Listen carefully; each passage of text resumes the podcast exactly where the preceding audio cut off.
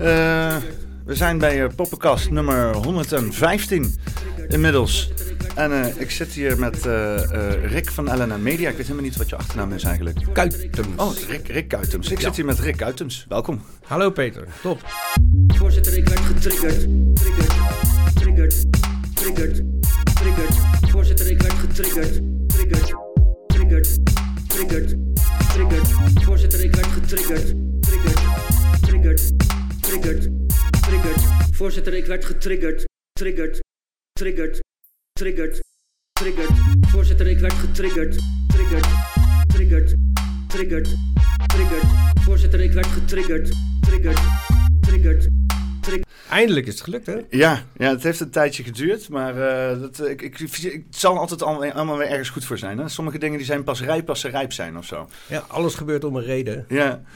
ja ik vind het wel mooi hoe dit tot stand is gekomen, want uh, uh, ik, ik, ben Mike, de boeker van de FP, dus dat bekend als D van Doopheid, die heeft Bosvrucht benaderd. bosvrucht, bosvrucht, bosvrucht. Ja. Niet bosvrucht, bosvrucht. En hij was er helemaal niet bekend mee. Uh, maar hij had er dus van gehoord en hij is daar gewoon binnengelopen. En, en hij heeft eigenlijk ja, bewerkstelligd dat ik daar een podcast kan opnemen. En je had het volgens mij gehoord, als ik het goed begreep. En uh, toen uh, dacht ik van, oh, dat is misschien wel een goed moment om heel even, toch even dat contact te leggen, of niet? Ja, ja. ja nee, het, is zo dat wij een periode lang, vanaf onze oprichting, is een hele tijd een groot gedeelte van ons kernteam. Dat waren hele actieve mensen in Tilburg. En die gingen ook naar demonstraties en die deden mee met onze redactie. En in die tijd heb ik heel veel wakkere, mooie, lieve mensen uh, in Tilburg ontmoet en vaak mee opgetrokken. En Bosvreugd is een beetje een soort vrijplaats geworden in Tilburg, waar nog regelmatig meetings zijn, open mix elke donderdag. En uh, Joost Franken, dat is dan de eigenaar. Dat is een uh, hele grote kleine man. Uh, echt zo'n goed hart. En hij organiseert veel dingen om ja, die community gewoon te laten groeien en leuke dingen te doen. Want dat is ook belangrijk. Ja. En zo hebben wij regelmatig dingen georganiseerd daar. Zoals 8 januari hadden we de Dag van de Vrije Media. Hm. Die organiseerden we samen met de andere krant Gezond Verstand en uh, Café Weltsmert. Ik heb ook altijd een hele stapel gezond verstandjes. Uh, ja, ja, ja, dat... dat uh, ja, goed, we, we, we, doen leuk mee met hun. We hebben de, de, het kleinste bereik. sommige bestaan al heel lang, zoals Weltsmert. En wij zijn eigenlijk in 2020 begonnen als LNN als initiatief. En we stoorden ons aan niemand. We keken gewoon niet naar anderen. We deden ons eigen ding. Uh, dat was toen verslaggeving, website, socials. En dan leer je ze wel kennen. En dan heb je mensen waar je het heel goed mee kan vinden. En anderen wat minder. Maar je doet gewoon je eigen ding. Maar geleidelijk aan zijn we wel in de afgelopen drie jaar ook regelmatig met elkaar opgetrokken.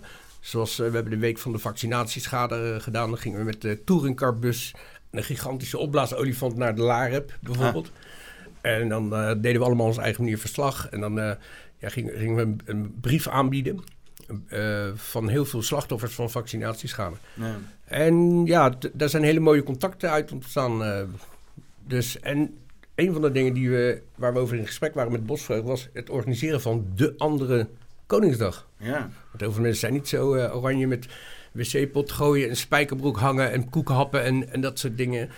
Uh, dus ja, dat initiatief. En toen hoorde ik ineens dat jij er was. En toen dacht ik ineens, ik zou nog steeds naar jouw podcast komen. Ja, ja de Koningsdag is ook, want ik heb altijd, uh, altijd hier in Arnhem vrolijk Koningsdag gevierd. Hè? Dus, uh, want ik, ik vond het altijd wel mooi dat het dan een, een, feest, ik heb niks met het Koningshuis, maar feest van het volk zou moeten zijn. Hè? En alles was dan ook altijd vrij en gratis en allemaal creatieve initiatieven. En je kon nog gewoon binnenlopen met je eigen rugzakje, maar whatever erin wat je, wat je mee wil nemen. En dat was allemaal leuk, vrijheid, blijheid. Maar daar is niks meer van over. Het is allemaal, allemaal corporatief geworden. Allemaal tickets kopen van tevoren en extra betalen. En uh, laat je rugzakje maar buiten staan, want we willen dat je consumeert. Dus het, het is ook. Sinds, de sinds, sinds Koninginnedag Koningsdag is geworden, is het, is het niet meer. Is het gewoon een commercieel event geworden. Het heeft niks meer te maken met, met, met een feest voor het volk en zo. Past een beetje in het. Uh in het programma van uh, vrije marktwerkingen van uh, Rutte, sinds Rutte 12 jaar aan de macht is. Ja. Ja, het moet allemaal verdiend worden, het moet uh, geconsumeerd worden. Ja, ik heb ook niet het idee dat, dat, dat de koning enig zeggenschap heeft over Rutte. Ik heb eerder het idee dat Rutte de koning in zijn oor zit te fluisteren de hele dag. Ik denk dat de koning helemaal niks te vertellen heeft. Dat ze gewoon lekker doen waar ze zin in hebben. En dat ze hem alleen af en toe laten tekenen. En, eh, Ja, die zit helemaal vol met handlers volgens mij. Volgens mij is Maxima zo'n handler. nou, nou ja, daar heb ik een paar video's van gezien. Ik denk dat zij ook gehandeld wordt. Ja, oh ja, die wordt ook kan voor het karretje gespannen. Mm. Zijn gewoon pionnen hè, in, eh, in de poppenkast. Ja, ja. Wat mooi gevonden trouwens, die naam poppenkast. Ja, het lag, het lag eigenlijk eh, heel voor de hand op een of andere manier. Het is natuurlijk een podcast en, en je hoort echt overal poppenkast. Ik, ik weet niet of ik, eh, heb ik hier mijn, mijn soundboard in zitten. Want dan eh, hier... eh, Poppenkast. Wat is dit voor een poppenkast? Poppenkast. eh, er zijn nog drie voorbeelden, maar het wordt door de media wordt het eindeloos herhaald dat, eh, dat, dat er van allerlei poppenkastzaken gaande zijn. En ik denk, ja, dat dekt de lading wel. Hè? Het is gewoon, je ziet niet wie erachter speelt, alleen maar de mannetjes ervoor. En je kijkt door zo'n heel geframed raampje zo naar een of ander schouwspel. En iedereen moet maar door zijn stel kinderen zitten. Yay! En het heeft helemaal niks te maken met een of andere gozer die erachter zit, die gewoon alles aan het besturen is. Het, lag zelfs zo goed eh, eh, in de mond, want het is op zich ook wel makkelijk. eh, ja, ik weet niet precies hoe dat tot stand is gekomen. Dat op een gegeven moment Weltschmerz ook gewoon met die naam er vandoor was gegaan. Hè? Die eh, maar de podcast.tv in één keer een wereldgroep. eh, Ja, dat, eh, ik weet niet wie, jij was eerder? Ja, ik was eerder, ja. Godzijdank. Eh, jij, jij was natuurlijk niet aangesloten bij de officiële wereld. Normaal had je eh, recht op een naam of zo. Maar ik zag inderdaad iets voorbij komen met eh, Chris van den Ende. Ja. Ben ik trouwens wel een fan van. eh ja, ik ook. Wel leuke eh, eh, programma's ook wel. inmiddels zijn we ook wel goed, eh goed geacquaint, zeg maar. eh. toevallig gisteren nog met hem eh, in, in een expositie geweest. En hebben we nog heel lang op het terras lopen chillen en zo. Dus leuke mensen ontmoet via dat. Want het hele, want ik, dat is wel, ik, heb een bepaalde houding ingenomen. Waarbij ik dacht van oké, ik verzin iets.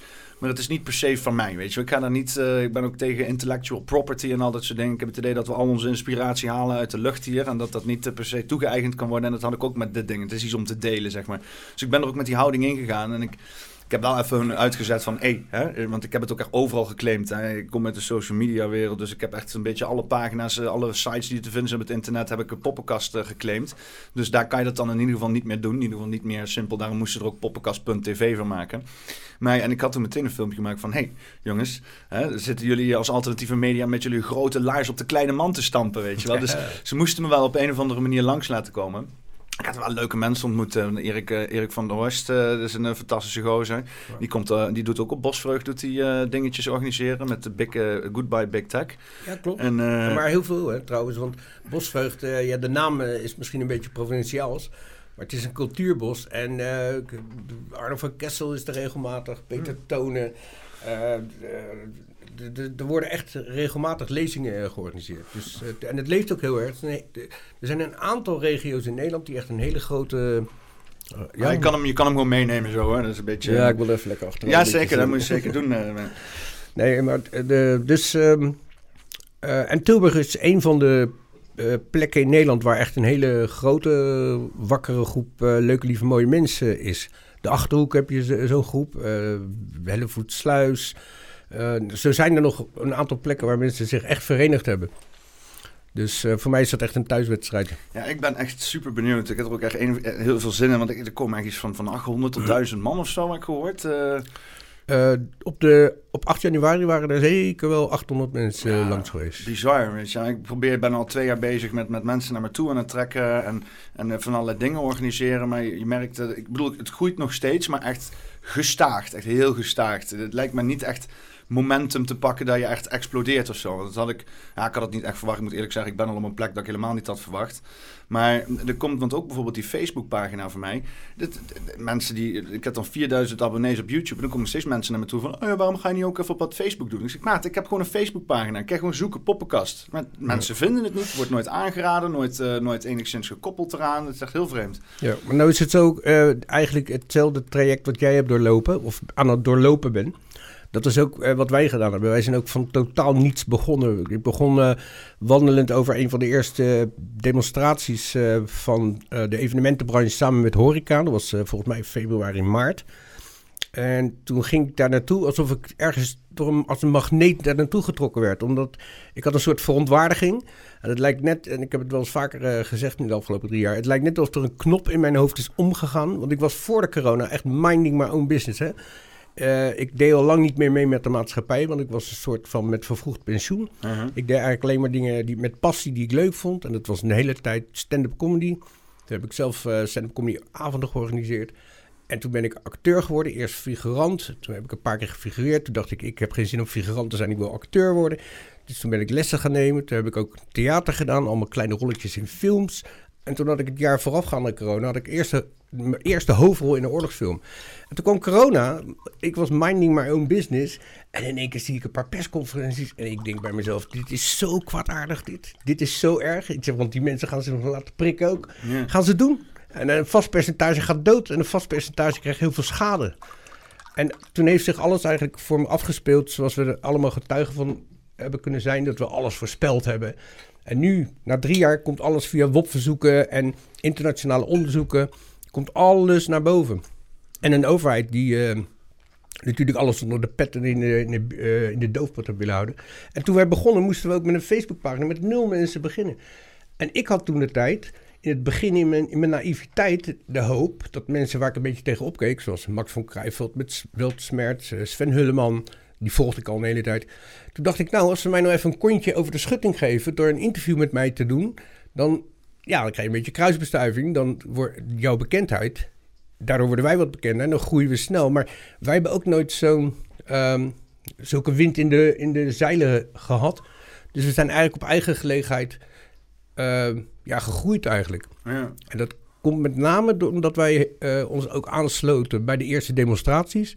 En ook heel veel live deden. En dat heeft een enorme groei eh, van mensen.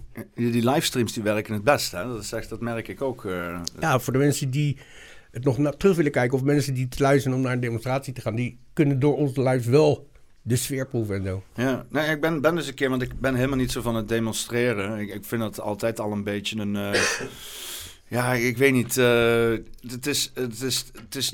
Ja, ik weet niet. Het is. Het, is het, is, het, lijkt, het lijkt een beetje alsof ze af en toe willen dat er zo'n demonstratie komt, zodat ze het kunnen in, in, in een mal kunnen gieten zoals, zoals hun dat dan willen presenteren. En vaak wordt het helemaal niet gepresenteerd. En dan, dan, ja, dan sta je daar met z'n allen te schreeuwen in de stad, maar dan, dan, dan gebeurt er gewoon niks. En, en bijvoorbeeld in zo'n stad als Amsterdam, ja, daar lopen alleen maar toeristen rond. Dus die, die houden hun schouders op en denken, oh, leuk. En die gaan daarna een broodje kroket zitten vreten, bij wijze van spreken. Ja, er zijn ook meningen over het praktisch. Moment. Ja. Altijd op het moment dat ik niet nodig heb. Hè? Ja, nou, er, zijn, er zijn heel veel meningen over. En er zijn natuurlijk heel veel gesprekken over geweest. Van wat is het praktische nut nou? En het heeft geen nut. En ze luisteren toch niet. En je kan, mag wel demonstreren, maar met je rug tegen de muur. Dat snap ik allemaal. Maar ik denk dat het voordeel daarvan is geweest... is dat een hele grote groep mensen die eenzelfde klik hebben gem- doorgemaakt als ik... in het begin van 2020 van hier klopt iets niet. Ja. Dit is zo slecht wat hier gebeurt. Dit is zo kwaadaardig. En toen keek ik omheen en denk ik, joh, maar geen hond heeft het door. Toen dacht ik, ben ik nou zo slim of is iedereen nou zo dom? Of toen kreeg je weer de, de, de uitleg. Ga je, hoe dan? Eh, vers- slapen ze? Zijn, eh, en dan, oh, jij bent wakker. Dan kreeg je dat concept. En eh, langzamerhand ga je denken, nee, ze zijn gehypnotiseerd. Eh, in, ze worden in de matrix gehouden, in de roes, omdat ze te veel tv kijken. Want ze, ze kijken naar het NOS-journaal. En, en die hele evolutie hebben zeg maar doorgemaakt. Maar dan vonden wij de demonstraties een goede gelegenheid om al die mooie lieve mensen te ontmoeten. En gezamenlijk, eh, ja, je wilt toch weten hoe, hoe groot zijn we, hoeveel, hoeveel mensen. En die dynamiek heeft heel veel mensen heel veel plezier eh, bezorgd. Ja, maar zo, zo zie ik het ook. Het is inderdaad een mooie kans om mensen bij elkaar te brengen. En dat is altijd prima. Ik kan hem wel. eh, het is, het ik heb een beetje een rare constructie hier qua microfoon. Ik heb het ding eh, liggend inderdaad. Maar het is, hier zit zeg maar de, het praatvlak. eh, dus, eh, als kan- ik wil praten, ga ik wel. Ja, nou, ik, ik vind het ook niet erg om al een beetje service te verlenen hoor. Dat is allemaal geen probleem. Laat je er vooral niet door afleiden. Ik ben sowieso 240 dingen hier aan het doen met schakelen en audio. En, eh, dus dat moet je maar niet op mij letten. maar het is eh, zo'n demonstratie is een fantastisch moment om inderdaad mensen te leren kennen en nieuwe mensen te ontmoeten. Dat absoluut. Maar ik, ik, vanaf het moment dat, dat je dan zeg maar een aanvraag bij de gemeente moet doen om dan te mogen demonstreren, dan heb ik er zoiets van ja, dit is geen echte, dit is, Ja. geen, dit is geen verzet of zo, weet je. Dit is, dan ben je Nou. gewoon aan het conformeren wat mij betreft. Ja, er zijn natuurlijk ook heel, heel veel meningen over eh, geweest. En er zijn verschillende groepen geweest. Eh, wij zijn er vanaf het begin af aan bij. Dus we hebben eigenlijk al die groepen op zien komen en al die samenwerkingsverbanden. Zo had je in, eh, in augustus 2020 al, na de grote demonstratie die verboden werd op 21 april. Die was georganiseerd door Virus Waard, die werd verboden. Dus die beruchte demonstratie dat er eh, rellen waren met waterkanon. Dat was voor Nederland was dat uniek. Ja. En dat past in het plaatje van het onderdrukken van die me- meningen over de misstanden. Dus Ja. alle vragen die je stelt. En toen had je een groep die heette Algemeen Burgercollectief. Dat waren de, alle groepen van dat moment die eigenlijk heel organisch de koppen bij elkaar staken. En de grote demonstraties in augustus organi- organiseerden. En dat was wel de tijd nog. Ik was namelijk net als zoveel mensen van de wakkere bubbel. Als je het even, ik moet toch een naam geven. Ja, het is labeltjes, maar fijn. Bij Ja, nee, kan maar- beter. Dus, maar de- de- die waren net als ik nog nooit naar een demonstratie geweest. Ja. Ik, ik ben echt een 3D-man geweest mijn leven lang. Hè. Ik, eh, ik, ik, reed wel eens- ik kom uit Den Haag, dat hoor je niet- eh, gelukkig niet, een jaren spraakles. Maar eh, ik reed wel eens langs het Malieveld op een druilige zondag. Ging ik wat leuks doen in Scheveningen. En dan reed ik langs, zie ik mensen staan demonstreren met spandoek in de regen. Dan denk ik, wat de fuck, wat staan die sloebers nou te doen daar, weet je? En in februari, ik, ik heb me echt ge- getrokken gevoeld naar die demo's. We gingen onszelf eerst heimelijk, dat was in het begin van 2020, gingen we op de achtergrond deden we mee met promotie. Maar begin 1 twee- eh, 2021 hebben we dat helemaal losgelaten. Wij gingen gewoon als nieuwsbedrijf, met ambitie, gingen we gewoon ons logo, hup, wij doen mee met de demonstratie. Nou, dat is op ego en allemaal shit dingen, eh, alle menselijke eh, eigenschappen, niks was iedereen vreemd. Ik zei in die tijd wel eens, als je dan mensen hebt van groepen eh, die een bepaalde groep groot weten te krijgen en inspirerend en charismatisch te werk gaan om mensen te verzamelen, die zijn dan niet per se geschikt met die eigenschappen om daarna samen te gaan werken met andere groepen. Nee. Want dan ego, haantje dit, haantje dat. Nou, dan ruzie, dus dat was weg. Geleidelijk aan is toen eh, door Michel Rijnga onder andere is eh, Samen voor Nederland eh, ontstaan. Ja, en dan, dan zie je ook de laatste tijd dat het helemaal terugloopt. De rek is eruit. mensen vragen zich af, wat is het nut? De laatste demonstratie van Vrouwen voor Vrijheid afgelopen zaterdag. Nou, dat was echt... ik keek er heel erg naar uit. En ze hebben echt heel erg hun best gedaan. En ze hadden echt een line-up van bekende Nederlanders. eh Stef Bos, eh, Karin Bloemen, Ernst Jans van Doe Maar. En het was eh, een hele belabberde opkomst. En dat is zo jammer, want... Maar het is tekenend. Het is een pakietje in de, in de mijn. Dat het... Dat het ehm, Ja. Dat is, dat is de sfeer, sfeer op de achtergrond. Sommige mensen zijn- denken zelfs dat ik bij een kerkklok woon of zo. Dus. Oh, ik, ik dacht dat je eieren klaar waren, joh. En ik, ik heb hier een oude klok hangen van mijn vader. En ik vind het een fijnste. Ik zit helemaal in de digitale technologie. En ik vind het fijn om een stukje fysiekheid hier te hebben. Hè. Je moet dat in Ja. balans brengen en helemaal afwegen en een beetje aandacht aan geven. Dus analoog eh, erbij. inderdaad, Ja. ja, dat loopt altijd op de achtergrond hier. Hoort er inmiddels bij bij de podcast. Ja, nee, mooi, mooie onderbreking ook. je moet niet te veel, eh, een beetje af en toe eh, uit de sfeer gehaald worden. Zo is het. Eh, Maar wat hadden we het over? Eh, Eh, eh, even de zin afmaken. Oh ja, dat is eh, de, door, de, door wat er allemaal gebeurd is. En eh, ik heb toevallig vandaag een live gedaan voor het eerst in tijden weer, waarin ik een beetje aangeef hoe ik het zie. In, de, in, in het vaarwater waarin we nu terecht zijn gekomen na drie jaar demonstreren en protesteren en acties en het samengaan van burgerinitiatieven met boeren, et cetera, et cetera. We hebben daar echt heel erg ons best voor gedaan om te verbinden met de boeren. Maar ja, heel veel van de boeren hebben ingezet om allemaal massaal BBB te stemmen. Dat moeten ze zelf weten. Uh, maar de dag na de verkiezingen zag ik podcast voorbij komen van bekende boeren. Die zeiden, ja, we hebben, nu gaan we de vlag terughangen hoor.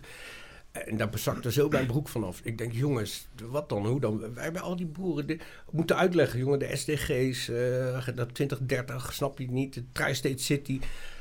Maar ook daar is een enorme verdeeldheid onder de boeren. Maar en uh, ook een enorme onwetendheid over het grote plan wat uitgerold wordt. Ja, want je had dus hier die boerenbeweging, wat, wat echt uh, een hele wereldmomentum ging, kreeg. En ze hebben daar weer helemaal verdeeldheid in weten te creëren, met dus die hele politiek en zo. Dat, is, dat, lijkt wel een beetje het enige waar politiek goed voor is, is om het mensen, om datgene wat één is, uit elkaar te trekken en tegen elkaar op te zetten op een of andere manier. En uh, ja, je ziet nu dus vlaggetjes ondersteboven hangen, vlaggetjes weer op de, op de kop hangen, op de snelweg. Nou, Totale verwarring. Totale, niemand weet meer wat ze moeten doen. De politiek, wat, wat dan juist zeg maar zou ons moeten begeleiden vanuit ja, ik weet niet, ik weet niet vanuit een, uh, een, een, een, misschien een, een, een ding wat vroeger zeg maar uh, is, is uh, geïntroduceerd vanuit dat we de monarchie eruit hebben getiefd en dat we zeggen van oké, we gaan het nu samen doen. of, of weet je wel, weet ik veel, nou, fijn, vroeger. Dat, dat, dat is helemaal gecorrumpeerd in gewoon een, een machine die alleen maar iedereen extra verwarring aan het, zolang maar inderdaad volk maar niet verenigt onder zijn doelen, zeg maar. Wij moeten alleen maar verantwoording kunnen afleggen naar die staat en niet meer naar elkaar. Ja. Dus, ja. Ik ben het heel, uh, helemaal met je eens, want uh, uh, en je moet het ze nageven. Ze, ze, ze hebben waarschijnlijk psychologen er ook op gezet. En eh, het is natuurlijk, eh, ik dacht dat propaganda een woord was waarvan iedereen eh, dacht dat dat iets was wat de Duitsers deden in de Tweede Wereldoorlog. propaganda, een beetje ouderwets woord. Eh Goebbels was nog een propagandaminister.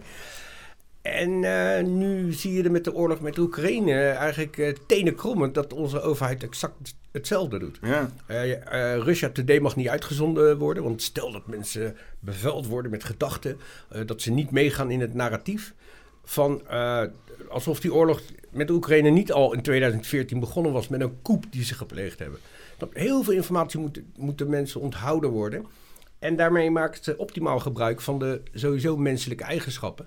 En door, denk ik, ook een beetje armoede te creëren en inflatie en, en, en de, van de ene crisis naar de andere, uh, houden ze mensen in een bepaalde roest, in een overlevingsmodus.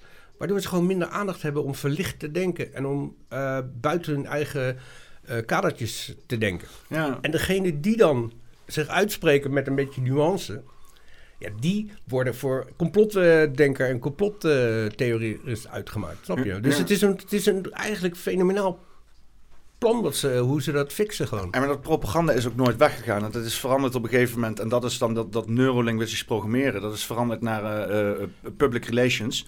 En dat de public relations eh, eh, leer, hè, wat dus in principe marketing en communicatie is, eh, dat, is dat is direct gevloeid uit, uit, eh, uit de, de hoofden van zij die eerst propaganda bevoerden in de Tweede Wereldoorlog. Ja. En dat is dan nu voornaam- voornamelijk, zien we dat heel op, ja, want ik, ik, ik, ik heb ook een stukje marketing gestudeerd, klein stukje maar hoor, Eh, eh, waar ik in die lessen altijd de vraag stelde van, ja maar luister, dit is toch gewoon corporatieve propaganda, we zitten gewoon propaganda, we, zijn aan het herhalen, herhalen, we creëren een, eh, eh, een fictieve realiteit, we zijn alles in symboliek en, en met kleuren en met psychologie zijn we aan het eh, eh, manipuleren. En dat, dat laten we maar eh, eh, constant los op allerlei mensen. En ze hadden daar ook nooit een weerwoord over. Het was altijd zo van, ah joh, maar, ja, maar, maar dit, is natuurlijk niet voor een slecht doel. Of eh, het is nou eenmaal zoals het is, weet je, dat soort dingen. Ja, van En- die dooddoeners. Ja, en ik, ik had daar, en dat is ook een beetje vanuit die gedachte. eh, Want ik, ik heb dus, eh, toen ik klaar was met de studie, viel, viel ik in een gigantisch gat. Dus ik moest meteen werken. Ik wou graag dan iets doen met die studie. Ik dacht dat ik iets met marketing gaan doen, social media marketing. Nou, ik heb daar twee, drie jaar in gewerkt. Ik vond het vreselijk. En eh, nou, met die hele corona gebeuren ben ik eruit geslingerd uit die molen. En toen ben ik dit gaan doen. En ik probeer dit nu zeg maar zo, goed mogelijk in de, in de lucht te houden, zodat ik dat ook eh, zoveel mogelijk kan doen.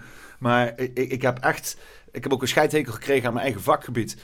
Marketeers, marketing, dat soort, dat soort mensen die niet bewust bezig zijn met hoe ze manipula manipulatietactieken inzetten om gewoon mensen eh, los te frikken van hun geld. En helemaal als je het hebt over politieke marketing, dan ben je mensen gewoon een, eh, een, een, een zelfdenkend recht aan het afnemen. Ja. Door ze gewoon constant te bestoken met, met allerlei ideologische propaganda, bij wijze van spreken. Ja.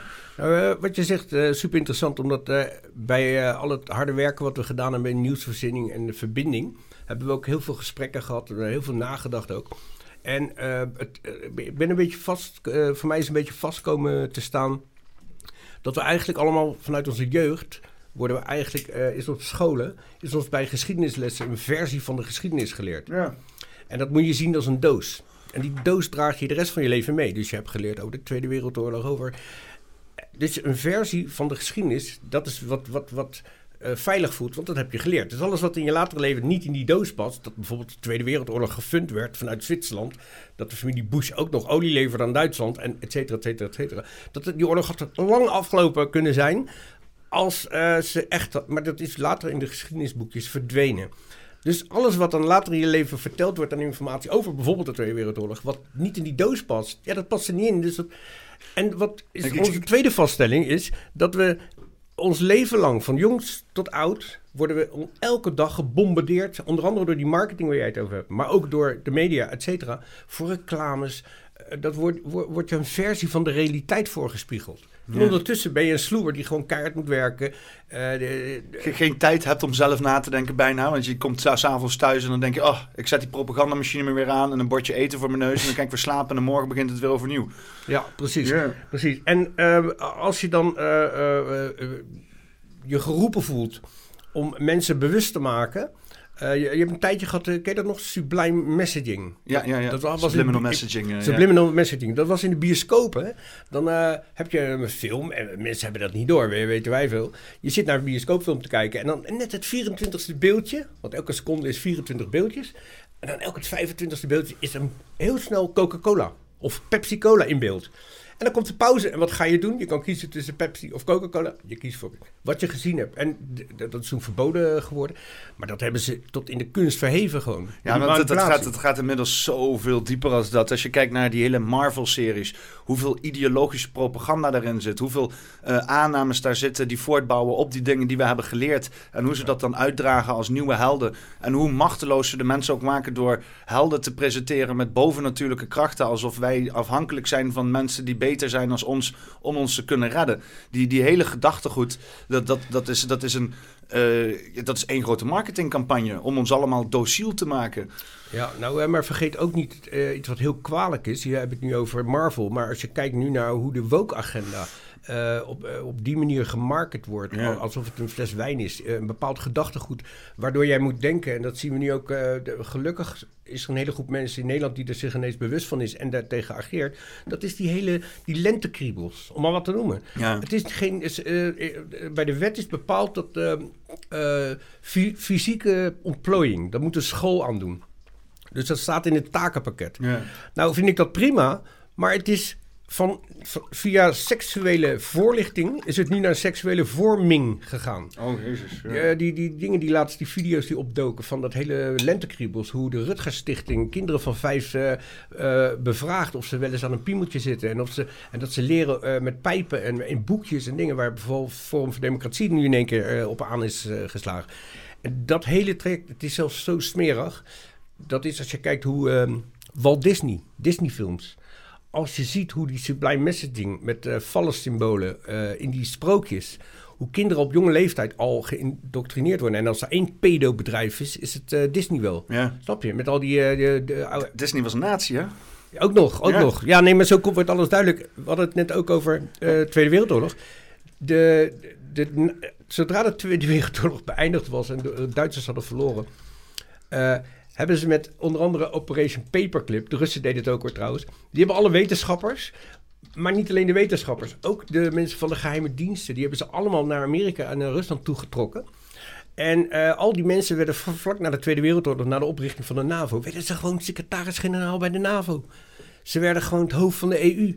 Nou, het is, Ja, het is gewoon, we hebben gewoon, eh, de, de naties hebben nooit verloren. Ja, er is een- ook, ook hele bedrijven, hè? IG Farbe, dat, eh, die de Zyklon B maakte, dat is eh, Bas F geworden. Hugo Bos, die de kleding maakte voor de nazi's, dat bestaat gewoon nog. Volkswagen is gewoon nog een bedrijf. Het, het is die hele motor die de nazi's groot heeft gemaakt, dat, is, dat is, hebben ze gewoon in stand gehouden. Ja, en daarna hebben ze wel via het schoolsysteem, zeg maar de ideologie van Nazi-Duitsland, hebben ze zeg maar als een soort spook, hebben ze in het schoolsysteem eh, van, ja, daar hebben we tegen gevochten in de Tweede Wereldoorlog. Ze vergeten erbij te vertellen dat ze al die eh sloers die, die het overleefd hadden, die ze gerecruiteerd hebben om bij de, om bij de oprichting van de CIA te, de leiding te voeren. Eh, de, de- hoe heet die Brown? Die, die VE Ja, Werner Brown inderdaad, met die- Project Paperclip, die gewoon NASA heeft, heeft opgestart. Ja, Ja. dus, en, maar als je, als je dat heel veel mensen nu vertelt, eh, op, eigenlijk zou je een lespakket moeten maken waarin je dat allemaal uitlegt. Want dan snap je het manco tussen wat je is voorgespiegeld in je jeugd en hoe het werkelijk zit. En dat gaat ook nu nog door, hè? Dat zie je met de oorlog in Oekraïne ook. Ja, maar het stomme is, het staat allemaal... Het, alles is te vinden op het internet. Het is Ja. natuurlijk wel heftig vervuild met allerlei dingen. Maar hier, ik wil eens een klein stukje laten zien. Dit is dan eh, Der Führers Face. Dit is een klein stukje cartoon uit, uit, van Walt Disney. Of nou, Walt Disney in ieder geval. Ja, Donald Duck is Walt Disney? Ja. And the Führer says, wie is the master race? The higher, right in the Führer's face. Not to love the Führer is a great disgrace. So the higher, right in the Führer's face. Then Herr Goebbels says, we own the world in space. Higher, higher, right in Herr Goebbels' face. Then Ho Goring says, they'll never bomb this place. The higher, right in her.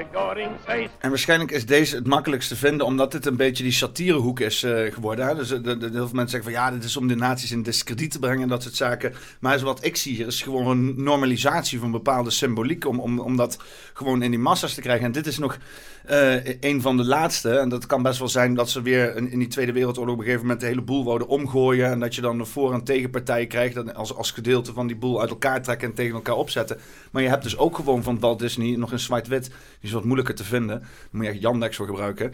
Eh, gewoon hele video's van, van Donald Duck die aan de werkband staat. En dan inderdaad eh, in, in, in nazi-kostuum en weet ik veel wat allemaal. Maar wat eh, gewoon een soort van programmering is van, van de mensen. En, en zeggen van, dit is gewoon een ding in de wereld. En daar moeten we gewoon mee om weten te gaan. In plaats van dat dat echt werd afgekeurd. Hè. Dat werd geïncorporeerd in, in, in de... In de, in de, hoe noem je dat, eh, in het publieke Psyche. ja, ja in, in, de, de, de cultuur gewoon, zeg maar. Hè? En dus ook even ingaan op dat hele, op dat hele want ken je, ken, ken je dat verhaal van Yuri Besminov?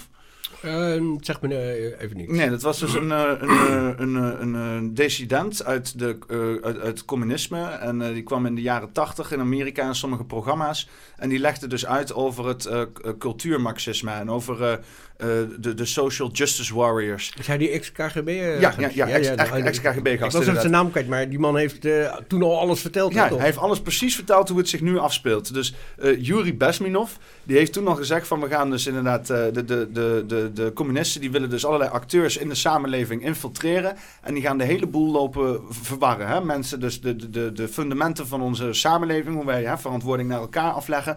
Zoals inderdaad onze seksualiteit, de familieleven, eh, eh, allemaal ja, kern, eh, eh, kop, eh, kernzaken van, van hoe wij onze samenleving inrichten, gaan ze helemaal ontwrichten. En je ziet dat nu voor onze ogen uitspelen met inderdaad dat wokisme.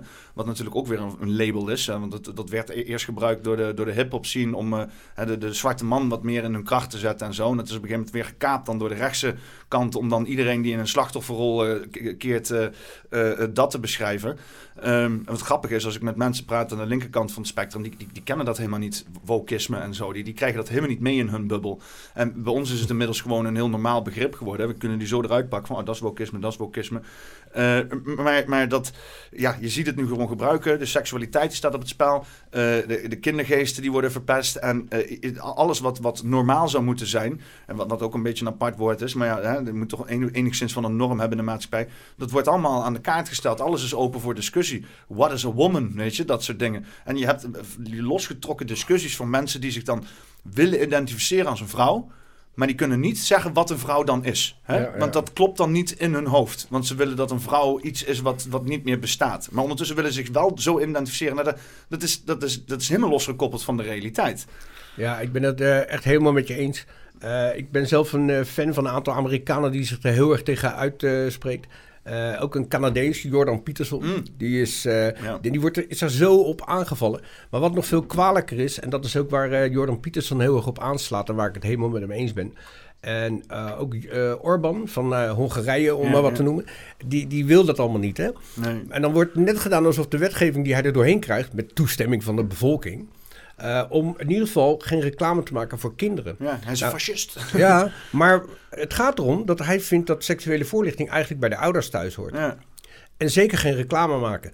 En wat Jordan Peterson heel erg tegen ageert, tot in het emotionele aan toe, want hij was met tranen in zijn ogen gezeten. Hij is super gezien. wel bespraakt en super intelligent en hij baseert Hij is zijn... ehm, Klinisch psychologisch, zei je. hè? Ja. Daar heeft hij een dijk van ervaring mee. Dus hij weet waarover hij spreekt, maar hij weet het ook zo mooi te brengen. Maar hij eh, wordt helemaal emotioneel van het feit dat ze... Ze zijn nu in Amerika met name en in het Westen zijn ze zover... dat ze kinderen gewoon op zulke jonge leeftijd gewoon eh zover krijgen dat ze... eh, Ik bedoel, er is ook iets als jeugdkrankzinnigheid. In die puberteit ben je allemaal een beetje aan het zoeken van wie ben ik. Dat is gewoon een, een, een normaal iets. Maar dat ze kinderen van 5, 6, 7 al... Oh, hij heeft wat vrouwelijk gedrag. We doen hem, de, jongen, we doen een meisjeskleren. En dat ze al eh, ver- eh, seksveranderingsoperaties. Ja. Met hormoonblokkers op een vijfde en zo en al dat soort dingen. ja, kijk, en, en dan denk ik, en dat past dan in het kwaadaardige plaatje wat ik heel erg herken op sommige policies zoals die uitgevoerd zijn. En ik ben dan met name actief geworden vanwege de coronamaatregelen. Dat getuigde voor mij voor zo'n criminaliteits... en dan ook nog de manier waarop, dat getuigt van zoveel leugenachtigheid. En ik ben nog eh, vanuit de christen-joodse traditie opgegroeid van... eh, eh, wie, goed doet, wie goed doet, ontmoet de melkman. Nee, Goed ontmoet zo. nee, nee, maar de, de, de, eh, naast liefde, eh, je doet een ander niet wat je zelf niet aangedaan wil worden. Ja. En een soort oprechtheid. En eh, dat is gewoon die een beetje principieel zijn. Van joh, als je het er, ergens niet mee eens bent, ga je het niet voor geld in één keer een, van mening veranderen. En ook niet omdat je op andere manier voordelen aan hebt. Maar er is dus een hele industrie opgebouwd om dat te omarmen en zo. Nou, en ik heb daar echt een kindje dood aan. En ik voel het echt als een missie ook om eh, een bijdrage te leveren. om daar ja, nuance in aan te brengen. Zeg. maar. Om dat gewoon eh, eh, met een rechte rug tegenaan te gaan staan. Want het getuigt van een waanzin en een crimine- crimineel leugenachtig, eh, leugenachtige inborst. Dat, dat, daar kan ik niet stil over blijven. Ja, het, is, het bijna een, een, spirituele oorlog aan het worden. Hè? Dus dat, dat, je hebt ook een paar keer naar 3D gezegd. en heel veel mensen hebben het dan over het 5D. Dat ook weer allemaal van die taaldingetjes zijn... waar, waar mensen dan weer afkeer kunnen krijgen. Maar eh, ik, ik, ik, ik, ik resoneer daar enorm mee. Eh, dat er zeg maar... eh, want ik ben de laatste ja, drie jaar toch wel spiritueel wat meer bewuster geworden. Ik ben daarvoor was ik heel praktisch ook inderdaad. Wat jij ook Ik zegt. had dat exact hetzelfde. Ja. Voor corona de- deed ik stand-up comedy. Ik maak juist grappen over Ja. zweverige dingen. Dus ik, ik begrijp Ja. heel erg wat je bedoelt. Je bij mij niet aan te komen met stenen en al dat soort dingen. En uh, mijn ma die was er nog wel een beetje en dat deed ik dan wel, maar ik, ik vond het allemaal wel best.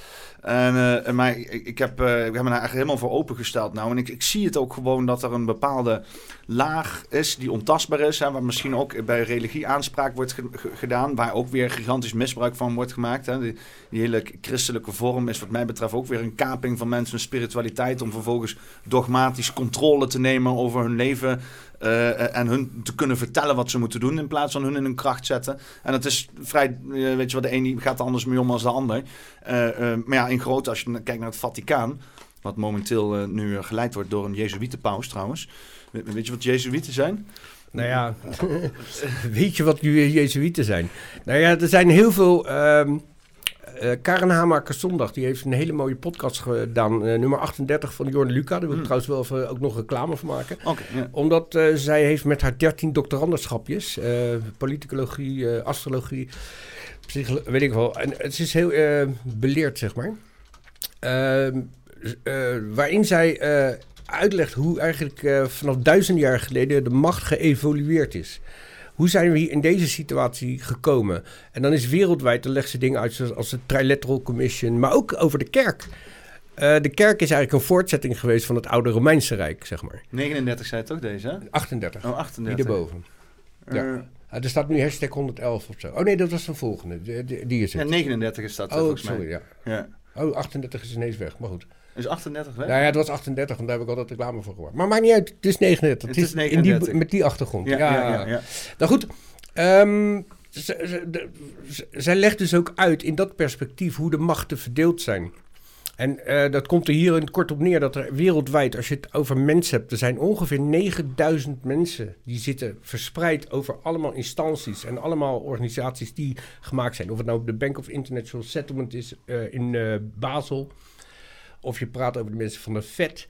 De FED in Amerika, dat, de, een hoop mensen weten niet eens dat dat eigenlijk gewoon een, een privébedrijf ja, is. Het is. Federal Reserve. Fed, Federal Reserve het wordt net gedaan alsof het een overheidsinstantie is. Dat is het helemaal niet. En als je, maar als je dan nog dieper gaat, je, de, je hebt misschien wel eens gehoord over de 13 bloedlijnen. Ja. Het is gewoon een. een, een Kla Prins Klaus heeft zelf gezegd: het, het, draait in deze wereld om 300 families. En de rest die doet er niet toe. Nou ja, de club van 300, dat is gewoon uh, waarop Gorbachev, uh, die heeft het met name genoemd toen hij uh, de, de Sovjet-Unie ophe ophefde. Ja. Daar heeft hij het zelf in een verklaring ook gezegd. Dat, uh, dat, dat, dat hij dat met toestemming deed van de 300. Kijk, het is te moeilijk om dat hele, hele verhaal te vertellen. Daar komt ook bij dat oh, ik heb ook geheugenverlies. Maar ik heb daar altijd een enorme interesse in gehad om dat te onderzoeken. Ja, maar het stomme is, en ik, ik, ik zit daar ook met, uh, in de Discord altijd met die jongens om te verbazen. Of in ieder geval, ik verbaas me altijd over hoe in your face het is. Hè, mensen doen alsof het een of andere schimmige organisatie is. Die, waarbij dan mensen zeggen van ja, maar hoe kunnen ze dat dan een complot doen? Mensen kunnen toch niet een leugen in stand houden? Het is geen leugenmaat. Ze hebben, het is letterlijk gewoon, ze doen het in your face. En ze zeggen gewoon wat ze aan het doen zijn. Ze dragen het uit. En iedereen ja. die, die weigert het te zien, omdat het vaak zo overkoepelend complex is, of in ieder geval zo abstract is, uh, met, met symboliek en met, uh, met uh, ja, personen waar je nooit over hoort. Waar dan hè, in, in de mensen die onze realiteit creëren, zoals media en politici, die mogen daar letterlijk niet over praten, want dat is allemaal taboe. Ja, ja, er worden zelfs mensen omgelegd wereldwijd. Ja. Ik bedoel, als je kijkt naar Amerika als land, dat is eh, de Verenigde Staten is eigenlijk eh, eh, het leger geworden van de elite wereldwijd gewoon. Ik bedoel, eh, er worden dingen besloten. eh, als eh, een heel belangrijk ding voor mensen om te onderzoeken. Dat is eh, eh, de, de centrale banken. Die zijn allemaal in de handen van de Rothschilds. Ja. Nou hebben ze het al zo voor elkaar dat door de globalisering en door eh, het samenvoegen van die grote mediabedrijven, dat er zijn zes mediabedrijven die hebben 90% van alle nieuwsvergaringen in de wereld in handen. Eh, in Nederland, wat dichter bij huis, daar is eh, het grootste gedeelte van de Nederlandse nieuwsvergaring en, en, en, en tv en kranten is in handen van twee Belgische bedrijven. Het mediahuis of zo, toch? DPG. En, maar, maar goed, het, het- het gaat erom dat daardoor beïnvloeden ze het nieuws. En daardoor houden ze bepaalde dingen weg. Er worden zelfs, als je kijkt naar de holocaust. Ik ga niet zeggen of de holocaust zo gebeurd is zoals het in de geschiedenisboekjes staat, of ja of nee. Eh, het is verschrikkelijk wat daar eh, gebeurd is. Alleen nu hebben ze het zover gekregen dat het strafbaar is om daar een andere mening over Ja. te hebben. Maar dat is heel selectief. Want het is alleen over dat onderwerp. Maar dat is wereldwijd en vooral in het Westen is dat helemaal omarmd. Dan moet je wat mij betreft al sowieso allerlei kanttekeningen en vragen gaan zetten als je inderdaad ergens niet over mag praten. Dan, dan, is, dan zit daar iets wat, wat niet helemaal oké is. Ja, en da- daar komt ook nog bij, als je even, wat ik net zei, dat als je de geschiedenis terugkijkt, en dat is ook allemaal voorhanden. eh, Als je gaat kijken naar de, de, de, de financiële belangen van eh, de aanloop naar de Tweede Wereldoorlog, dat Hitler aan de macht kon komen, wie hebben, hebben hem daar geholpen? En de, de Bush-familie, om maar een voorbeeld te noemen, die hebben nog heel lang zaken gedaan met Hitler, terwijl de Tweede Wereldoorlog al bezig was. Dus ideologisch is er dan een beeld gevestigd van Hitler slecht. Maar toen Hitler in opkomst was, was hij binnen zijn land was hij aan het knokken tegen knokploegen van de communistische partij. En daar was de hele wereld bang van. Je had natuurlijk de Russische eh, revolutie eh, was er geweest, de Bolsjewieken, 2017. En die hebben wereldwijd, wilden ze een evangelie eh, over de wereld verspreiden. En dit is notabene, die Lenin, die is notabene gestuurd met een opdracht van de Bolsjewieken. Dat, waren, de, het had een Joodse achtergrond. Ja, nou, dat, dat is ook inderdaad het moment dat je op een of andere manier eh, de, de, de, de- een, Joodse dingen er gaat bij betrekken. Hè? Dan ben je antisemiet. Dan ben je altijd semiet.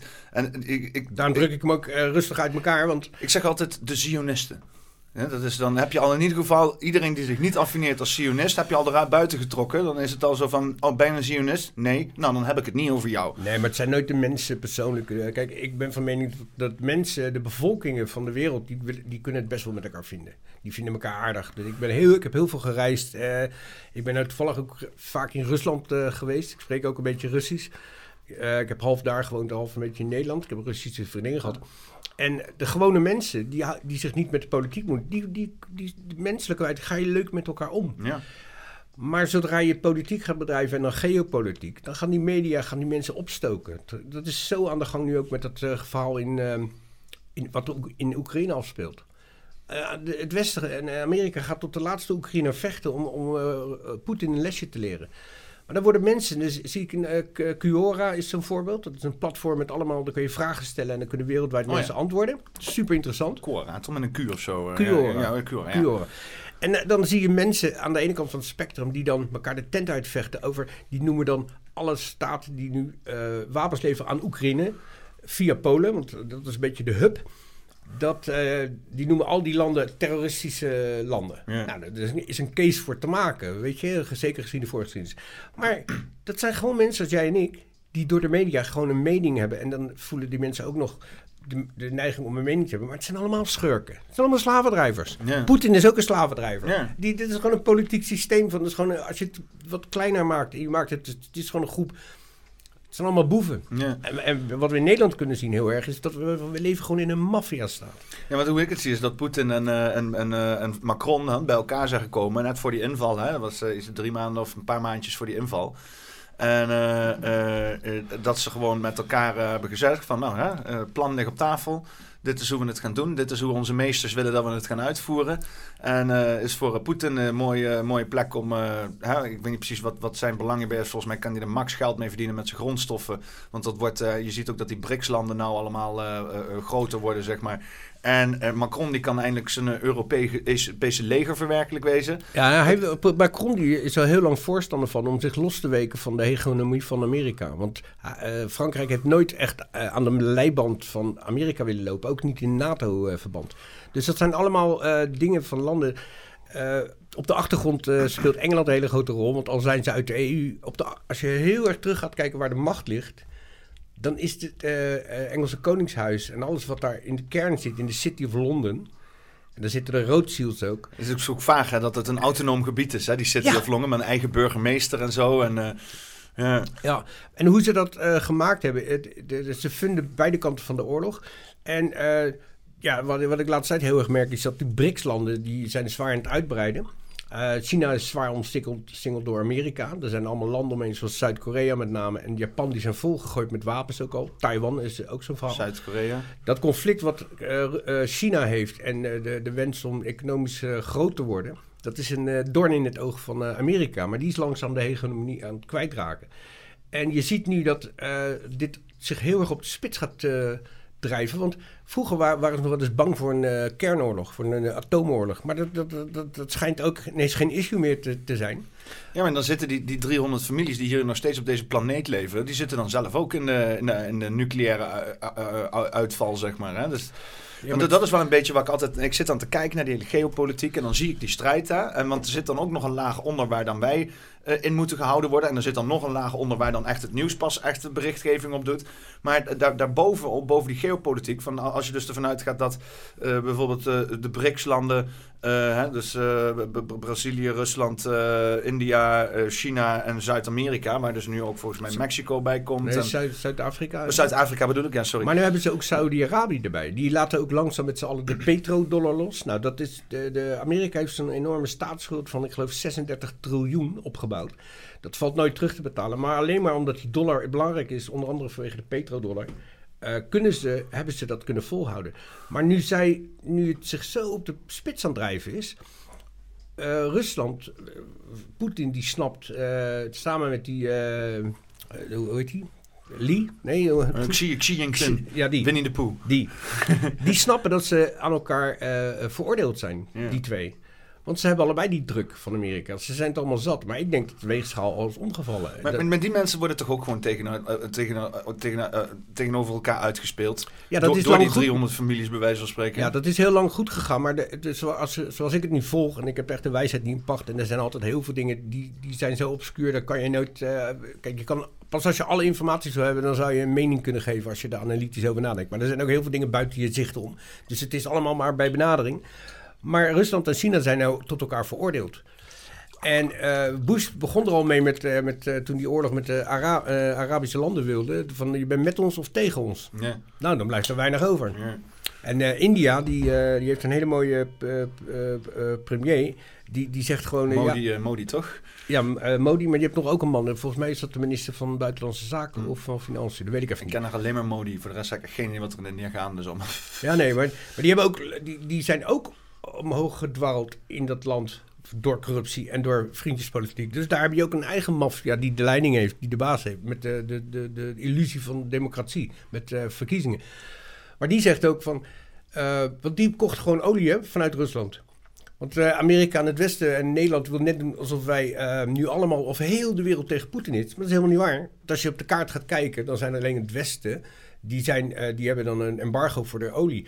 Maar Rusland heeft gewoon omgeschakeld. Dus die levert nu aan, aan, aan eh, India. En, dus dat gaat gewoon goed door. Het gaat met hun munt nog heel goed. Er wordt de indruk gewekt dat het heel slecht gaat met Rusland. Nou, dat valt reuze mee. Het gaat helemaal niet slecht eigenlijk. En eh, het heeft allemaal mee te maken van je bent met ons of je bent tegen ons. Dus een journalist die vroeg aan die minister, ik weet, weet nu even zijn naam niet. Die zei, ja, vind je het nou niet een beetje gênant dat als de oorlog is in Oekraïne, dat je dan toch nog olie afneemt? Toen zei hij van, ja, weet je wat het Westen probleem is van Amerika? Dat is dat als er een probleem is met hun, dan is, moet het een probleem zijn van de wereld. Ja. Maar als er dan een probleem is wat, waar ze geen baat bij hebben of geen belang bij hebben, dan is het geen probleem. Kijk naar al die dingen. De, de, de, de, de, de, onlo- de, on- de onlogica, om het even, als ik het zo mag noemen. Waar waren al die pro- eh, eh, eh, eh, protesten tegen wat er gaande is in eh, Somalië, eh, Soudaan, eh, nou noem jij maar op. Al die hotspots, eh, Irak, wat daar gebeurd is, is gewoon bij de beest af. Dus- dus- Lib- Libanon en zo. Ja, eh. Libanon ook, maar er zijn zoveel oorlogen gevoerd. En Amerika heeft geïnvesteerd in het kapotmaken van infrastructuur van landen. En China aan de andere kant heeft juist geïnvesteerd in die Afrikaanse landen. Die hebben vliegtuigen, vliegvelden aangelegd. Die hebben eh, Havens. En, havens en dat soort dingen. Dus het heeft, eh, ik las laatst een artikel, eh, Amerika heeft in de laatste, sinds Irak hebben ze 8,1 triljoen dollar, ja dat is een bedrag, dat kan je bijna niet voorstellen, hebben ze geïnvesteerd in het gooien van bommen. Dus vanaf Irak-oorlog, Irak- Irak-oorlog 1, Irak-oorlog 2 en alle dingen die daarna gebeurd zijn. Het bombarderen van Servië, eh, eh, het, wegha het, het, het, het, vermoorden van eh, Gaddafi. Eh, dat is een heel interessant onderwerp, omdat er is, eh, wij als burgers in Nederland moeten meelopen met de agenda van het Westen. Maar als je die dingen op een rijtje zet, Gaddafi is gewoon omgelegd, want die wilde Afrikaanse landen bijeen eh krijgen, samen laten werken, om het door goudgedekte munt te doen. Nou, dat heeft Nixon al in de 70 jaren losgelaten. Dus het is waardeloos papier. Ja. Die in stand de dollar heb ik het niet over. Ja. Die, dat is waardeloos papier, wordt in stand gehouden omdat het de petrodollar is. Ja. Nou, dan zie je de laatste weken zie je dat eh, Saudi-Arabië, een van de, gro- de grootste leveranciers van, eh, van fossiele brandstoffen, die zijn nu allemaal verenigd tegen het Westen. En die willen de petrodollar eh, om zeep helpen. Dus het is, ja, mijn mening, een kwestie van tijd voordat we er allemaal heel veel last van eh, gaan krijgen. Het is ook, het, als je ver genoeg uitzoomt en dan inderdaad in al die oorlogen gaat verdiepen en zo.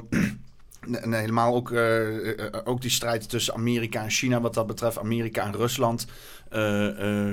Europa en Rusland. en alle mensen die dus zeg maar dat Westen tegen het Oosten een beetje, een beetje bekijken. Het is letterlijk.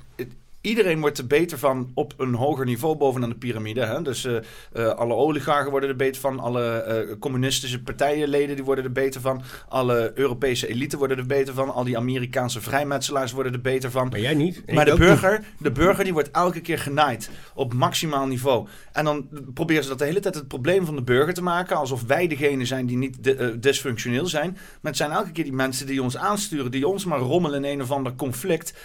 en dan vervolgens zelf met dikke zakken geld er vandoor gaan de hele dag. Ja. Ja, het is ook... ehm, eh, eh, eh, nog even terug te komen op dat, die spirituele oorlog. Hè, want mensen die zien het dan vaak als iets heel zweverigs. Maar het is gewoon een soort van kaping van ons bewustzijn. Waar wij dus in een soort van, nou, ja, je hebt al eerder gezegd, de matrix worden gehouden. Ja. Alsof er iets gaande is. Alsof zeg maar, het kwaad van ons in onszelf te vinden is. Het is ook een beetje zoals ik kijk naar hoe eh, eh, de afgelopen duizend jaar. En waar wij dan, Karen Ha- Haamaker het ook over heeft. eh, dat schuldgevoel neerleggen bij, bij, bij de mensen. Van ja, jij bent kwaadaardig van origine. En je bent niet in staat om zelf na te denken. Je moet verantwoording afleggen naar deze hogere macht. En die hogere macht is dan een of andere priester. Die, die, die een beetje aan kinderen zit te frummelen. Of eh, een of andere politici die er met zakken geld vandoor gaat. Of een of andere business tycoon die eh, al- alle werknemers aan het uitmelken is. Eh, terwijl die mensen het probleem zijn. En dat zijn die mensen, of dan wel de voedsoldaten, of de mensen die zelf aan het touwtje trekken. Van die, van die overkoepelende elite, die, die, die naar mijn idee gewoon een satanische agenda hebben. En gewoon puur eh, fungeren vanuit, vanuit kwade begrippen. Hè? Dus eh, jaloezie aanwakkeren, eh, angst aanwakkeren. alle, alle lage vibratie, emoties bij wijze van spreken. En iedereen in, die, in, die, in die vibe houden van, van, van, van stress en, en al, al die dingen die je juist niet wil in het leven. En zichzelf verrijken met juist die hogere vibraties van het leven. Zichzelf verheerlijken, Ja. eh, hoger bovenstellen, almachtig voelen. En ik vraag me altijd af, van, zijn dat dan wel echte mensen? Zijn ze echt ook bewust van wat ze doen? Maar ja, wat je steeds hoort als je met mensen praat die bijvoorbeeld een beetje schouders wrijven met, met mensen in die echelons. Dat zij gewoon letterlijk eh, ja, een soort van psychopathische trekjes hebben. En ook het idee hebben dat wij gewoon eh, uitschot zijn. Hè? Gewoon eh, mieren die vertrapt kunnen worden. Ja. En, en dat, dat, ja, ik weet nog steeds niet of dat een menselijke uitwerking is. Maar die, die, die geloofsovertuiging die ze erop nahouden, die houdt hun ook in die ban. En dat is in mijn optiek dat satanisme. Dus- Ja. Ja, ja, interessant dat je dat zegt, omdat eh, je noemde het woordje bewustzijn. Ja. En da- dat is waar mijn lezing over gaat. Die ga ik op 9 mei eh, doen bij eh, Bosvreugd. Mm. Eh, en voor heel veel mensen voor corona waren een paar van de dingen die je noemde, zoals vibraties. Ik heb hetzelfde meegemaakt als jij, wat je aangaf in het begin van dit gesprek. Dat je zei dat in de afgelopen drie jaar dat er een soort spiritueel bewustzijn is gekomen. Bij mij is dat ook eh, zo geweest. En omdat ik met heel veel mensen gesproken heb die zich daar al lang mee bezighouden, leer je een vocabulaire. Je leert net als op de universiteit, eh, ik heb dan psychologie gedaan een aantal jaar, dan leer je met één bepaald woord een hele definitie. Die dekt alles. Dat Ja. voorkomt dat je vijf minuten moet, hoeft te praten. Ja. En als je dan al- allemaal op dat niveau mee kan praten, Dus je hebt het net over vibraties. Ja, ik denk inderdaad dat er iets bestaat eh, bij de mensen, zeg maar. Dat is dat het systeem, de matrix, dat wil jou in bepaalde lagere vibraties houden. Want de, de, de powers that be, eh, die willen eh, eh, niet dat mensen voor zichzelf gaan denken. Want, en de kern van alles, waar ze ons in willen houden, en dat hebben ze echt geperfectioneerd, dat is in angst. Ja. En dat is het spirituele waar we nu mee te maken hebben. De- dat is mijn mening. Dat is dat er is een soort eh, ontwa- ontwaking eh, vindt daar plaats, zeg maar. En ik wil het dan niet in het astrologische doen, maar dat doet Karen wel. Ja, dus, maar eh, maar zij is ook doctorandus. Tijd van Aquarius is dat, hè? Ja, we gaan over van de, de tijd van vissen Nee. naar Aquarius. Ja. Ik ga het dan toch even noemen. Ja. En van, eh, vanuit de vissentijd eh, is alles gegaan in, uit onze directe geschiedenis vanuit de ratio. Vanuit je denken. Oh jee. Oké, dan gaat de telefoon. Dat is illegaal tijdens de podcast, hè? De telefoon aanlaten, nee. Ik dacht bijna dat je eieren weer klaar waren. Oh, dat zou best wel eens kunnen trouwens. Nee, ik ben het niet. Ja, nou, laten we gaan. Nou, in ieder geval, ik zal nog even terugpakken. Ehm, er is een soort ontwaking gaande eigenlijk. En dat is versterkt eigenlijk, want een hoop mensen klagen wel over de coronatijd. Maar corona is eigenlijk op spiritueel vlak een van de beste dingen die ons heeft kunnen overkomen. Want er zijn wereldwijd nog nooit zoveel mensen bewust geworden van dat er iets fucking fout is in de wereld. Ja. Nou, en wat krijg je dan? Dan hebben ze wereldwijd vanuit de macht hebben ze een apparaat opgebouwd dat is bestemd en geschikt om internationaal terrorisme te bestrijden. Dat gaat op zo'n verrede manier. En dat vindt zich allemaal in 3D plaats. Vanuit je ratio ook. Ja. In, in- Het hoofddenken. het, het hoofddenken. Maar wat, wat, wat, waar- ben ik achter gekomen? Dat is dat als jij meer vanuit je hart leeft, daar in je hart leeft geen angst. het voelen. Het, het, het aanvoelen, maar ook in je hart rust geen angst. Pas als je in je hoofd komen met informatie, vandaar dat ik me al, eh, al 15 jaar heb afgekoppeld van, van eh, ik, ik ben dan al heel lang met pensioen, soort met. Dat, ik kijk geen tv. Want er komt informatie binnen. Ik wil gewoon een blok erop. Ik hoef het niet te horen. Nee. Dat is hetzelfde met politici. Dan komen ze met een heel verhaal. Maar ik, weet, ik voel de leugen al bij het eerste woord. En dan denk ik van, ja, de enige manier waarop ik zo'n man relevantie geef... is door te luisteren. Ik zou bijna als een klein kind mijn vinger in mijn oor doen... en, en, en, en, en, en gewoon niet luisteren. Dus, en ik probeer eigenlijk zoveel mogelijk mensen... eh, zich daar bewust van te maken. Dus anders dan wat ik de afgelopen drie jaar gedaan heb... is door het nieuws te brengen. Door eh, de, dat de leugen via de media verspreid wordt... eh, de waarheid te vertellen. Dus ze zeggen, ho, ho, er zijn eh, een heleboel eh, virologen... die zelfs de uitvinder van de mRNA-therapie... Ja. Zelfs dat soort grote jongens in dat vakgebied. Virologen mochten we niet naar luisteren. Ex-CEO's van Pfizer die een boekje opendeden over de corruptie. Dat mocht ook niet. Ehm, vanuit, vanuit dat perspectief ga ik meer omschakelen om mensen bewust te maken. Maar heel veel mensen hebben een blokkade op een volgend bewustzijn. Want je wil altijd vanuit een veilige positie van wat je weet in je hoofd. Pas als je rationeel en de weegschaal, oh ja, dan is het zo. En dan is het zo. Nee, maar als je dat loslaat en alleen maar leeft vanuit eh, een soort goedheid. Ja, nou word ik ook zweverig. Eh, Of, of een vertrouwen of zo, hè? Dat is ook wel... eh, ja, vertrouwen. Maar dat zijn de, de, positieve dingen waar mensen ook voor de corona- coronatijd al op riepen. Waar ik dus grappen over maakte met stand-up comedy. Want ik, ik, ik zat een beetje aan de cynische, sarcastische kant van de humorspectrum, om eh, zo te zeggen. Beetje de harde grappen die een ander niet wil maken. Dan denk ik, nou, ik zeg het lekker wel. nee. En dan komt er zo'n corona-ding en dan komt er zo'n hele ontwikkeling met zoveel lieve mooie mensen. Met, en eh, mensen met zoveel diepgaande kennis, waarvan we heel veel gesprekken. En ik haalde ze eh, met mijn podcast naar mij toe. Als ik vragen had in mijn ontwikkeling, dan belde ik ze op. En dan, eh, Peter Tonen is zo iemand, die heeft ook een knal van een lezing over de Maya-kalenders. Ja, ja, ja. Nou, eh, ik heb hem dan ook nog georganiseerd via LNN bij de achterban. Eh, maar hij heeft ook een eh, boek geschreven dat heet eh, Ontsnappen uit de piramide. En dat zijn de dingen waar mensen op aan moeten haken. Want als je dat grotere plaatje snapt, dan doe je gewoon niet meer mee. Snap je? Ja. Dan ga je ook stoppen met tv kijken. En dat is een beetje ook mijn, mijn een beetje teleurstelling die ik had over... Even weer terughalen naar de verkiezingen. Dat we eigenlijk... Ik dacht dat we een spirituele oorlog aan het doen waren. En dan in één keer werken de boerenburgers samen. Dan krijg je een demonstratie op 11 maart. Dan krijg je 15 maart de verkiezingen. En dan eh, gaan ze massaal in... eh, oh, BBB, dat is de redding. En in één keer... Oh, dan stopt ineens alles. En dan denk ik... What the fuck, jongens? Even serieus, pak nou door. Maar ja, ik werd een beetje moedeloos van eigenlijk. Toen dacht ik... Hoe kan je nou... Natuurlijk moet je die informatie snappen van, van die agenda's die ze uitrollen. Want je moet ze doorgronden. Want je moet ergens de kracht vandaan halen en de informatie vandaan halen op basis waarvan je actief wordt. Maar het begint allemaal bij jezelf. Hoe lang, heb ik, hoe lang hebben we nog op deze aardkloot? Gemiddeld 80 jaar of zo? Ja, Nou, als, laat- als personen, zeg maar. eh Nou, laat of echt ze- als bevolking. Ja, maar laat zeggen dat ik nog 30 luiervrije jaren heb. Zoiets. Nou, die 30 luiervrije jaren die wil ik dan eh, liever besteden aan, aan, eh, aan helpen mensen bewust te worden. Want voor mij zijn in de afgelopen drie jaar heel veel dingen op zijn plek gevallen. Je hebt ook wel eens mensen die vaak in de slachtofferrol gaan. Je kent ze wel. Als ik alle slechte dingen en alle klappen in mijn leven, die ik, als ik die allemaal op een rijtje moet pakken en ik leg ze in een doos neer, nou dan kan ik eh, eh, op mijn kussentje huilen of zo. Maar ik kwam er de afgelopen drie jaar achter dat zoveel dingen die hebben gewoon moeten gebeuren. Die moesten gewoon in mijn jeugd gebeuren. En die moesten gewoon in mijn leven gebeuren om mij geschikt te maken. Ja. Om nu te leven en niet in angst te leven. Dit is allemaal nodig geweest. Natuurlijk was het op het moment zelf wel... eh, Worden, worden, worden aangevallen door de Matrix. Is altijd als je een goed gesprek hebt. oh, hier. Kijk eens aan. Dat is wel heel typisch. ja. Gaan we het straks ook nog even over hebben, toch? Of niet? Ja, als je wil. Ja, Ja, graag, ja, ja. Ja, ik, zal, ik zal lief zijn. Ik laat hem wel doorgaan. eh, hij mag bellen wat hij. Maar ehm, ja, dus mijn lezing gaat erover om te helpen, om eh, vanuit de, niet vanaf een afstand, want ik, eh, ik zit dan liever in het midden tussen de mensen dan dat ik voor ga staan, ouderwets een, een lectie te geven of zo. Om mensen te, gewoon te vertellen van eh, eh, het traject wat ik heb afgelegd. Van een totale ongelovige Thomas die gewoon cynische grappen maakt over spiritualiteit en eh, quinoa-kutjes en dingen. Ja, natuurlijk is hilarisch op het podium natuurlijk, zweefmatjes. En, en dat is een dankbaar onderwerp om grappen over te maken. En dan er zijn zo, er zo'n geweldige ontwikkeling die ik heb mogen doormaken met zulke mooie mensen in de afgelopen drie jaar. Dat ik dat, dat wil ik graag eh, vertellen aan de mensen. Want het is gewoon een feest van herkenning. Denk ik. Ja. Dus, eh, dus ja, ik, eh, tegen die tijd eh, kom ik dan wel eens een keer terug om erover te praten of zo. En eh 9 mei is de eerste. Helaas kan degene met wie ik de lezing ga voorbereiden, die kan de eerste niet meedoen. Maar In, in Bosvreugde staat het dan. in Bosveld.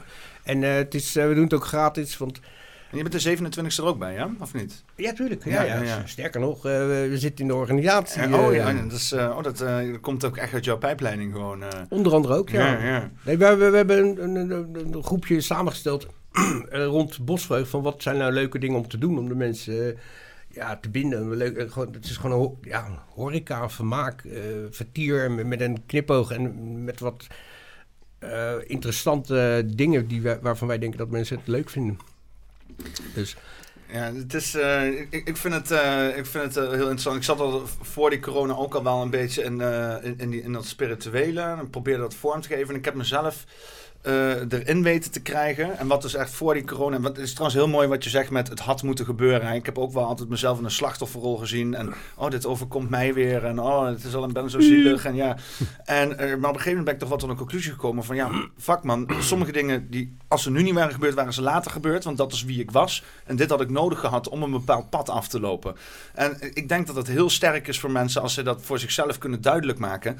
Dat letterlijk al het leed wat jij meemaakt in je leven jou vormt wie jou is, weet je. Jouw, jouw, jouw trauma's zijn tekenend voor jou. En als je dat goed, als je dat, eh, goed weet in te richten, dat je echt jezelf in een kracht kan zetten.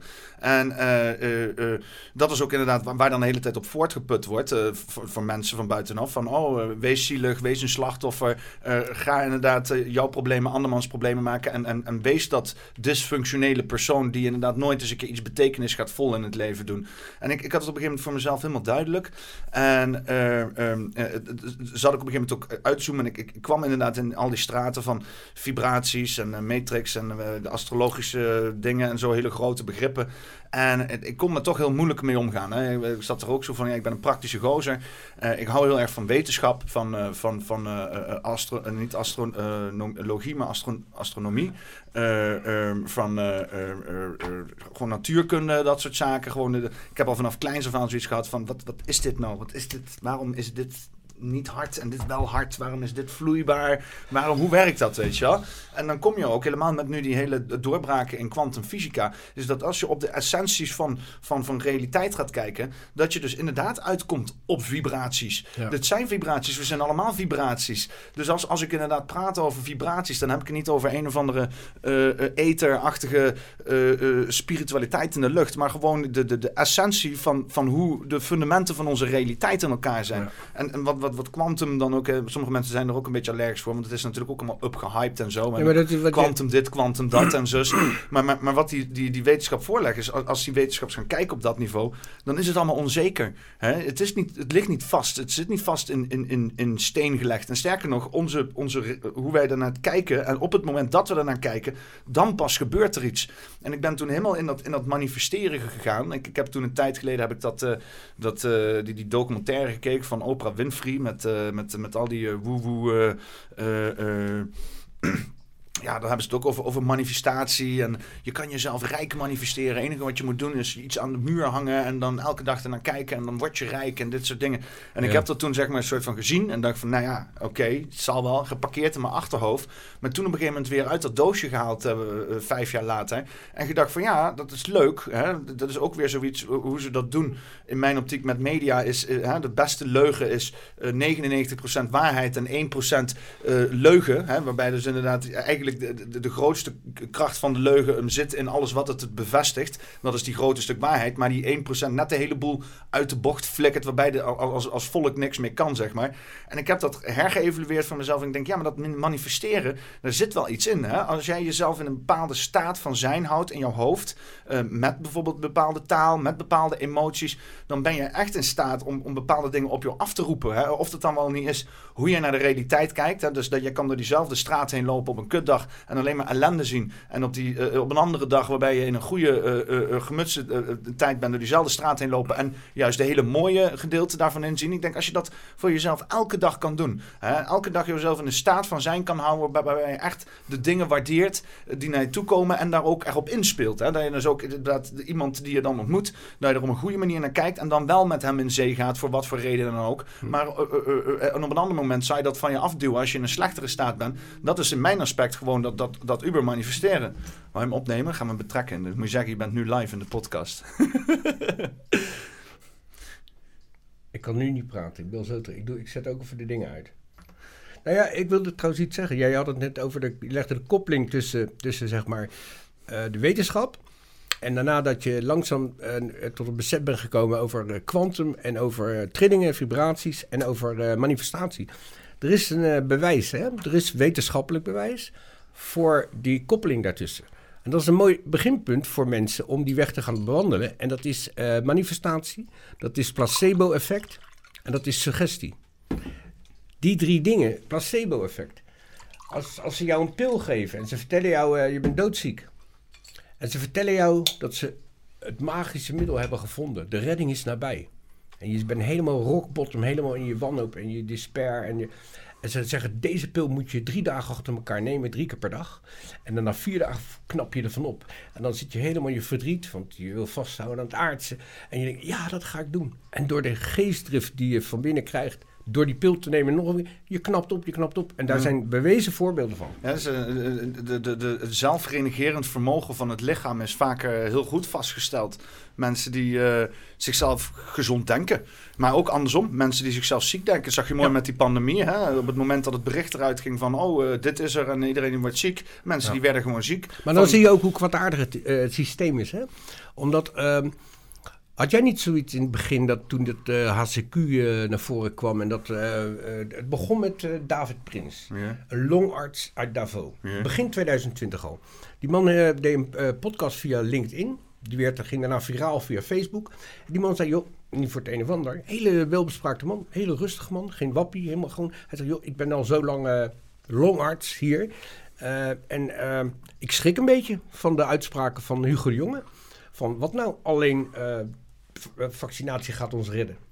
Want op basis van mijn jarenlange ervaring weet ik dat voordat je aan vaccinatie moet beginnen, kan je beter ook zorgen dat je genoeg vitamine C hebt. Vitamine D, D3 is ook heel goed. Zorg dat je lekker in je vel zit. eh, lekker buitenlucht. Een beetje bewegen. eh, goed eten, gezond eten. En dan, dan pas, dat, daarmee met al die dingen die die man noemde, haal je al percentages af van doodgaan aan corona.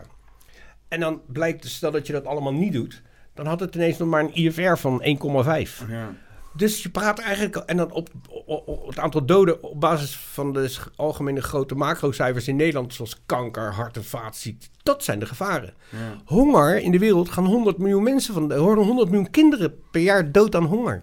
Heb je ooit zo'n actie zien, afgezien van, eh, eh, van, eh, van Live Aid? Heb je ooit wel eens de hele wereld elite bij elkaar zien komen om de wereldhonger uit te roeien? Nee hoor. Dat, dat, dat, dat, is toch... dat- Wordt alleen maar voortgezet. en daarom door- weet je dat het psychopaten zijn. Hetzelfde met de klimaathoax. Eh, ze kunnen de wereldhonger niet oplossen. Maar als je maar wat meer belasting betaalt, gaan ze wel aan de knoppen zitten en dan gaan ze de temperatuur op aarde verlagen. Even serieus, het is één grote fucking hoax. Het, en, en eh, als je daar eenmaal bewust van bent van het grote plaatje macro en in het klein. Ja, ik ben ook al uitgekomen op. op eh, je ziet het ook aan andere mensen om je heen. We we hebben dan een hele grote groep vrijwilligers. Soms onafhankelijk van elkaar met hard werken. Echt iedereen werkt keihard. En, en af en toe om beurten zaten we er allemaal doorheen gewoon. Zaten er allemaal doorheen. Eh, de, de, de, wanhoop van... Ze blijven gewoon slapen. Eh, weet je, er gebeuren dingen in de maatschappij... dat ineens eh, overal waar je loopt... iedereen ineens met mondkapjes gaat lopen. Ik heb nog nooit een mondkapje gedragen.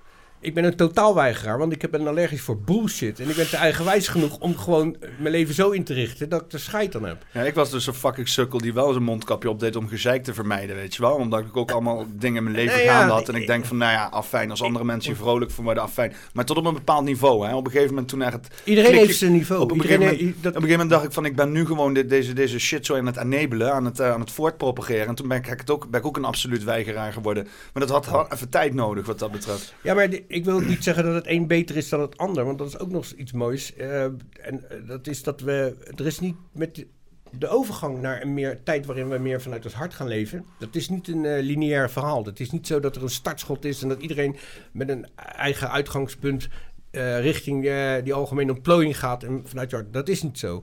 Het bewust worden van dit soort dingen en dat er meer is tussen hemel en aarde, dat proces gaat iedereen afzonderlijk.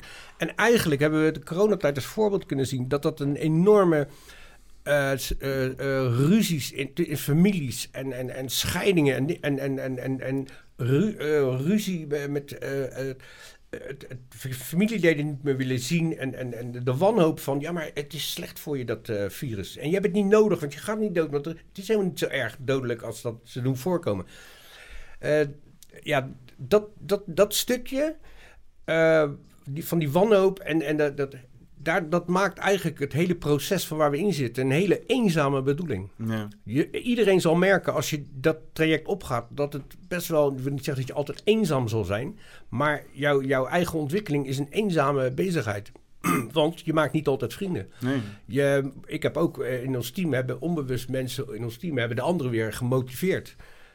Eh, Met grappen, wij hadden hashtags, hè, als je er helemaal doorheen zat. Dat je echt dacht van, nou, ik kan niet meer, weet je. dan, hadden wij, dan ging de hashtag Endor in werking. Hashtag Endor. Dus als je er helemaal doorheen zat, dat schudt even met een godverdomme, even een dagje naar de kloot. En dan ging hashtag Endor in werking. Hup, en dan gaan we weer een verslag doen, we gaan weer websiteartikelen maken, we gaan weer interviews doen. En, dus onbewust, en, en soms leidt de een door voorbeeld dan weet je dat iemand privé echt verschrikkelijke dingen meemaakt. Iemand die, eh, een vriendin van mij, die de twee dochters gewoon niet meer zag. Eh, omdat ze de eigen moeder van Wappie uitmaakte. De, de, de van het feit, want ze wilde ze behoeden voor, voor het prikje, et cetera. Nou, die, die, dat lijden, dat heb ik dan minder last van gehad. Want ik heb bijna geen familie meer, behalve mijn kinderen die na mij zijn. Alles daarvoor is eh, overleden of niet meer in mijn leven. Een soort Remy eigenlijk. Eh, ook dat is iets wat me wat heeft voorkomen dat ik dezelfde lijdensweg heb door moeten gaan als veel andere mensen in mijn omgeving. Omdat ik heb die ruzies niet gehad. Ik ben van het begin af aan nooit meer omgegaan met mondkapjesdragers. En, en dat klinkt misschien raar, maar ik had zoiets van... eh, ik, ik maakte ook grap, de grap. Ik baalde een beetje. Ik zei... Nou, hebben ze de mondkapjesplicht afgeschaft? Dat vind ik echt kloten.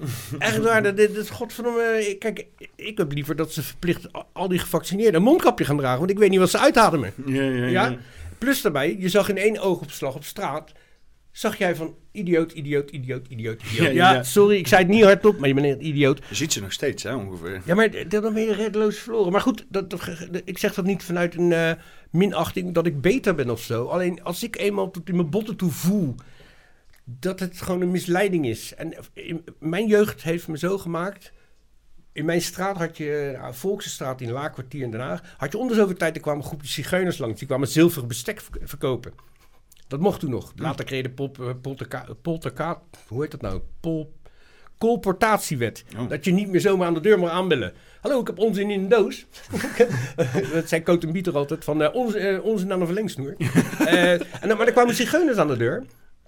En die waren zo lief. En eh, met bloedjes van kinderen. En uh, met mijn laatste... Ik verkoop een zilveren doos. Dat kost duizend gulden. En met, ja, dat kost geen duizend gulden. Uiteindelijk konden ze voor tien, tien gulden kopen. Maar op een bepaald moment in de onderhandeling... dan is tussen de duizend euro die het misschien waard was... als het echt zilver had geweest... En die 10 euro, dat, dan is het op zeker geen zilver. Want dan zou die zigeuner dat nooit wegdoen voor dat geld. Dus, je, dus trap je erin of niet, in die misleiding. Dus op jonge leeftijd moest je op straat al een beetje gist zijn. Je moet een beetje gist zijn, want iedereen wil elkaar foppen. Wil je mijn brommen kopen? Hij is goed, joh. Of uh, mijn auto. Het is van een oud foutje geweest. Dat goed op zijn bandjes. Dat is gewoon een barrel. Ja. Snap je wat ik bedoel? Ja. Dus de, in mijn, mijn optiek heeft het iets eerbaars dat je je niet in de zijk laat nemen. En dat je je niet laat oplichten. Alleen, ik zag in de coronatijd de hele volkstammen gewoon... Die, die, die, je hoeft toch alleen maar naar zo'n Hugo de Jonge te kijken... en naar één persconferentie te kijken om te weten dat het een leugenaar is. Ja. En als iemand eenmaal een leugenaar is, dan gaat toch de waarde van zijn woorden verloren. Nee, mensen luisteren... Oh, de derde booster? Die moet je nemen. Dat, is- en, dan, en, dan, en dan denk ik... Oh. Wat, juist, wat dus de grap was, was of, nou, hè, grap, is dat eh, hoe later die, die, die, die, die, eh, eh, die, die, die vaccinaties zeg maar, werden, werden ingezet, hoe minder relevant ze waren voor het type eh, eh, virus wat op dat moment... Zelfs als ik er op wetenschappelijk niveau naar kijk, hè, met pure wetenschap, dan heb je dus zeg maar die eerste initiële virus waar dat ding dan vandaan komt of whatever de fuck het ook is geweest. Daar is dan dat vaccinatieding is opgemaakt. En eh, dan vervolgens evolueerde dat ding. Was ook weer ook gewoon gezegd, Delta en Omicron. En op een gegeven moment hebben ze niet eens meer een naam eraan gegeven, omdat het al de 200 verschillende versies waren geweest. Ja, maar dat was Maar een grote maar- misleiding. ja, nou ja, maar, maar, dus, dus, maar dat is inderdaad, als ik er echt in een 3D-manier naar kijk, dan dat, dat het wat ze dan hebben gepropageerd, dat was alleen maar op die eerste afgesteld. En want zelfs een, een, een, een, een, griepvaccinatie, die moet elk jaar worden geüpdate om bij te blijven Ja, maar met dat- whatever de fuck daar in, in, in, in En als je dan is. eenmaal weet wat voor verdienmodel erin zit, ja, dat is al vanaf de eerste vaccinaties, dan weet je al dat je gefukt wordt. Je wordt verneukt. Eh, hoe, hoe geniaal is het dan niet? Kijk naar de aandelen, kijk hoeveel ze verdiend hebben. Maar kijk ook eens naar dat alles wat er door de wakkere bubbel gezegd. Wij hebben niet zomaar uit ons vinger, oh het voelt zo eh, dat het virus, eh, het vaccin slecht is. Dus we zeggen dat. Nee, wij hebben, zijn op zoek gegaan naar die artsen. Wij, wij, hebben met Rob Elens gesproken. We hebben eh, eh, de papers eh, bekeken, bestudeerd met een redactie vanuit Amerika. Al die artsen die zich uit hebben gesproken, die hebben we bevraagd. We, hebben psy-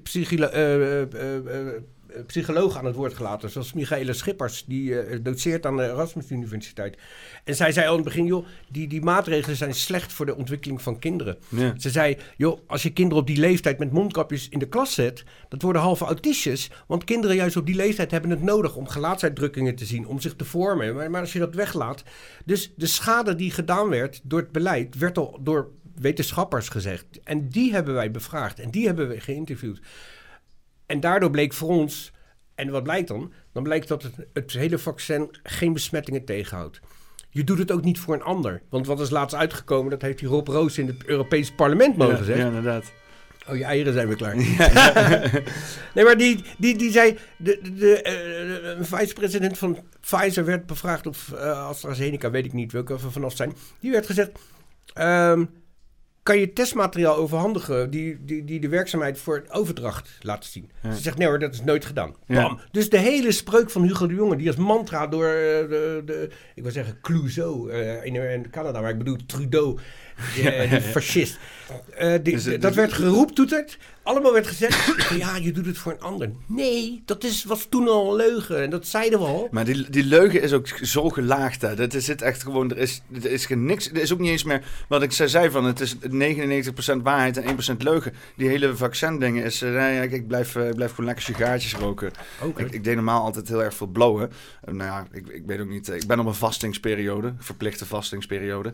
En, eh, Helemaal goed. En, eh, eh, maar ik vind sigaretten vind ik echt smerig. Joh. Ik kan het niet meer roken. Ik ook. Sigaartjes vind ik eigenlijk nog wel lekker om te doen. Ik vind dus ze gaan uit, weet je wel. Dus dan, Oké. dat is mijn, eh, anders blijf je paffen. Maar moet ik eerlijk zeggen, ik zit nu ook alweer aan mijn derde, dus we gaan maar door. Maar ja, in ieder geval, die, die, die leugen die was, die was zo groot. Het was, ik zat er naar te kijken en ik denk van, joh, dit is bijna Crimineel.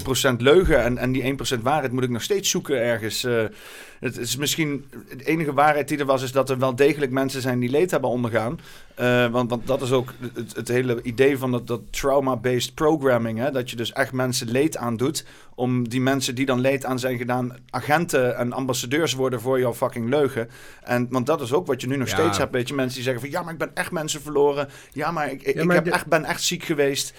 Ja, maar dan nog, dan nog, eh, als regeren vooruitzien is, dan moet je als, eh, zie het als een vader in een gezin, als je het wat kleiner trekt. Eh, dan heb je de verantwoording voor het grote plaatje. Ik wil niet zeggen, ja, het ene kind moet je opofferen en het andere niet. Maar als regeren vooruitzien is, en dan moet je het grootste belang voor je hebben. Waar, dan is het toch al verdacht dat ze dat hele verhaal van hart- en vaatziekten... Hebben ze daar ooit het land voor een lockdown gedaan? Hebben ze Ja. daar... Nee hoor, ze hebben de accijns gewoon gepakt van eh, de, de suikerindustrie. Ja. Wat blijkt nu na al die jaren? Blijkt gewoon dat dat hele verhaal van de eh, cholesterol... Van cholesterol, ja. is gewoon één grote fopperitis. Suiker, ik weet nog goed, die, die kookprogramma's, dan zag je die geblondeerde kok, zag je dan in, eh, in een kwartiertje tijd van een praatprogramma. Die zag je hele schalen met witte suiker. Die, Rudolf of zo. eh. in, in taartjes gooien. En dat voelde voor mij al slecht. En eh, vet was zogenaamd slecht voor jou. Zout, ja, zoutarm dieet. Fuck die shit, man. Als jij te veel zout in je lichaam hebt, ja, dan plas je het er wel uit, hè? Ik heb hier nou meerdere mensen al gehad. Eh, eh, Tom, eh, die is vanuit een... het is altijd moeilijke woorden, al die, al die leren. Ehm, eh, en dan kom ik helemaal niet op. En Staf, nou, zeg maar een soort van... Tom vanuit een voedingsperspectief, maar echt wat het op moleculair niveau... orthomoleculair geneeskundig niveau... maar dat, dat is een, een tak van sport. Die is pas sinds de laatste tijd eh, aan momentum aan het pakken. Want daarvoor werd het gewoon weggemoffeld, man. V- eh, Vet is slecht voor jou. Want een hele industrie is opgebouwd voor alle, alle light productjes en dingetjes. Ja, en wat nu... aspartaan te cons- consumeren. Maar het is, Dat allemaal, het is allemaal newspeak van eh, 1984. Het is allemaal wit is zwart. Ja. Waarheid is leugen. Als jij elke uitspraak van, van alle politici van de huidige coalitie... Het is al bijna spreekwoordelijk. Als jij nu een Hugo de Jong hoort praten... kan jij standaard alles wat hij uitkraamt 180 graden draaien... En dan zit je altijd dichter bij de waarheid dan wat hij uitkraamt. Ja. Dat is gewoon spreekwoordelijk. En als je dat eenmaal weet, dan hoef je daarna niet nog een keer, eh, nog een keer aandachtig te luisteren. Oh, en nu dan? Nee, dan, is het, dan heb ik al een blok. Ik had, ik had een heel, heel concreet voorbeeld. Eerst even nog, want ik, ik had dus een Tom, Tom met ortho- orthomoleculaire geneeskunde. En dan heb je Stef die vanuit een eh, chemie, eh, chemie perspectief ook al praten over inderdaad hoe belangrijk zouten zijn. En dat je gewoon zout moet toenemen. Hoeveel verschillende zouten je ook hebt. En hoe mineralen de basis En hoe zijn slecht van onze... keukenzout is. Ja. Jozo zout. Ja, nou, Jozo inderdaad. Ja, dan als je, mijn vader is daar aangezet met, eh, die had dan jicht. Hè? En dan moest hij Jozo eh, shit gaan zitten vreten. Ja, dat, dat is dan, ja, het- volgens mij moet je dat juist niet zitten vreten. Nee, maar je ziet hoe mensen, hoe, hoe triest het is, hoe mensen eigenlijk generaties lang, eh, eigenlijk is eh Rockefeller daar, daar ooit mee begonnen. Die heeft de hele oude, oud Indiaanse geneeskunde kwakzalverij verklaard. En die heeft allemaal eh, oliegebaseerde medicijnen, de, de medicijnen in de industrie opgezet. Waar heel Big Pharma nu op draait. eh. Ja, wat doen ze? Ze doen het zo dat de, de voedingsmiddelen die zorgen dat. Kijk, de, de cijfers laten zien, we worden wel gemiddeld ouder. Alleen de kwaliteit van jouw oudere leven is kut. Ja, je bent zit de laatste twintig jaar van zijn leven in een bejaardentehuis. En die wordt rondgewalst in, een, eh, in een tillift, zeg maar, terwijl je in je luier hangt daar. Ja, en dan nu even over het woordje bewustzijn. Als je je er bewust van wordt, als je er be- bewust van wordt dat, ze je in een, dat, ze, eh, dat je op latere leeftijd dan geen patiënt wordt. Ze maken je klant van de farmaceutische industrie. Het is gewoon aandeelhouders, gewoon een bedrijf.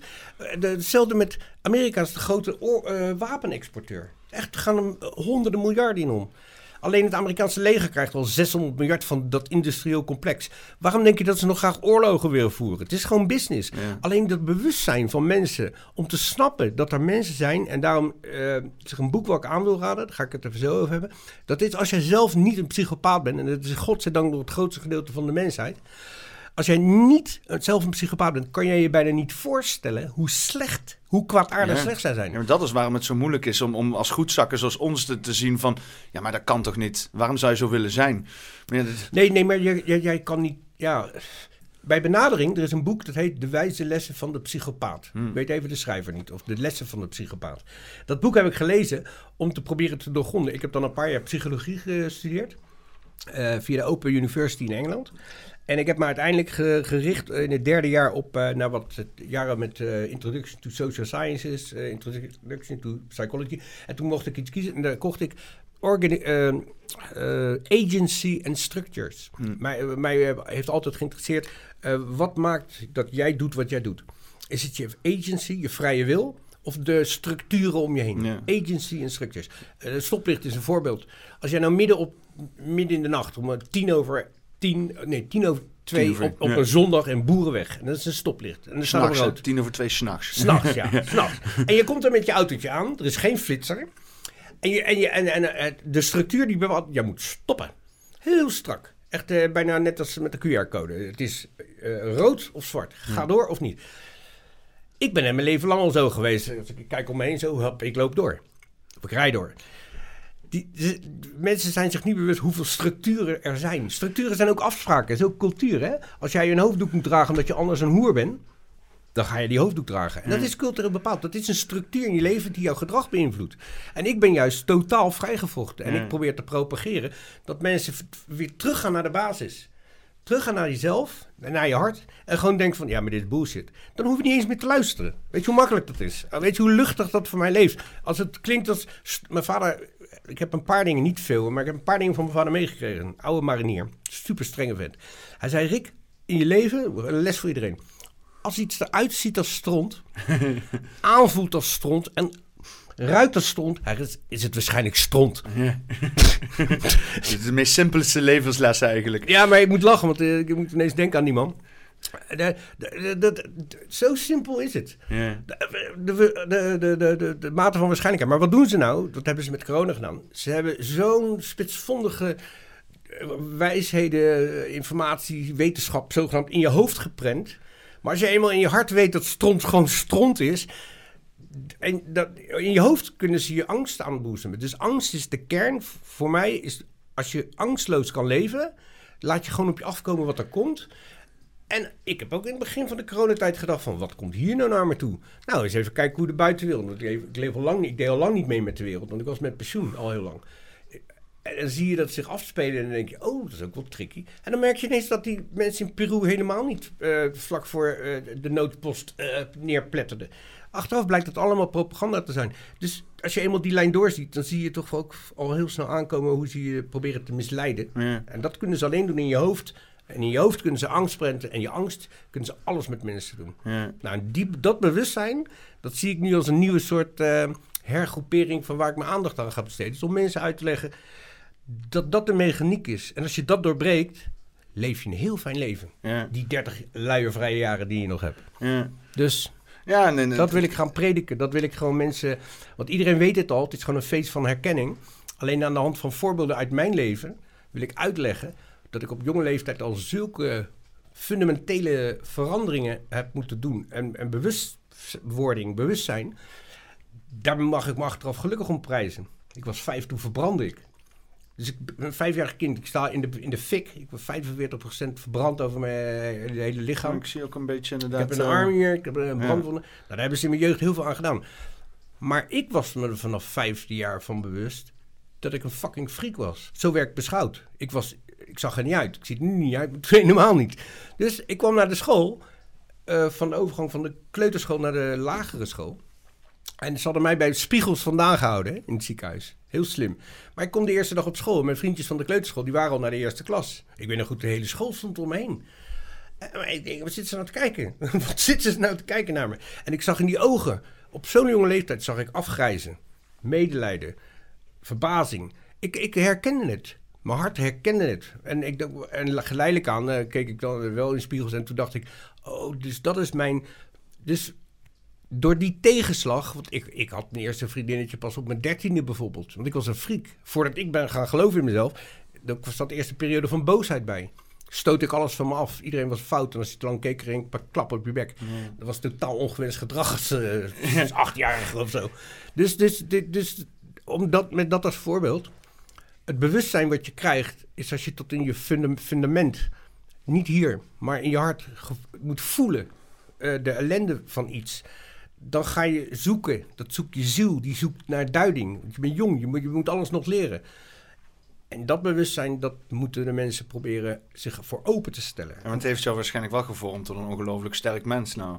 Eh, ik denk wel dat ik op, eh, ge- geschikt ben voor eh, onder andere wat ik nu doe, zeg maar. Ja. Ik zie er niet de nadelen meer van. Kijk, natuurlijk heb ik in mijn jeugd wel eens verdriet gehad. Dat ik dacht, waarom ben ik nou niet normaal, zeg maar. Want ik werd ook uitgedaagd. Ik was wel nog een agressief mannetje. En, en in, in, subcultuur als een volkse buurt als, als Lakentuur... had je dan mensen die je gingen kijken, je uittesten... Dus dan noemden ze je bijvoorbeeld, ik noem maar iets geks, verbrande kankerleier. om, om maar iets haags, eh, heel Ja. slechts te noemen.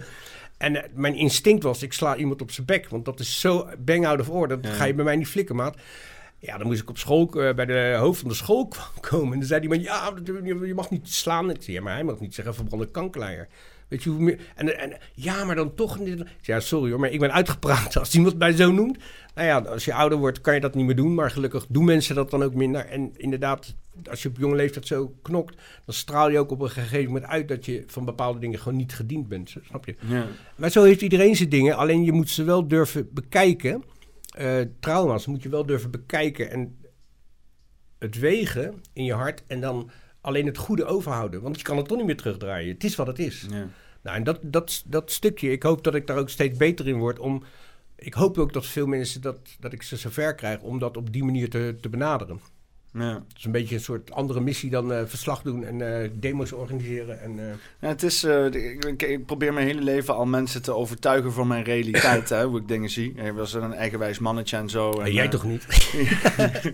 en, eh, en dat heeft me alleen maar zoveel weerstand gegeven. En, en ik ben mensen verloren. En, en, en mensen worden alleen nog maar harder in hun overtuigingen als je ze probeert hè, wakker te schudden. En zeggen, ah, Ja, maar de- geloof mij en zo. En ik ben op een gegeven moment echt tot een inzink, inzicht gekomen. Ik denk van je kan beter inspireren als instrueren. Ja. Hè? Dus, dus inderdaad, eh, eh, leef het voorbeeld. Leef hoe jij zou leven. Hè? En vertel je verhaal. En het liefst met zo min mogelijk moeten. Hè? Dus mensen eh, die, Ja. die, die, die, die willen geholpen worden. Maar als ze niet willen geholpen worden, dan moeten ze helemaal niks. En eh, dat werkt veel beter. Weet je, mensen kijken daarnaar en, en die, die nemen dat veel meer tot hart, omdat ze zoiets hebben van: als dat mij vrolijk maakt en het zet mij in mijn kracht, dan zien mensen dat. En als het in een ongedwongen staat is, dan hebben ze ook zoiets van: dat is wat ik ook wil. Ja. En hoe ga ik dat krijgen? En dan zeg ik: ja, dat moet je zelf uitzoeken. Weet je wel? Want er zijn ook allemaal andere wezens wat dat betreft. Nie- Niemand die is, eh, hè, want want wat is normaal? Dat is ook, is ook zo'n Nederlands woord, hè? Normaal, doe normaal. Ja, binnen de norm. Ja, Nou ja, leuk dat je dat zegt, omdat eh, eh, wij hebben natuurlijk bij het eh, vanuit scratch beginnen van, ons, van een mediakanaal. eh, zijn wij ook op zoek gegaan naar wat is nou de meest effectieve weg? Want ik hou niet van hard werken, ik hou meer van slim werken. Op welke manier van berichtgeving dring je nou door bij die mensen? Dus je hebt een hele groep mensen waarvan je denkt van... Joh, je hebt toch wel door inmiddels dat een mondkapje niet helemaal puur goed is.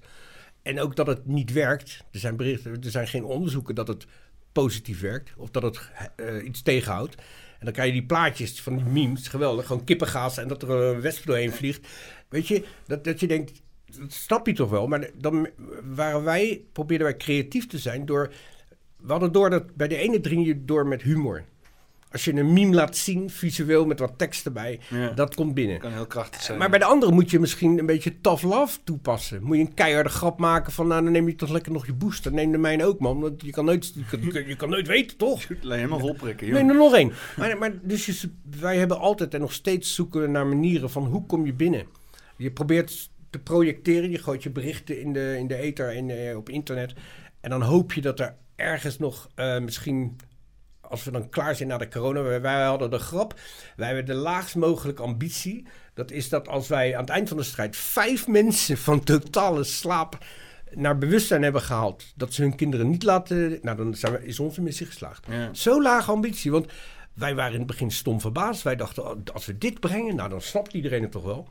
Nee hoor, nog niet. Nee? Nou, nu hebben we oversterfte. En, en, en Bulgarije is het minst eh, gevaccineerde land eh, in, percent- eh, in percentage dan, van Europa. En daar hebben ze geen oversterfte. En al die dingen. En nou mag er wel onderzoek gedaan worden. Maar er mag geen link onderzocht worden met, Ja. met, de, met de prikjes. Ja, we weten nog niet wat er aan de hand is, maar het is sowieso niet het vaccin. Ja, maar dat, dit stukje, als, je, als mensen zich daar bewust van zijn... en je kan dat combineren met zoveel waarheden als koeien... dan, dan hoop je dat dat... eh, oh ja, en er was nog een lage ambitie. Dat is, wij deden het eigenlijk niet zozeer voor deze generatie... maar wij hadden zoveel plaatsvervangende schaamte... voordat mensen, dat mensen zich lieten misleiden door die in-your-face bullshit. Dat wij aan toekomstige generaties wilden laten zien. Dus als er nog stroom is over 100 jaar. Dat mensen aan de hand van onze podcasts en onze artikelen konden zien dat niet iedereen met zijn hoofd in zijn aars leefde. Ja. Dus dan ben ik al lang overleden. Maar dat het dan toch nog. Dat we lieten zien. Nee, niet de hele generatie was eh, wappie. Ja. En dan bedoel ik de omgekeerde wappie. Hè, de coronakrankzinnigen. Die daarin geloofden en die daarin mee zijn gegaan. Terwijl het gewoon één grote. In het beste geval is het gewoon oplichting geweest dat ze eh, de lobbymachine van, eh, van de farmaceutische industrie gewoon bepaalde sleutelfiguren bij de WHO en in de wereld omgekocht heeft. Dat dat gelukt is. En dat ze daar de honderden miljarden winst konden pakken eh, op basis van de vaccinaties. Dat is het beste geval.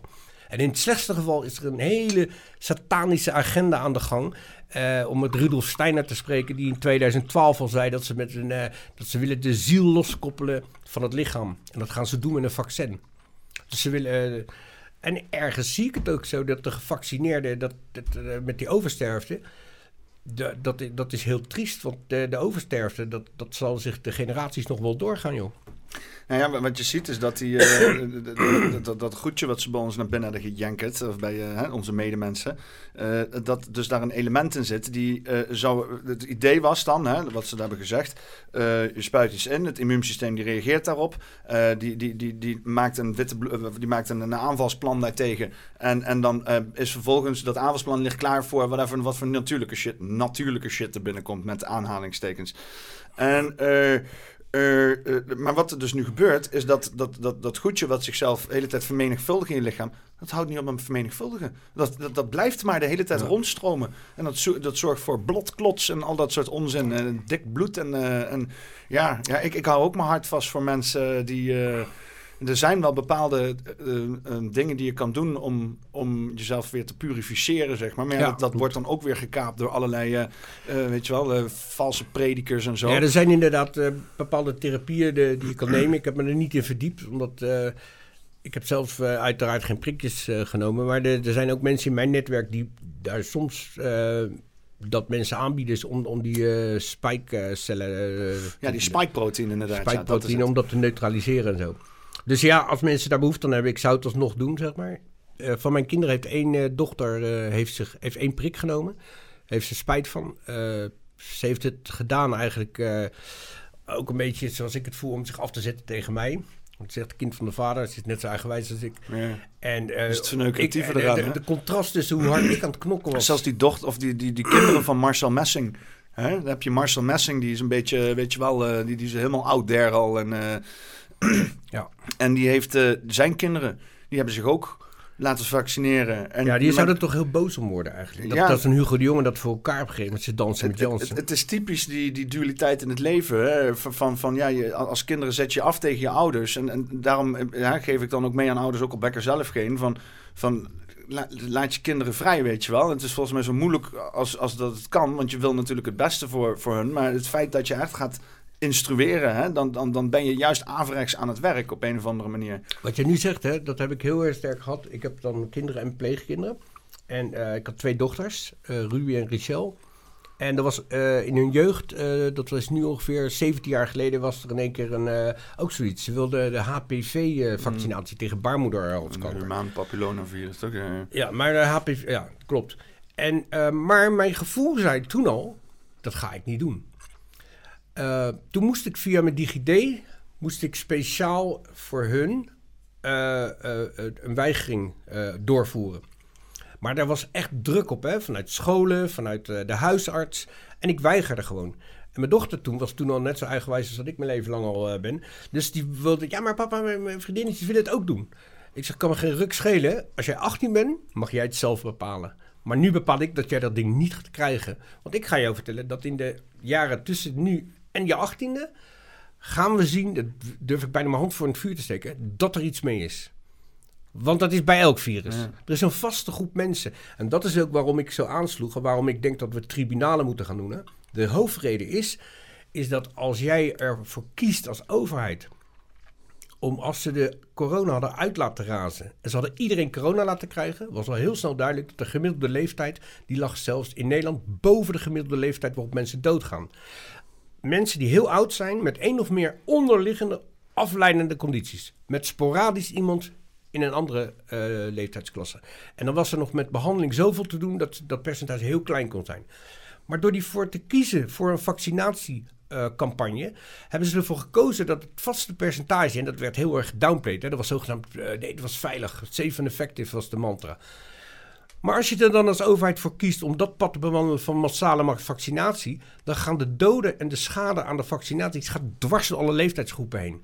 Hoe psychopathisch ben je dan? Even serieus. Eén kind al, als het mijn kind is en ik weet dat een- mijn leider zo'n keuze heeft gemaakt, moet je al voor een tribunaal. Maar nu gaat het over tienduizenden kinderen en met miljoenen wereldwijd. Ik heb daar ook een geluidje voor, volgens mij. Maar even, even de goede hebben. Ik moet hier ergens een keer een indexatie voor maken. Maar... Daar komt jouw Oh nee, dat is hem niet. Nu tijd komt nog wel, we komen tribunalen. Ja, dat is hem. Hoorde je hem? Nog een keer? Nu tijd komt nog wel, we komen tribunalen. hey, die is leuk. Ik heb ook nog eentje, ook, eh, ook, eh, ook, ook, eh, corona gerelateerd. Doneer gewoon op... Oh nee, dat is hem niet. Oversterfte is ontraden. Ontraden. Dit goed, eh, Ernst Kuipers, oversterfte is ontraden. Ik denk, ja, dat vat hem mooi samen inderdaad. De shit is zo overduidelijk gaande. En hij staat er met zijn bakjes gewoon als een of andere Grim Reaper, weet je wel. Ja, het is echt... Het is... eh, ja. Dit is heel triest. Kijk, en eh, dat is ook nog iets in de strijd die we dan gevoerd hebben. En wij hebben gelukkig een hele grote groep vrijwilligers eh, bij ons, eh, die zich bij ons en ons project hebben aangesloten. En dat waren ook mensen die actief waren bij andere initiatieven. En wij zijn ook af en toe moedeloos geweest. Hè? En dat we dachten van, wat de fuck is hier gaande? En op een bepaald moment toen hebben we ook groepsgesprekken gehad. Toen zei ik ook, net als een vader in een gezin... Als jij eh, met je kinderen door een bos loopt en er komt ineens een man van achter een boom zo en die doet boe. En jij gaat als vader als ergste schrikken.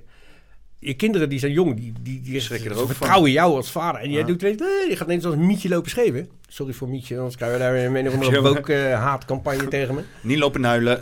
Nou ja, ik heb, ik heb mezelf al gecanceld, dus ze kunnen mij niet cancelen, snap je? De- hoe veilig dat is. Ik, ik doe nergens aan mee, dus ik kan nooit gecanceld worden. Dus die hele cancelcultuur kan me, reet roesten. Oh, ik heb ook geen eh, ambitie voor tv of politiek, dus fuck hem al.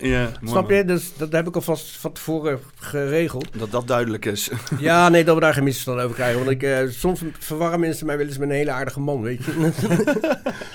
Maar ehm, het, het voorbeeld is dat als je dus de overheid ziet als, ehm, als eh, hoeder, als behoe- behoeder van iets, dan... ehm wa- waarom gaat het in de groepsgesprek? Dan zei ik ook van... Als wij dus beweren dat we wetende zijn, of in ieder geval nieuwsgierig zijn naar onderzoek naar de waarheid van hoe het werkelijk zit, om dan niet vanuit angst te leven. Ik zeg, dan moet je elke mate van overmatige emotionaliteit, die moet je naast je neer kunnen leggen. Hetzelfde met een, een chirurg. Je kan toch ook niet een chirurg een, eh, een, eh, een, een blinde darmoperatie laten doen, terwijl die bang voor bloed is? De meeste chirurgen zijn psychopaten, wist je dat? Ook nog. Ja, ja, want die hebben niet last van die emoties. Nou ja, het, het is een psychopathische eigenschap. Omdat er wordt eh, van mensen aangehangen dat je elkaar geen kwaad aan wil doen. Maar zo'n man kan het- zo'n knop omdraaien en het doen. Omdat als met blinde darm zingt, dan ga je ook echt dood hè, als je er niks aan doet. Ja. Dus die moet eruit. Ja, er is iets in onze samenleving, want ik heb er ook vaak over nagedacht. Want, eh, en je hebt er ook wel bepaalde gesprekken over. Psychopaten. eh, ik probeer zeg maar echt de, de ultieme verbinding te zoeken. En begrip te krijgen voor allerlei mensen. Dus ook in de, hogere eh, foute plekken en dat soort dingen. Ik heb ook het idee dat. Nou, Weet je, want leven is niet alleen maar goed en liefde en licht en, en bla bla bla. Het, het is ook, het, er zit ook een, een duister, gritty deel aan. En, en het is die dualiteit tussen zwart-wit, yin-yang. hè. En, en, en die psychopaten die hebben wel degelijk een plek in onze maatschappij. Vroeger ook, eh, als jij eh, eh, als, als tribe, als, als community in oorlog was met whatever the fuck. Dan had je een paar van die mafklappers nodig. Dan had je een paar van die idioten nodig die gewoon vol met zwaard erin gingen rennen. Dan zeg je, "Just, je kan eindelijk hakken als een idioot. Maar je moest wel, ze wel identificeren. Je moest weten wie de fuck die gasten waren. En ze moesten dus ook in het normale leven even goed op een plek gezet worden. Van hou je kalm, hè, weet je. Want anders eh, dan, dan doen we je eruit zetten. Want zelfs psychopaten die willen zich eh, bij de groep horen. Hè. Dat, is, dat, is, dat zijn menselijke dingetjes waar zelfs psychopaten niet aan kunnen ontsnappen. Maar nu worden ze gevierd. Hè, we hebben een maatschappij ingericht waarbij we die psychopaten een das eh, om de nek eh, stroppen zo. En in een, een mooi pak hijsen en zeggen van... Hé hey man, je bent lekker bezig, ouwe. En die gaan we de bankensysteem inzetten en de politiek indouwen en de big pharma inrunnen. En Het die- is niet eens een plan zo, maar het is gewoon dat de hele aanmeldingsprocedure om bijvoorbeeld als je iets hebt als vrijmetselarij. Daar worden mensen gelokt via de, de, de, de, de poppenkast. Eh, van ja, wij zijn gewoon een groep mannen die met rituelen gewoon eh, de zin van het leven bestuderen, maar dan niet in een religieus eh, perspectief. Zo worden de mensen binnengehaald. Maar binnen dat broeierige sfeertje van die subcultuur, wat het in feite is, komen de mensen met de meeste ambitie, met de ellebogen, psychopaten, die reizen door de rangen, door de rangen, door de rangen. En zodra je boven de 32e graad komt, word je op de hoogte gebracht van bepaalde informatie. En dan moet je al zo abstract kunnen denken. Dat je als een. Dat is hetzelfde, een mooi voorbeeld van iemand die zei. eh, eh, het gevaar van eh, artificial intelligence, het gevaar van AI is, is dat als wij als mensen een weg gaan neerleggen en er is een mier op, dan gaan wij gewoon die wegleggen. Ja. De bulldozers komen eroverheen en ze blazen gewoon hier, dus op, gaat opzij, er, komt een weg. Er wordt niet eens over nagedacht. En op mensen, er zijn gewoon mensen, en met name de mensen uit de eugenics hoek, en dat dateert van eind eh, 19e eeuw, die hebben dezelfde soort plastische denkwijze, eh, zakelijke, over, over de mensheid gehad. En dat is ook wat ons nu overkomt. Dat is dat, die hele agenda van dat Klaus Schwab. Die mensen zijn zo zakelijk aan het nadenken dat de menselijke maat zoek is. En dat is gewoon psychopathisch. Ja. Dat is niet alleen mijn mening, dat is, eh, maar dat, dat, is, dat is het. De, de, de structuren zijn zo in elkaar gezet dat de maatschappij, de, de wereld is zo in elkaar gezet dat de meest vrede mensen, die eh, kunnen de macht grijpen. En vandaar dat er massaal een, een verandering moet komen van bewustzijn. Van in plaats van dat hoofd naar je hart. Want pas dan is er redding. Want anders zijn we reddeloos verloren. Ja. Ja, ik, ben inmiddels zo abstract gaan denken. En ik heb hier ook mensen bent in toch geen podcast, psychopaat, eh, ik ben, eh, nee, nee, ja, ja, ik, ik, ik hoop juist precies het tegenovergestelde te zijn. Maar ja, eh, eh, ik, ik kan wel, ik, ik, ik heb wel een bak agressie in me zitten. En eh, dat is iets waar ik mee deal. En ik weet niet waarom. Hè, want het, komt, het slaat helemaal nergens op. Het is, het Ik is- herken dit, hè, wat jij zegt. Ja, over, over agressie. Ik heb mijn boosheid van mijn jeugd ook bewaard. Ja, nee, maar ik heb helemaal niet echt... Ja, misschien, ik, heb wel, ik ben dan wel gepest en al dat soort dingetjes. Maar ja, dat, ik, boehoe, weet je. Maar het, staat niet in maat met, met, met de agressie die ik af en toe eruit moet gooien. En, ik, en ik heb ook helemaal geen aanleiding tot. Ik heb hartstikke fantastische familie gehad. eh enig kind, allemaal helemaal goed. Ik, ik hou nog steeds van mijn ouders. eh, en eh, ik heb een goede jeugd gehad. eh, een, midden, middenmaats gezin, weet je wel. Dus die mooie balans van niet te, te geprivilegeerd, maar ook niet allerlei armoede en zo. Allemaal fantastische dingen. Maar toch loop ik de hele tijd rond met een of andere intrinsieke woede. Hè, dat, omdat ik tegen dingen aan moet trappen of zo die, die maar niet willen bewegen. En als ik ook in mijn dromen, jongen, er zit af en toe één grote bak frustratie. En ik ben er ook met mensen in gesprek op, op, op niveaus waar ik echt zelf af en toe bij mij de pet boven ga. Dat ik denk, ik moet echt naar kijken van, nou oké, het zal allemaal wel. Ik heb ook voor mezelf maar gewoon gezegd van, ik geloof gewoon nergens meer in. Ik laat het gewoon allemaal tot me komen. En eh, voelt het goed, voelt het goed. En, dan, eh, en als het niet voelt, goed voelt, dan voelt het niet goed. Maar ik, ik heb hier dus eh, ook mensen in de podcast gehad. Mickey van Leeuwen is zo'n persoon. En die, die een multidimensionale denker. Hè? Die, die heeft dan ook visies en weet ik veel wat allemaal niet. En ook nogmaals, weet je, ik laat het lekker bij. Maar ik vind het heerlijk om naar hem te luisteren. Maar ik, ik, ik, ik Is hij ook de schrijver van het boek samen met Karen Hamakers toevallig? Mm, nee, volgens mij heeft hij geen boek geschreven. Nee. Hij podcast dus van Indigo Revolution en eh complotmedia.nl. Hij heeft een heel select groepje mensen. En eh, het is een vrij obscure gast, zeg maar. Maar hij is al heel lang bezig. Maar Die zit zit hij wel in de soevereine hoek ook? Want eh, daar wilde je het ook nog over Ja, hebben. ja, ja, daar komen we zo nog wel even op terug. Mickey van Leeuwen, volgens mij is dat... eh, Nee, hij, hij, hij is allergisch voor dat soort dingen allemaal. eh. die is, eh, hij is heel erg in de aliens en in echt de, de, de, de ja, multidimensionale wereld. En, en hoe, als, ik met, hoe meer ik met hem praat, zie ik me dat zeg maar voor me. En het is zeg maar een soort van fantasiebeeld. Hè? Net zoals mensen in God geloven, in een wolk of weet ik veel wat voor dingen er allemaal niet bij zijn. Zo zie ik dan zeg maar die wereld. En we hebben zeg maar boven deze 3D-laag, dat is dan die 5D-wereld, waar een multidimensionaal eh, ook, ook wezens zijn, bewustzijn. eh, hè? We, kunnen daar proberen over te fantaseren, maar we zullen Heeft dat je daar ook echt namen bij en zo? Want er is een bepaalde theorie die aangehangen met Arcturians en bepaalde... Argons en zo. En, eh, Argonten, ja, Argonten inderdaad, dat soort dingen. En zo, nou, ik, ik, ik ben er nog, ik ben er, ik ben er net mee bezig. Ik ben er een vrij rookie in. Maar ik heb er al wel een leuk beeld bij, zeg maar. En wat ik dus ook voor me zie, eh, nu, nu wij hier aan tafel zijn, wij zijn dan twee bewustzijnen die bij elkaar komen. Hè, en dat is ook op dit moment, dat het dat niet eerder, hè, want dat was waarschijnlijk niet de plek als we dan dit soort shit hadden besproken, was waarschijnlijk de hele content eraf gegooid en zo. Nu voel ik me daar wel veilig over om dit gewoon te publiceren met alles wat eruit is. Dus dat, dat hoort dan mooi in dat plaatje. Maar dat er dus bo- boven ons in die multidimensionale wereld een gevecht nu afspeelt. Hè? Met eh, jouw multidimensionale proje- projectie, van wat jij daar projecteert, mijn multidimensionale projectie. En die zijn nu aan het vechten tegen allemaal mensen die dat proberen te voorkomen. AKA, whatever de fuck er gebeurt. Weet je wel? Of, of wat er nog meer kan gaan gebeuren. Die dus inderdaad mensen die dan bezeten zijn door, door demonen, hè? eh, eh, argons, argontypes, artificial intelligence, in die multidimensionale wereld, die dat proberen te voorkomen. En dat manifesteert zich dan in onze wereld als allerlei, gewoon alledaagse dingen die je kan wegzetten van, oh, dat is allemaal toeval, dat is allemaal hè, dit en dat en zo. Maar ik, ik ben dus wel gaan geloven in, in die soort van construct in, in die wereld.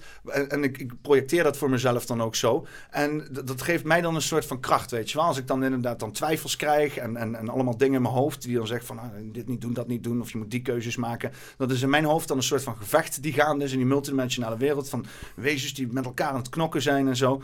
En ik heb me ook laten vertellen dat ik, dat ik extra engeltjes op mijn schouders heb en zo, eh, die dan eh, mij, mij, eh, mij beschermen en zo. Eh, wat mij dus echt in, in een soort van staat van zijn zet, waarbij ik gewoon, ja, inderdaad ophoud met dat hoofddenken, weet je wel. Want ik doe dan ook af en toe dingen die helemaal niet fucking logisch zijn. Hè? En, en, en in deze wereld, hè? Want wij zijn super beperkt natuurlijk. En dat is ook de bedoeling. Dit is bij- zo mooi wat je nu zegt. Het, het, de- een van de dingen in mijn lezing waar ik naartoe wil, wat ik, waar ik me bewust van wil maken, dat is het aardsomhulsel wat je meekrijgt. Ik geloof dat wij zielen zijn die eh, met geheugenverlies opnieuw in een lichaam komen. Daar Ja. geloof ik echt in. Ja. Totaal geheugenverlies. En naarmate je ouder wordt, word je je steeds meer bewust. Dat bewustzijn waar je het nu over hebt, daar was je als kind niet eens toe in staat. Nee. Maar die Dat ervaringen... drie jaar geleden niet eens tot in staat. Nee, nou, nee, moet je je voorstellen. Daarom moeten de mensen ergens op een zieke manier dankbaar zijn voor die corona-hoax die is over ons heen is gespreid. Want er, er zijn nog nooit zoveel mensen, en ik wil ze niet allemaal lichtwerker noemen, maar die op dit niveau hun bewustzijn geprikkeld hebben. En daardoor be- tot dingen zijn gekomen. Dan komt quantum komt om hoek kijken.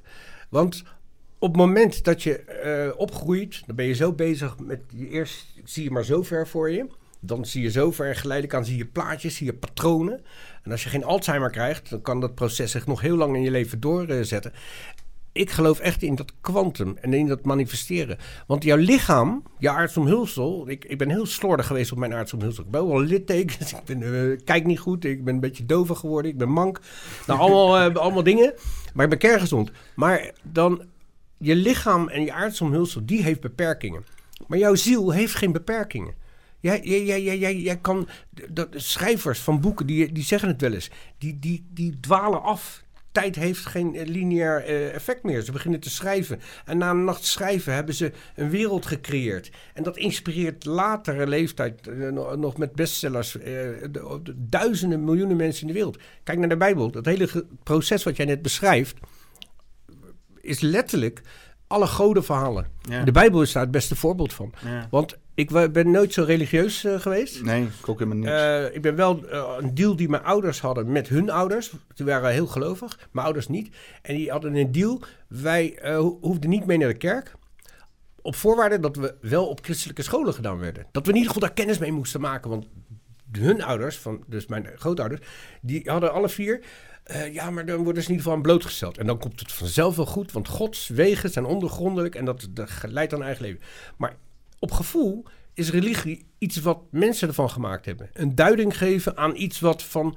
Zelfs het christendom is gewoon een gerecyclede religie. ja. Als je het verhaal bekijkt met de essentie ervan, dat wordt zelfs in, eh, in astronomisch eh, perspectief eh, gebracht met de zodiacs, et cetera. Ja.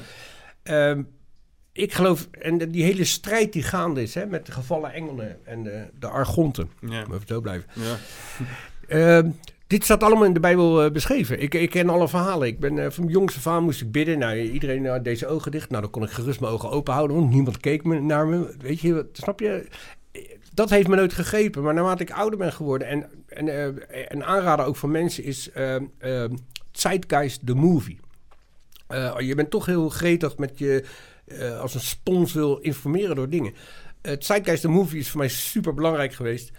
Eh, daar heb ik ook een stand-up comedy grap eh, eh, van gemaakt. Zeitgeist de Movie legt uit dat het christendom is een gerecyclede religie. is mij ook een eye-opener geweest, Sideguys. Ja, en je moet, nou ja, je moet in ieder geval, doe in de comments in ieder geval die, die film. Het is drie uur van je leven, maar het is een, het is een bewustzijnverruiming van, wat heb ik jou daar? Je hebt ook een deel 2, maar die heb ik nooit de moeite genomen om te kijken. Maar deel, deel 1 heb ik een grap aan overgehouden. je hebt toch wel eens Jehovah-getuigen aan de deur? Ja, ja. Oké.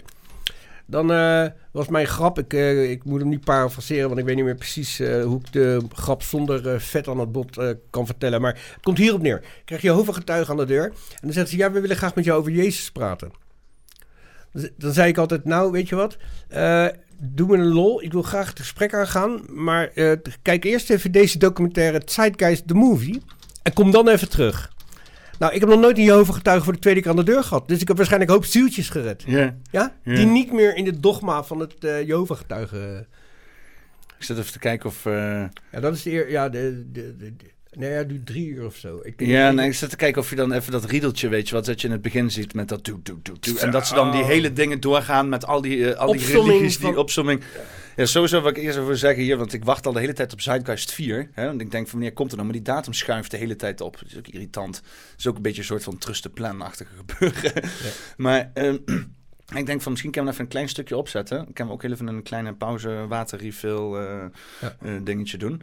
Ehm, en dan, eh ik hou altijd van om gewoon in één keer door te gaan. So, oeh, oeh. Eh, even kijken, ik weet niet of, die, of ik hem hierin kan vinden.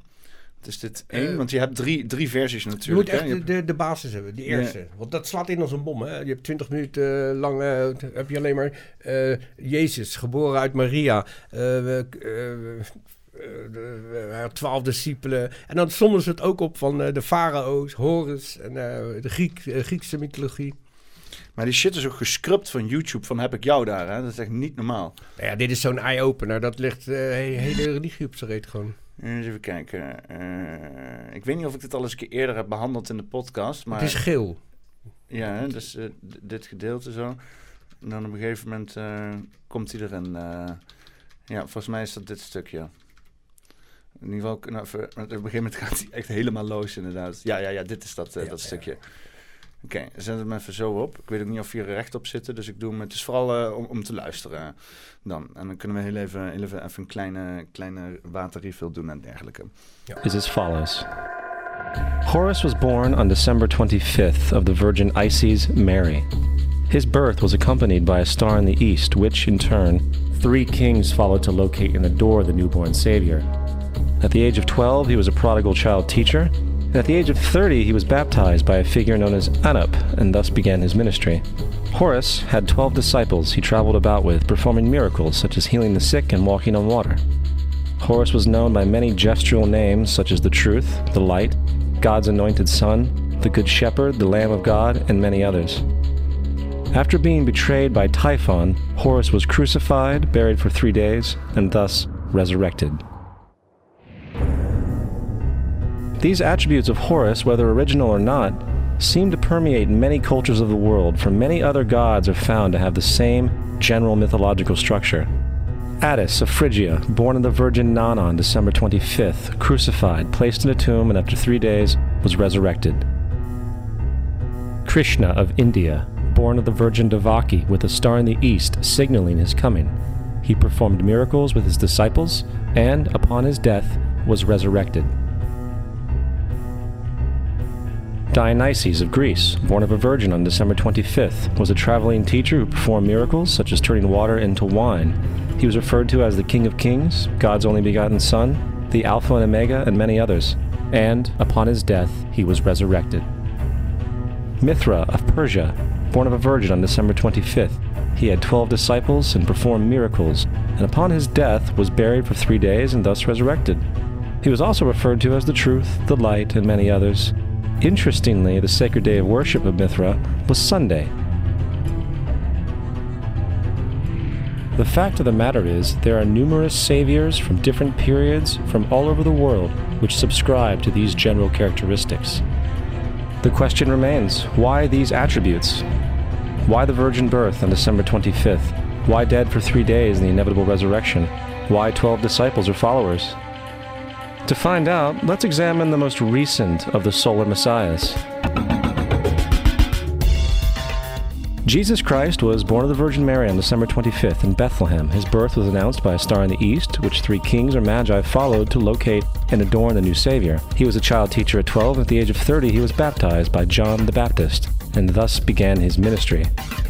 Jesus had 12 disciples, which he traveled about with, performing miracles such as healing the sick, walking on water, raising the dead. He was also known as the King of Kings, the Son of God, the Light of the World, the Alpha and Omega, the Lamb of God, and many, many others. After being betrayed by his disciple Judas and sold for 30 pieces of silver, he was crucified, placed in a tomb, and after three days was resurrected and ascended into heaven.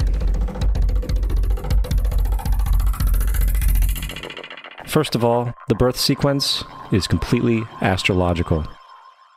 The star in the east is Sirius, the brightest star in the night sky, which, on December 24th, aligns with the three brightest stars in Orion's belt.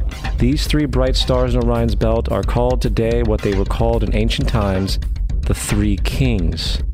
And the Three Kings and the brightest star, Sirius, all point to the place of the sunrise on December 25th. This is why the Three Kings follow the star in the east, in order to locate the sunrise the birth of the sun.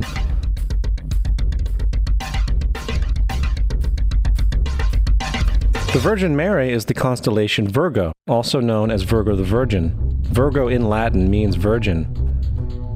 Virgo is also referred to as the house of bread, and the representation of Virgo is a virgin holding a sheaf of wheat. This house of bread and its symbol of wheat represents August and September, the time of harvest. In turn, Bethlehem, in fact, literally translates to house of bread. Bethlehem is thus a reference to the constellation Virgo, a place in the sky, not on earth. There's another very interesting phenomenon that occurs around December 25th, or the winter solstice. From the summer solstice to the winter solstice, the days become shorter and colder. And from the perspective of the northern hemisphere, the sun appears to move south and get smaller and more scarce. The shortening of the days and the expiration of the crops when approaching the winter solstice symbolize the process of death to the ancients. It was the death of the sun, and by December 22nd, the sun's demise was fully realized. For the sun, having moved south continually for six months, makes it to its lowest point in the sky. Here, a curious thing occurs. The sun stops moving south, at least perceivably, for three days. And during this three day pause, the sun resides in the vicinity of the Southern Cross, or Crux, constellation. And after this time, on December 25th, the sun moves one degree, this time north, foreshadowing longer days, warmth, and spring. And thus it was said The sun died on the cross, was dead for three days, only to be resurrected or born again. This is why Jesus and numerous other sun gods share the crucifixion, three day death, and resurrection concept. It is the sun's transition period before it shifts its direction back into the northern hemisphere, bringing spring and thus salvation. However, they did not celebrate the resurrection of the sun until the spring equinox, or Easter. This is because at the spring equinox, the sun officially overpowers the evil darkness, as daytime thereafter becomes longer in duration than the night, and the revitalizing conditions of spring emerge. Now, probably the most obvious of all the astrological symbolism around Jesus regards the 12 disciples. They are simply the 12 constellations of the zodiac, which Jesus, being the sun, travels about with. In fact, the number 12 is replete throughout the Bible.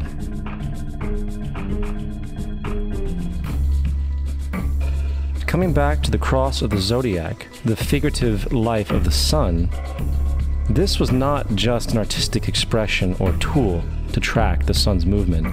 It was also a pagan spiritual symbol, the shorthand of which looked like this. This is not a symbol of Christianity. It is a pagan adaptation of the cross of the zodiac.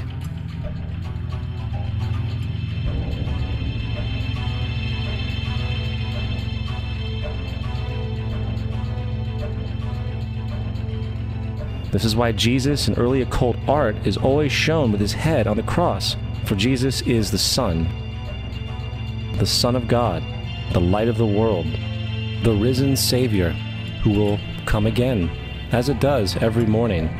The glory of God who defends against the works of darkness, as he is born again every morning and can be seen coming in the clouds up in heaven with his crown of thorns or sun rays.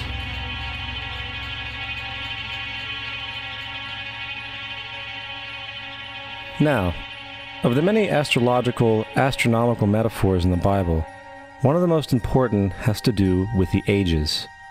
Throughout the scriptures, there are numerous references to the age. In order to understand this, we need to be familiar with a phenomenon known as the precession of the equinoxes. The ancient Egyptians, along with cultures long before them, recognized that approximately every 2150 years, the sunrise on the morning of the spring equinox would occur in a different sign of the zodiac. Zo. This has to do with a slow angular wobble Ja. ja, je ziet ons ook, eh, want ik heb hem ook laten lopen. Hè. Je ziet ons in principe op de achtergrond, zie je ons lekker praten en zo. En het is ook wel een beetje het thema wat ik wil aanhouden. Want, want we hadden het erover van, eh, eh, je moet ook, ja, ik weet niet, je moet er op een bepaalde manier instaan. En ik had voor mezelf, dat is ook waarom ik in, het begin heftig hier aan het smoken was. En denk van, nou, dan ben ik in ieder geval die domme stoner. En die ze toch niet serieus hoeven nemen, te nemen. En dan vervolgens allemaal real shit op tafel gooien, weet je wel. Dat is ook een beetje een soort van schijnbeweging. Ik ben inmiddels... eh, heb ik dat niet meer nodig, denk ik. Ja, dat, eh, dat, eh, mijn spiritual coach vertelt me dat. Je gids, je gidsen. gidsen. Ja. Heb je gidsen uit de, uit de andere dimensie? Nee, ja, ik, ik, ik heb iemand die dat voor mij vertaalt. Want ik, ben, ik sta nog veel te hard met mijn voeten in de klei. En ik, ik, ik, ik heb helemaal niks. ik moet dat echt verteld krijgen. Maar ik krijg dat ik heb er verschillende mensen in mijn omgeving voor. Die raar genoeg, die kennen elkaar niet. En die vertellen me constant dezelfde dingen. Dus dat heeft dan wel een bepaalde gravitas voor mij. Mooi dat je daarvoor open staat, want eh, de- er is zo'n parallel eh, overeenkomst tussen jouw weg met je podcast. Want je bent ook op zoek naar de oprechtheid.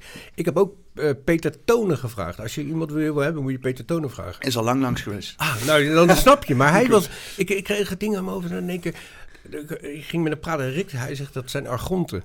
What the fuck? Hij zegt, ja, in het oud-christelijke geloof wordt het gezien als demonen. Die, die kunnen niks creëren. Het zijn entiteiten en ze kruipen in Parasieten. twijfel. Parasieten. En ze, ze kunnen alleen maar versterken wat erin zit. En ze willen het negatieve versterken. Dus daarmee kunnen ze mensen tegen elkaar uitspelen. En als je ervoor open staat. Dus, maar, maar ook eh, Benjamin Adama. Als je, als je die nog niet gehad hebt. Hij is occult geschoold.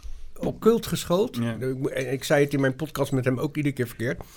Hij is occult geschoold vanuit westers, westers pers- perspectief. Ja. Aan de Oxford University. Oké. Dus hij, hij legt alles uit. Het paganisme en eh, dat soort zaken. Ja. Occult is niks anders dan verborgen kennis, hè? Ja, je, je, occult- je, je, je hebt- je hebt de, de esoterie, eh, dat is de, de, de kennis van de, de, de, de- aan de binnenkant van de kleine groep mensen, door een kleine me- groep mensen be- be- beschouwd. En de exoterie, dat is eigenlijk de kennis voor de massa's. En heel veel mensen die zitten in die exoterische kennis en occulte zaken en dat soort dingen, dat is, dat is die esoterische kennis eigenlijk. En dat moet eigenlijk omgedraaid worden. De esoterische kennis moet de exoterische kennis worden. Ja, dat is hetzelfde als met de, de, de opleiding die je op school krijgt. Jij hebt nooit occultisme geleerd op school. Nee. En dat past Sterker nog, in- het wordt weggezet als, als eh, occult. Oh, dan moet je een cult moet je voor uitkijken. Dat is gevaarlijk en zo. Ja, nee, sterker nog, maar dat past dan niet in die doos waar je de rest van je leven met die doos mee moet gaan. Dus heel dat occulte, dat wordt dan gezegd, ja, dat mambo jumbo, dat is eh, bullshit en zo.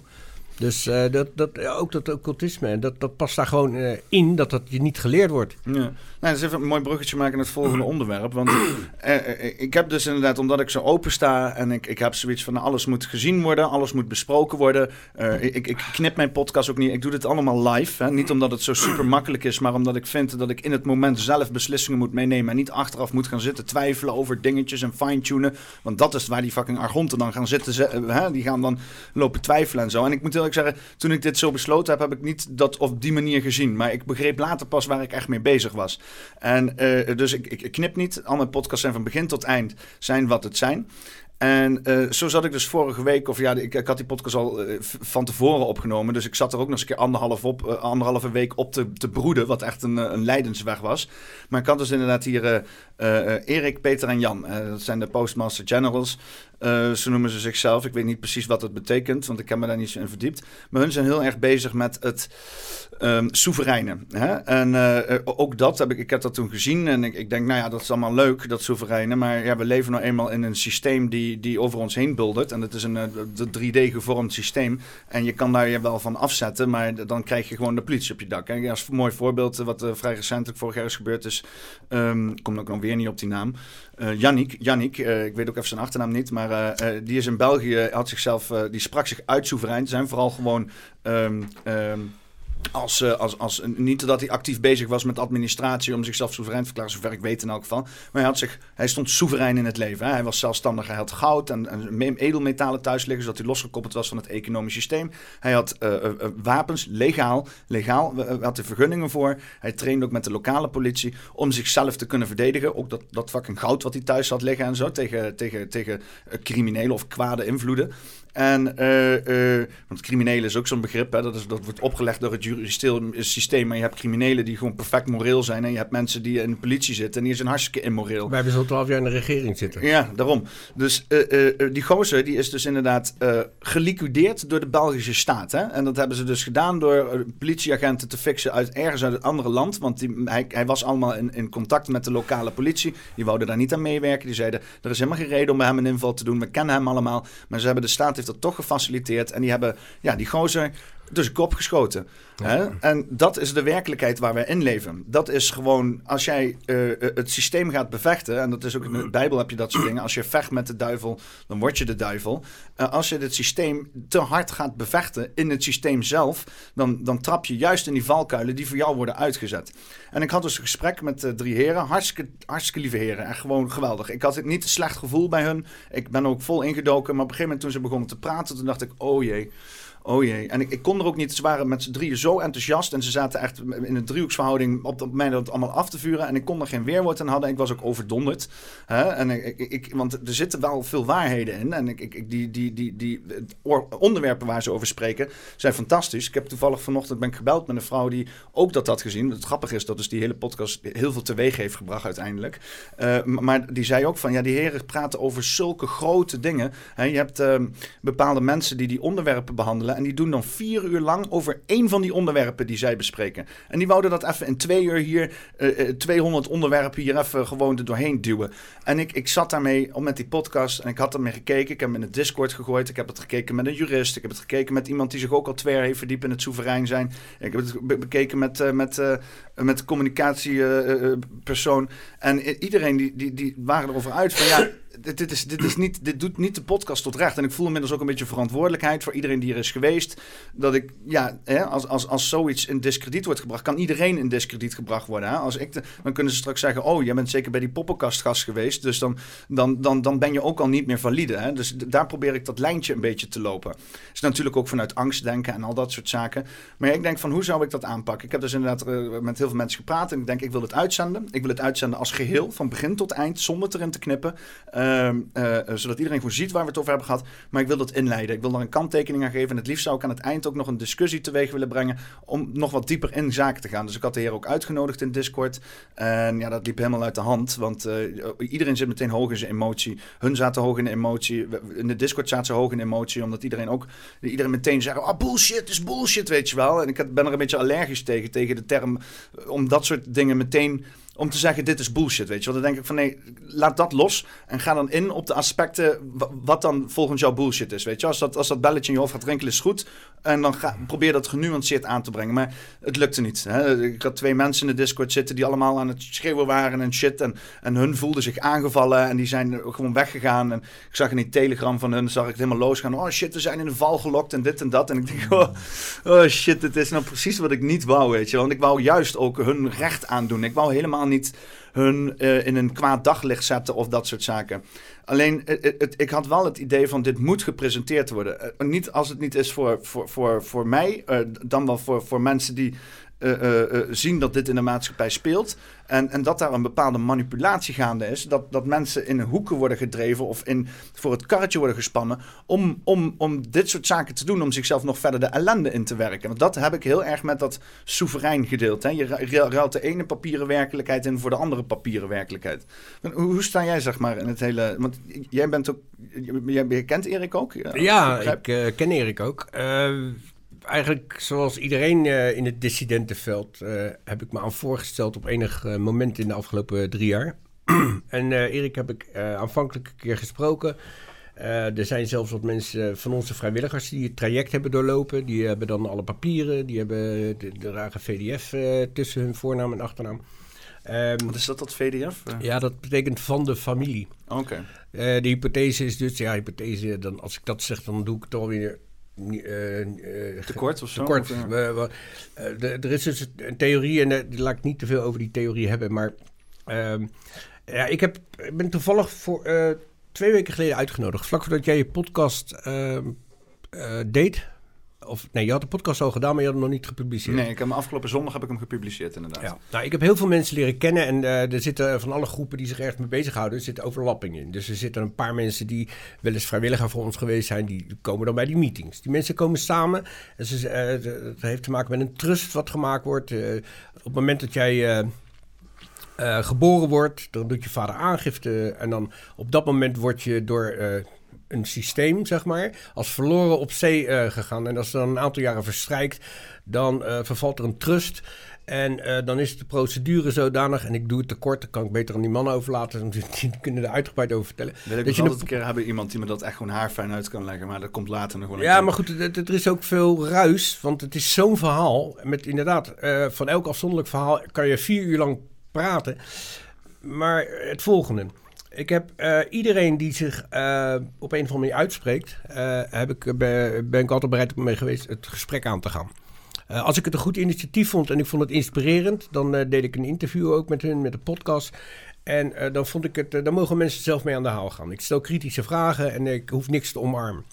Toen ik eerst in gesprek kwam met mensen die dat heel erg aanhangen, toen zei ik al vanaf het begin van het gesprek al, ik zeg ja, daar ga je bij mij de fout in. Omdat ik voel me al vanaf mijn jonge jeugd, ik ben, heb me nooit in mijn leven iemands onderdaan gevoeld. Dus in mijn- wezen, eh, dan ben je het als klein kind wel, zeg maar. Maar ik heb nooit gevoeld dat ik iemands onderdaan ben. Ja. En dat heeft zich tot in het belachelijke vrijgevochten, hoe ik nu in het leven sta. Ehm, wat we nu zien, hè, het 3D-systeem waar jij het over eh, hebt, eh, dat, dat is een vals systeem geworden.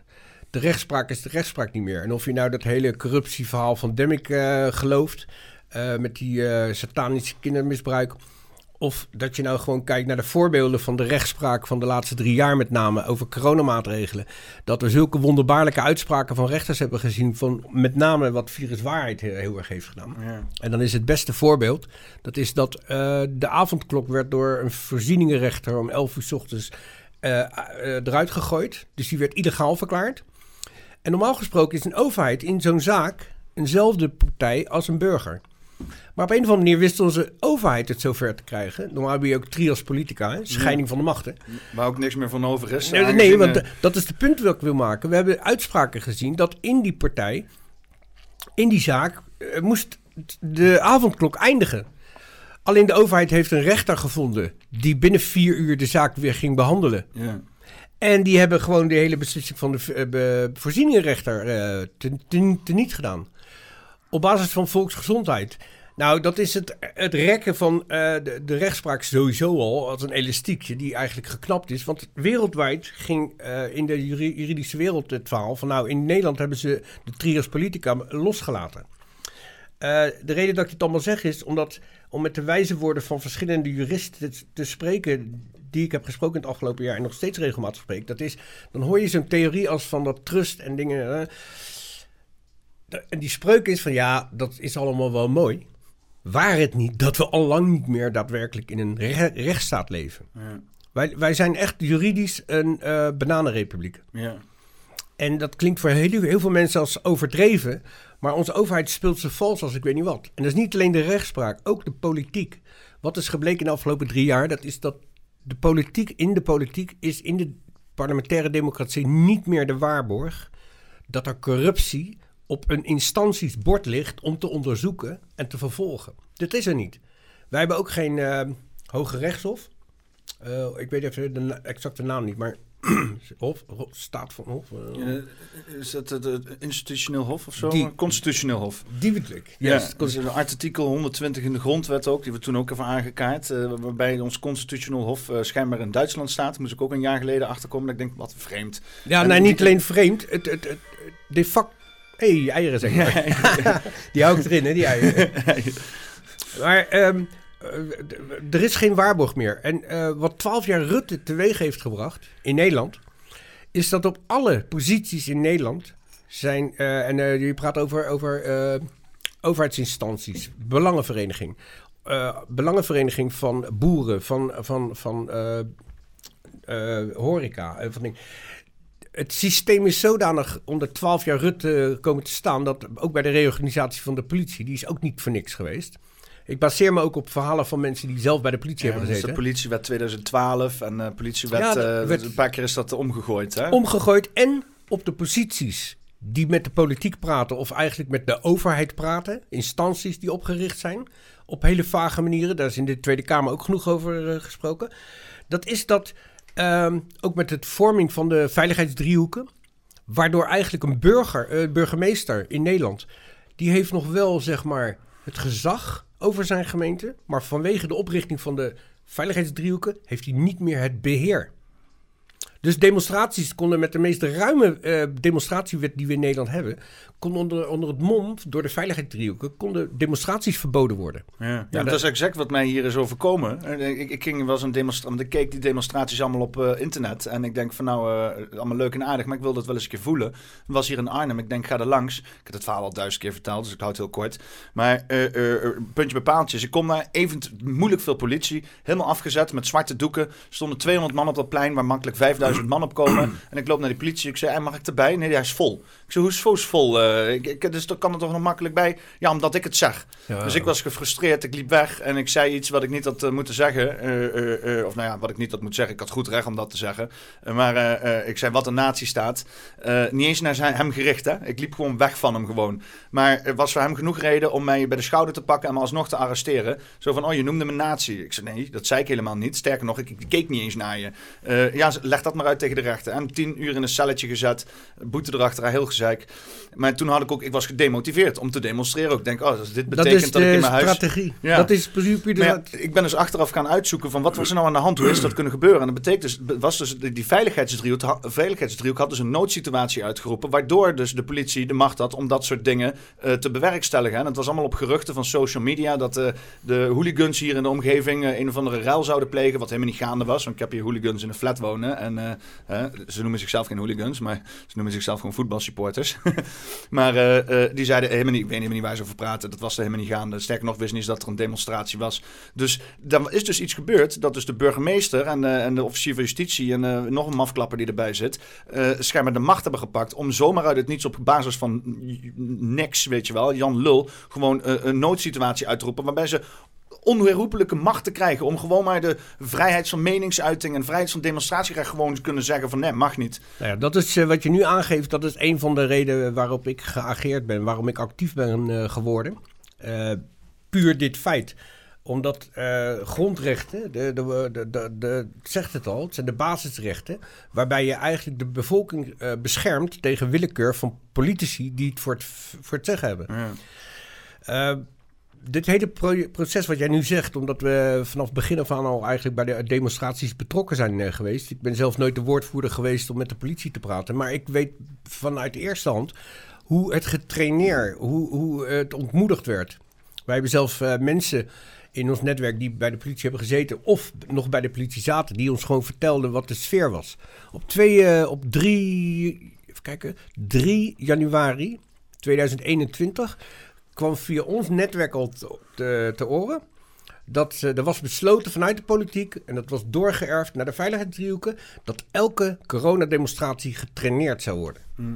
Of met geweld onderdrukt zou worden. En wij hebben toen in dat eh, jaar hebben we kunnen zien hoe, hoe dat vreselijk uit de klauw is gelopen. Op 14 maart, mijn verjaardag notabene, liep ik in een, in de, een carnavalsmoking. In de kleuren van Tilburg liep ik hartjes snoepjes uit te delen. En dat kwam omdat ik was nogal agressief in die tijd. Want ik was zo boos op bepaalde mensen en dingen. En toen zei mijn kernteam, die zei, ja Rick, dat kan zo niet. Je moet zen, zen. eh, en, en de- dus de avond ervoor bij me thuis hadden ze me met een blinddoek voor een pak aangedaan. En, eh, eh, en ik sta zo in de blinddoek af en ik zeg, nee, nee. Nee joh, fuck off joh. Nee, dat ga ik niet aandenken. Maar ik, liep- ik heb me niet laten kennen. Ik heb dat wel gedaan. En ik moet ook zeggen dat die boodschap is goed aangekomen. Want met een gezonde tegenzin heb ik gewoon op dat veld, op het Malieveld, hartjesnoepjes. Ja, heel veel mensen kennen me al van mijn podcast en onze verslaggeving. Wat, wat is dit nou, weet je? Eh, Het was wel een wake-up call van mij om gewoon een beetje zen te blijven, weet je? Agressie is nooit goed, maar dat was een hele slimme manier om mij dus voor joker te laten lopen. Ik heb ook een politieagent een hartjesnoepjes uitgedeeld. Maar we zouden naar mijn verjaardag gaan vieren. Dat is uitgelopen op een complete veldslag. We liepen aan het einde van, eh, van het Malieveld om ri- richting de auto te gaan. En we keken om, jongen. Het was niet een linie die een- met een doel eh, mensen wilde drijven. Het waren gewoon loslopende ME'ers die eh, achter mensen aanrenden om mensen te slaan. Nou, wij hebben verslag gedaan, dus die beelden bestaan er nog van. E- En wij hebben dus vanuit eerste hand gezien het, eh, het kwalijke optreden van politie. Maar dat komt niet via de mainstream media bij de massa terecht. Nee. Sterker nog, het komt nauwelijks bij die politieagenten zelf terecht. Nee, ook niet. En, en die worden ook in een bepaalde, eh, in een bepaalde Ik- ik- bubbel gehouden. Eh, Ik, heb- ik heb een podcast gedaan met eh Ilias Balkbier, die is politieagent nog steeds. En die heeft bij die coronademonstraties gestaan. Die heeft inderdaad in linie gestaan met de mensen die... en toen eh, die vrouw tegen de muur werd aangespoten en dat soort wandaden. En die heeft mij een klein, een klein stukje van het boekje kunnen... eh, weet je, een klein stukje van de sluier kunnen oplichten. Dat die informatievoorziening in die politie zo compartmentaliseerd was... dat, dat die wisten gewoon niet waar ze aan, aan, aan deden. Ze dachten echt dat er gewoon een stelletje criminelen waren... die ze moesten aanpakken. Ja, maar het is zo cynisch. Het is zo cynisch dat. eh, wij weten uit eerste hand, omdat we naar zoveel demonstraties gegaan zijn. En wij hebben contact met zoveel mensen. Dus de demonstranten. Ik ken duizenden mensen persoonlijk leren kennen. Ik ben ook. eh, ik kan het even niet laten zien. Ik ben ook een ambassadeur van Free Hugs. dat, dat klinkt als een, een lachertje. Maar toen men, wij bang werden gemaakt voor het knuffelen. Ja. Toen is er een initiatief opgericht. Want ik zei, eh, ik heb dat ook reclame voor gemaakt in mijn podcast. Ik zei, als je mij ziet op een demo, kom naar mij toe. Jong, oud, man, vrouw, maakt mij niet uit. Geef me een knuffel. Ja. Ik vraag nog net niet of je me in mijn gezicht spuugt. maar wij hoeven niet bang te zijn voor corona. En ik ben het al helemaal niet, dus kom maar. Dus, maar door de, onze eh, voeten in de klei naar al die demonstraties gaan live versloten, heb ik zoveel mensen leren kennen. En wat blijkt nou? Bij elke demonstratie dat het uit de klauwen liep, was het al heel snel, omdat we hadden al wel snel door. Dus vanuit de organisatie, werd, als iemand overemotioneel was, ik heb dat zelf meerdere maanden gedaan, dan ging ik naar zo iemand toe, dus een demonstrant, een arm op schouder. Ik zeg, doe dat nou niet. Ga dat nou niet persoonlijk nemen. Ga eens tegen een ME-linie schre- schreeuwen als een maloot. Die mannen doen alleen maar wat hun gezegd wordt. Ja, want je bevestigt alleen maar hun geloof dat Ja. er iets aan de hand is. Ja, en we alle hadden door. De enige manier waarop zij hun ding kunnen doen, is als wij inhaken op hun. Het enige waar ze mee kunnen komen is 3D-mannenergie. Dat is het enige wat ze kunnen doen. K- klappen, eh, uitdagen. En als, zodra jij dan boos wordt en terug gaat klappen, word jij veroordeeld tot 15 maanden of 3000 boete. Zodra jij een trap tegen een, eh, een, een, ME-busje geeft, zoals bij het Schelpenpad. Wij hebben voorbeelden uit beeldmateriaal dat de politie zelf, eh, Romeo's, die hebben een opdracht. Wij moeten die en die arresteren. Nou, je kan net eh, wachten tot alles weg is en hem dan bij zijn auto aanhouden. Nee, dat moet gewoon wild om zich heen klappend wegbanen tussen demonstranten die bij het Schelpenpad staan. Om iemand te arresteren. Waardoor iedereen heel verontwaardigd in één keer zich keert tegen de Romeo's. Die onverrichte zaken de busje ingaan. Als eh, dieven in de nacht eh, proberen te vluchten. En dat iemand dan tegen het busje aantrapt terwijl die wegrijdt. Die beelden waren er. Ja. Die man is gewoon veroordeeld. 3000 euro boete en dingen. Sterker nog, het is ook gebruikt in de VVD-campagne. Ja, ja, ja. Maar, maar luister, zo, zo, wij, hadden dus, wij hebben dus door, dat is een waard als een koe, hoe cynisch het spel gespeeld wordt. Ja. En eh, er- zit een patroon in, eh, Museumplein. Op een bepaald moment eh, is er niks aan de hand.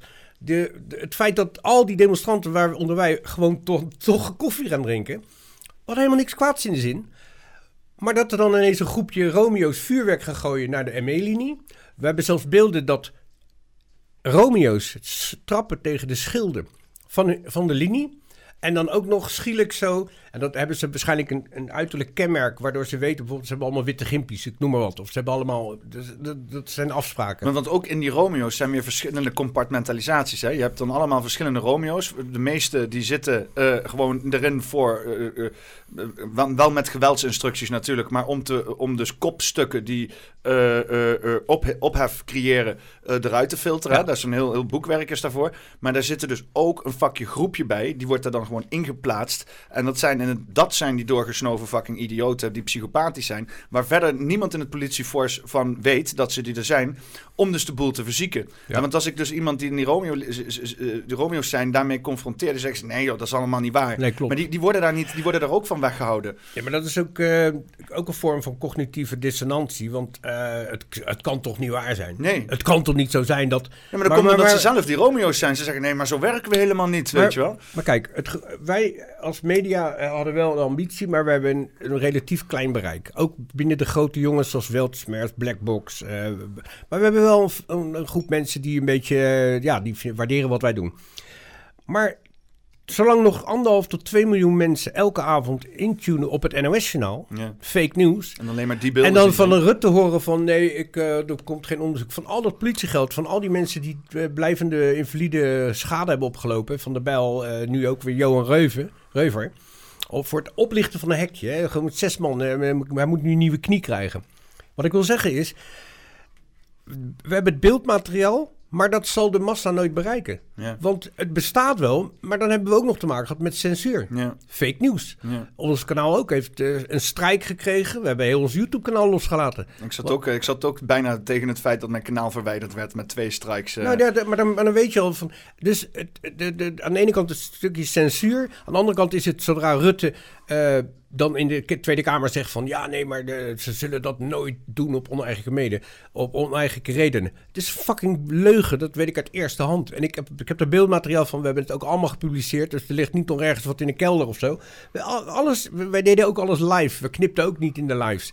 Dus wij hebben het laten zien, we hebben getuigenverklaringen, maar zolang wij niet het bereik hebben om dat aan de massa te laten zien hoe ziek dit spel gespeeld wordt, dan is het er niet. Ja, want het zijn nog altijd iets van eh 3 miljoen mensen die de NOS zien. Hè? En dan zitten wij daar met ons eh, de 5000 tot 10.000 YouTube-kanaaltje. Ja, joh, dat is daarom. niks. Wij zijn gewoon een verschijnsel eigenlijk. Ja. Eh, zo moet je dat zien. Ja. Dus, maar goed, dus even terugkomend op, de, op, de- op dat eh, soeverein verhaal. Laten we daar nog even op, op terugfocussen. Want dit is een gebed zonder einde. Wij, wij hebben ons ook druk gemaakt. Wij e- evolutie. In het begin waren we verbaasd dat de politie zo tekeer ging. Ik was voor de coronatijd nooit naar een demonstratie geweest. Nee. En ik geloof nog iets in het goede van de mensen. Nou, mijn naïviteit is wel eh, aardig weggeëpt door de geloof- ervaringen. Ik geloof wel nog steeds in de goedheid van mensen. Ik geloof wel dat heel veel mensen heel naïef zijn. En ook in, een, in een staat van gemakzucht worden gehouden. Hè? En eh, dat is ook eh, dat stukje marketing en zo. eh, wat, wat constant iedereen wordt verteld van... Oh, het kan veel makkelijker en zo. En dat leggen tegen het feit dat iedereen in een enorm stressvolle omgeving staat. Dus het is ook een makkelijke valkuil om in te vallen. Hè? Ga lekker de gemakzucht in. Dan, dan, dan denk je dat je beter functioneert. Maar dat werkt zo niet. Eh, eh, dat eh, het systeem waar we nu in zitten, dat is diep en diep kwaadaardig. Hè? En mensen die dan meegaan in het systeem, die worden, die, die worden gedwongen kwaadaardige dingen te Ja. doen. Maar ik geloof nog steeds echt in het diepste van mijn hart dat mensen fucking goed zijn. Weet je wel? Ja, nou ja, goed. de- de- de- de- de- je hebt ze in alle soorten maten en, en alle gradaties ook nog. Maar het systeem zelf is gewoon heel kwartaardig geworden. Als je kijkt hoe de wereld nu globalistisch georganiseerd is... en je kan inzoomen verschillende eh, facetten... Op de achtergrond is het grote kwaad is het geldsysteem. Ja. Want door het schuldsysteem eh, is de afhankelijkheid. En voor geld doen heel veel mensen alles. Ja, mensen die geld najagen. Want dat is ook met die manifestatie-video van Oprah Winfrey, waar, waar, ik- waar ik het over had. Dat ging alleen maar over het verdienen van meer geld. En dan denk ik van ja, maar dan ben je kwaad aan het manifesteren. Hè, want als jij meer geld eh, wil dan dat je nodig hebt, dan ga je over de ruggen van anderen. Dus Ja, mensen die geld het is- najagen. Het is toch een, het is toch een dingetje, omdat eh, we- nogmaals, als er 100 miljoen kinderen jaarlijks doodgaan wereldwijd aan honger en ze doen daar niks aan, maar ze willen wel iedereen nog honderden miljoenen, verdie- honderden miljarden verdienen aan prikjes, omdat er een ziekte bestaat met een IFR van 1,5 procent. Even serieus, dan ben je niet oprecht bezig met eh, het welzijn van de mensheid. Want Ja. waarom laten dan 100 miljoen kinderen doodgaan? Ja, Voor die paar miljoen doden die aan COVID doodgaan? ja. En wat dan een hart- en vaatziekte dan? Nou, dus, dus dat is voor mij een bewijs dat het systeem per definitie kwaadaardig is. Maar als je inzoomt op verschillende facetten en dan terug, helemaal terug gaat naar Nederland. Even, even een linkje. Dat Biden nu gekozen is. Het is echt een rovershoofdman. Echt een rovershoofdman. Toen hij vicepresident was, heeft hij de basis al gelegd voor de oorlog die nu gaande is. Ja, ja, ja. Die, die, die- met die hele... eh, eh, Ja, ze, ze- weet je waar ze bang voor zijn? Dat Trump nog weer herkozen wordt. die zoon van hem en Oh, Burisma, Burisma inderdaad. Hè, want dat was al, die, die zat al in Oekraïne daar gewoon de hele zooi te verneuken. Ja, die heeft zijn laptop verloren, voor de mensen die het nog niet door hebben gehad. En op die laptop staan gewoon eh, e-mailverkeer met dat vooral in, in de uitbetalingen van bepaalde smeergelden, dat vooral de big guy niet overgeslagen moet worden. Wat ook weer gecensureerd werd, waar ook allemaal Ja. verslag over Zelfs gegaan de FBI, wat van oorsprong be- best wel een soort, eh, dat is de waarborg in de Amerikaanse democratie. Dat is de FBI, die mag onderzoek doen. Die is ook helemaal ge, ge- ge- partisan eh, verdeeld. Die Ja. zit ook aan de, aan de corrupte kant gewoon. Ja. Maar goed, dat kunnen wij wel zeggen, want dat is zo ver van onze bedshow. Maar ik heb, eh, we hebben op onze website een artikel geplaatst van de jongens. volgens mij was het.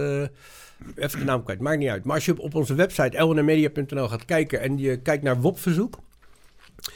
eh, waaruit eigenlijk de case wordt gemaakt aan de hand van eh, eh, resultaten van WOP-verzoeken. Dat eigenlijk de NCTV, notabene, die moet de Nederlandse terroristen... hm, Waar zit ik, Bob? Moet je moet erbij zoeken. Oh, dat moet hiernaast zitten normaal. oh, wat krijgen we nou? Heb ik hem hier... eh Waar is je zoekfunctie, maat? ja, dit staat normaal naast login. Dit, dat, Kan ik uitzoomen hier? Nou, Waarom heb je dat beeld niet heel? Daar hoort die, daar hoort die te staan, ja. hier, je website wordt zelfs gecensureerd. het lijkt Vanuit binnenin... Oh, hier, zoekfunctie. Zit de zoekfunctie? Eh, nee, dus zoeken bij de andere nieuws. Oh. Dat, is, eh, dat is... Hé, wat raar, joh. Normaal zit hij rechts van, eh, van login. Ja. Hm. Kan ik eh, even een eh, een zoek... Oh, nee. Hm. Hm. Allemaal kwaliteitsartikelen ook, hè, daar. Check, kijk nou, kijk nou, kijk nou. Ja, nee, dat is wel jammer. Eh, misschien kun je het in de omschrijving onder de video eh, doen. Ja, ja, dan moet je maar even een linkje sturen. Een linkje. Dan, eh, Waar, waar, waar ik het over heb, is dat de case gemaakt wordt aan de hand van onderzoeken dat de NCTV eigenlijk een leidende, een sturende rol heeft gespeeld. Dus zie Rutte niet als degene die de regie heeft gevoerd. Hij was alleen maar degene die de regie moest uitleggen. Ja. En hij heeft zich alles overgelaten aan de NCTV. Ja, ja, want hij wordt, daar ben ik recentelijk achtergekomen. Eh, eh, ik weet even niet de namen en zo. Dat maakt ook eigenlijk allemaal gereed uit. Eh Huig Plug, die is er altijd wel lekker mee bezig. Weet je, allemaal lekkere Ja. namen noemen en zo. En ik zou hem nog zo graag een keer in een podcast willen hebben. Maar die gozer, die, die, die onder de radar, daar, daar word je akelig van. Nou ja, en wij, zijn, ook. wij zijn de enigen die nog zijn berichten delen op dit moment. Ja. Hij is ruzie... nou. Maar ja, in ieder geval, eh, er is dus een persoon en die komt dus inderdaad uit de inlichtingenwereld van Nederland. eh, ook inderdaad een kopstuk van de NCTV geweest. En die, die is met pensioen gegaan, maar die is dus nu adviseur veiligheid van eh, het ministerie van Algemene Zaken. Het ministerie van, van, van Rutte.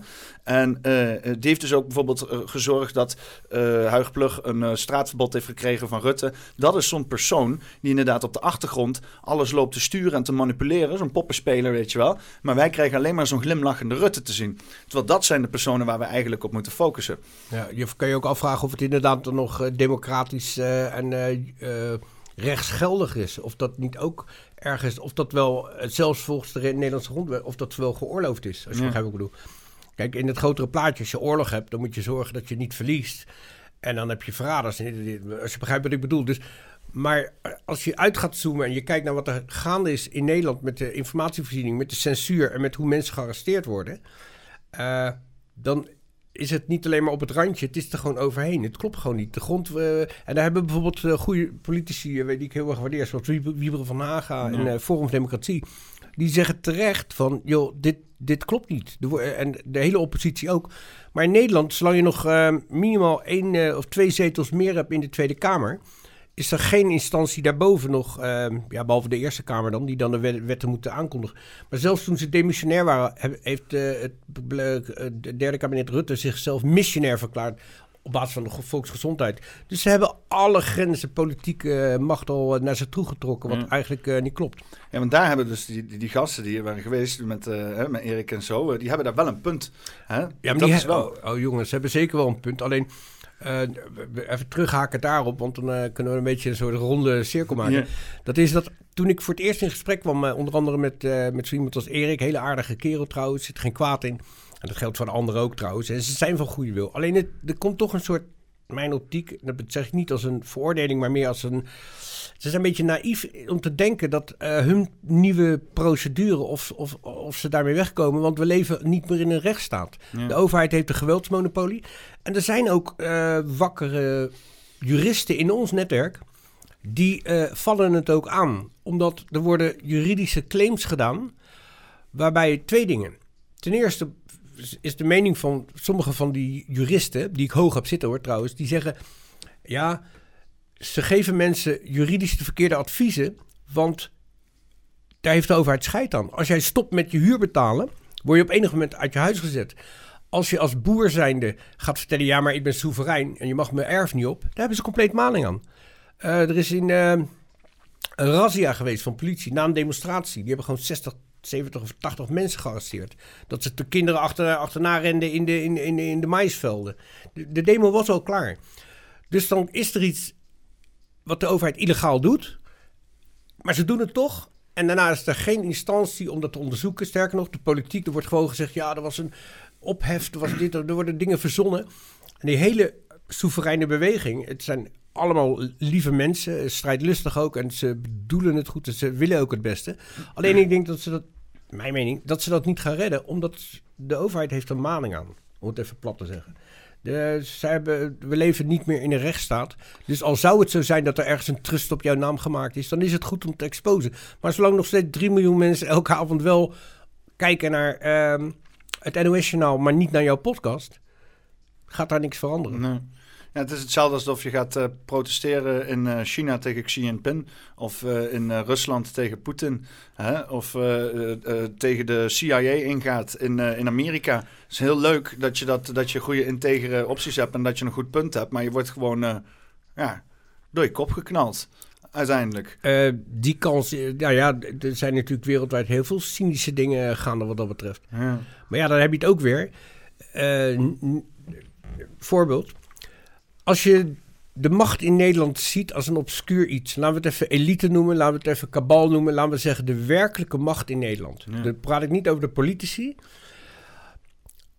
Die hebben de, eh, de, zo hun mensen neergezet met eh, bepaalde politieke partijen die dan samen gaan werken en de macht houden. Op het moment dat zij op de achtergrond zien dat het politiek de verkeerde kant op gaat, dan hebben we ook kunnen zien eh, dat als de, het, dus, en ze zouden er aan de nagels aanhangen om, om, om de macht te, te behouden of kwijtraken. En het zou om één persoon eh, neerkomen, zoals een fortuin bijvoorbeeld. Een fortuin is gewoon omgelegd. Ja. Dat betekent, door die ene man weg te halen, is het gevaar geweken. Nou, er zijn heel veel mensen zo cynisch geworden, die zien dat als een realiteit, dat dat gewoon gebeurd is. Er werd gewoon in de media en door politici werd er eh, druk op ze uitgeoefend van, joh, die man wordt een gevaar, die moet, man moet je klein in. Dus die werd in de media en door politici gewoon minderwaardig neergezet. Marcel van Dam, die zei gewoon in een programma, in een interview, u bent minderwaardig. Die man werd gedemoniseerd. En hoe, op een of andere manier vanuit de linkse eh, kerk is er een kogel gekomen. Nou, kan je daar onderzoek naar doen? Oh, ik begin je boel te slopen. ja, dat gebeurt er altijd. Nou ja, ik word een beetje... Nee, maar... Dus, dus ehm, in dat broeierige sfeertje... eh, hoef je niet veel fantasie te gebruiken. Je hoeft maar een klein beetje cynisch te zijn... om te weten van, nou, komt dat goed uit, zeg. Ah, een lone gunman. Nou, we hebben wel eens iemand Kennedy, weet je. Dat is ook een CIA-plot geweest. Ja. En die, die Volker van de G... die zal niet misschien officieel benaderd zijn van... luister, als je dit doet, kom je er makkelijk vanaf in de straf. Nee, die is ook in een bepaald Die had een handler, die had een handler die, Ja, eh, dat die, hem heeft gestuurd of zo. Nou ja, je kan je elke theorie erop loslaten. Maar het is wel heel cynisch dat het hele proces van eh, elite die de macht niet kwijt wil... dat heeft Nederland al eens een keer een fortuin gekost. En er was toen hele ophef. De, ze bestormden eh, massaal de, het Binnenhof. En dat werd eh, heel vakkundig weer, ook door de media, gewoon eh, de kracht uitgehaald. Dat is onderzoek, eh voordeling. Twaalf jaar voor een politieke moord. Ah, je flikker op. Dus, dus dat, dat is één ding. Dus een oplossing is, en dat zie je ook nu, en dat is volgens mij op de lange termijn ook niet, niet te stoppen. Tenzij ze echt eh, dictatoriale trekjes gaan doen met eh, massale arrestaties, weet ik veel wat.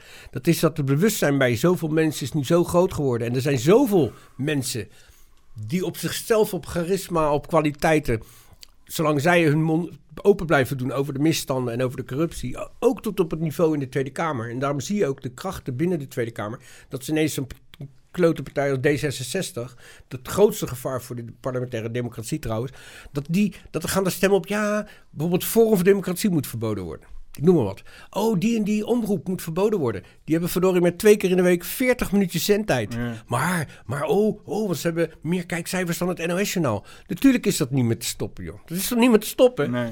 Dat, de, geest is uit de fles al. Te veel mensen zijn al uit de roes, uit de hypnose.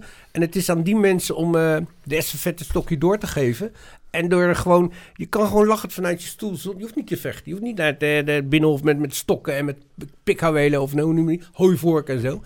Dit, dit, dat is wel een positieve noot trouwens in het gesprek. Dat eh, alles in mij schreeuwt dat al, al, al eh, leef ik nog maar twee jaar, ik noem maar wat.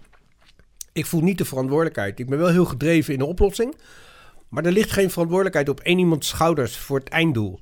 Het einddoel, het proces is al, is al niet meer te stoppen. Het nadeel is alleen, is dat, zegt Bob de Wit ook eh, in zijn eh, Society 4.0 en in zijn eh, lezingen.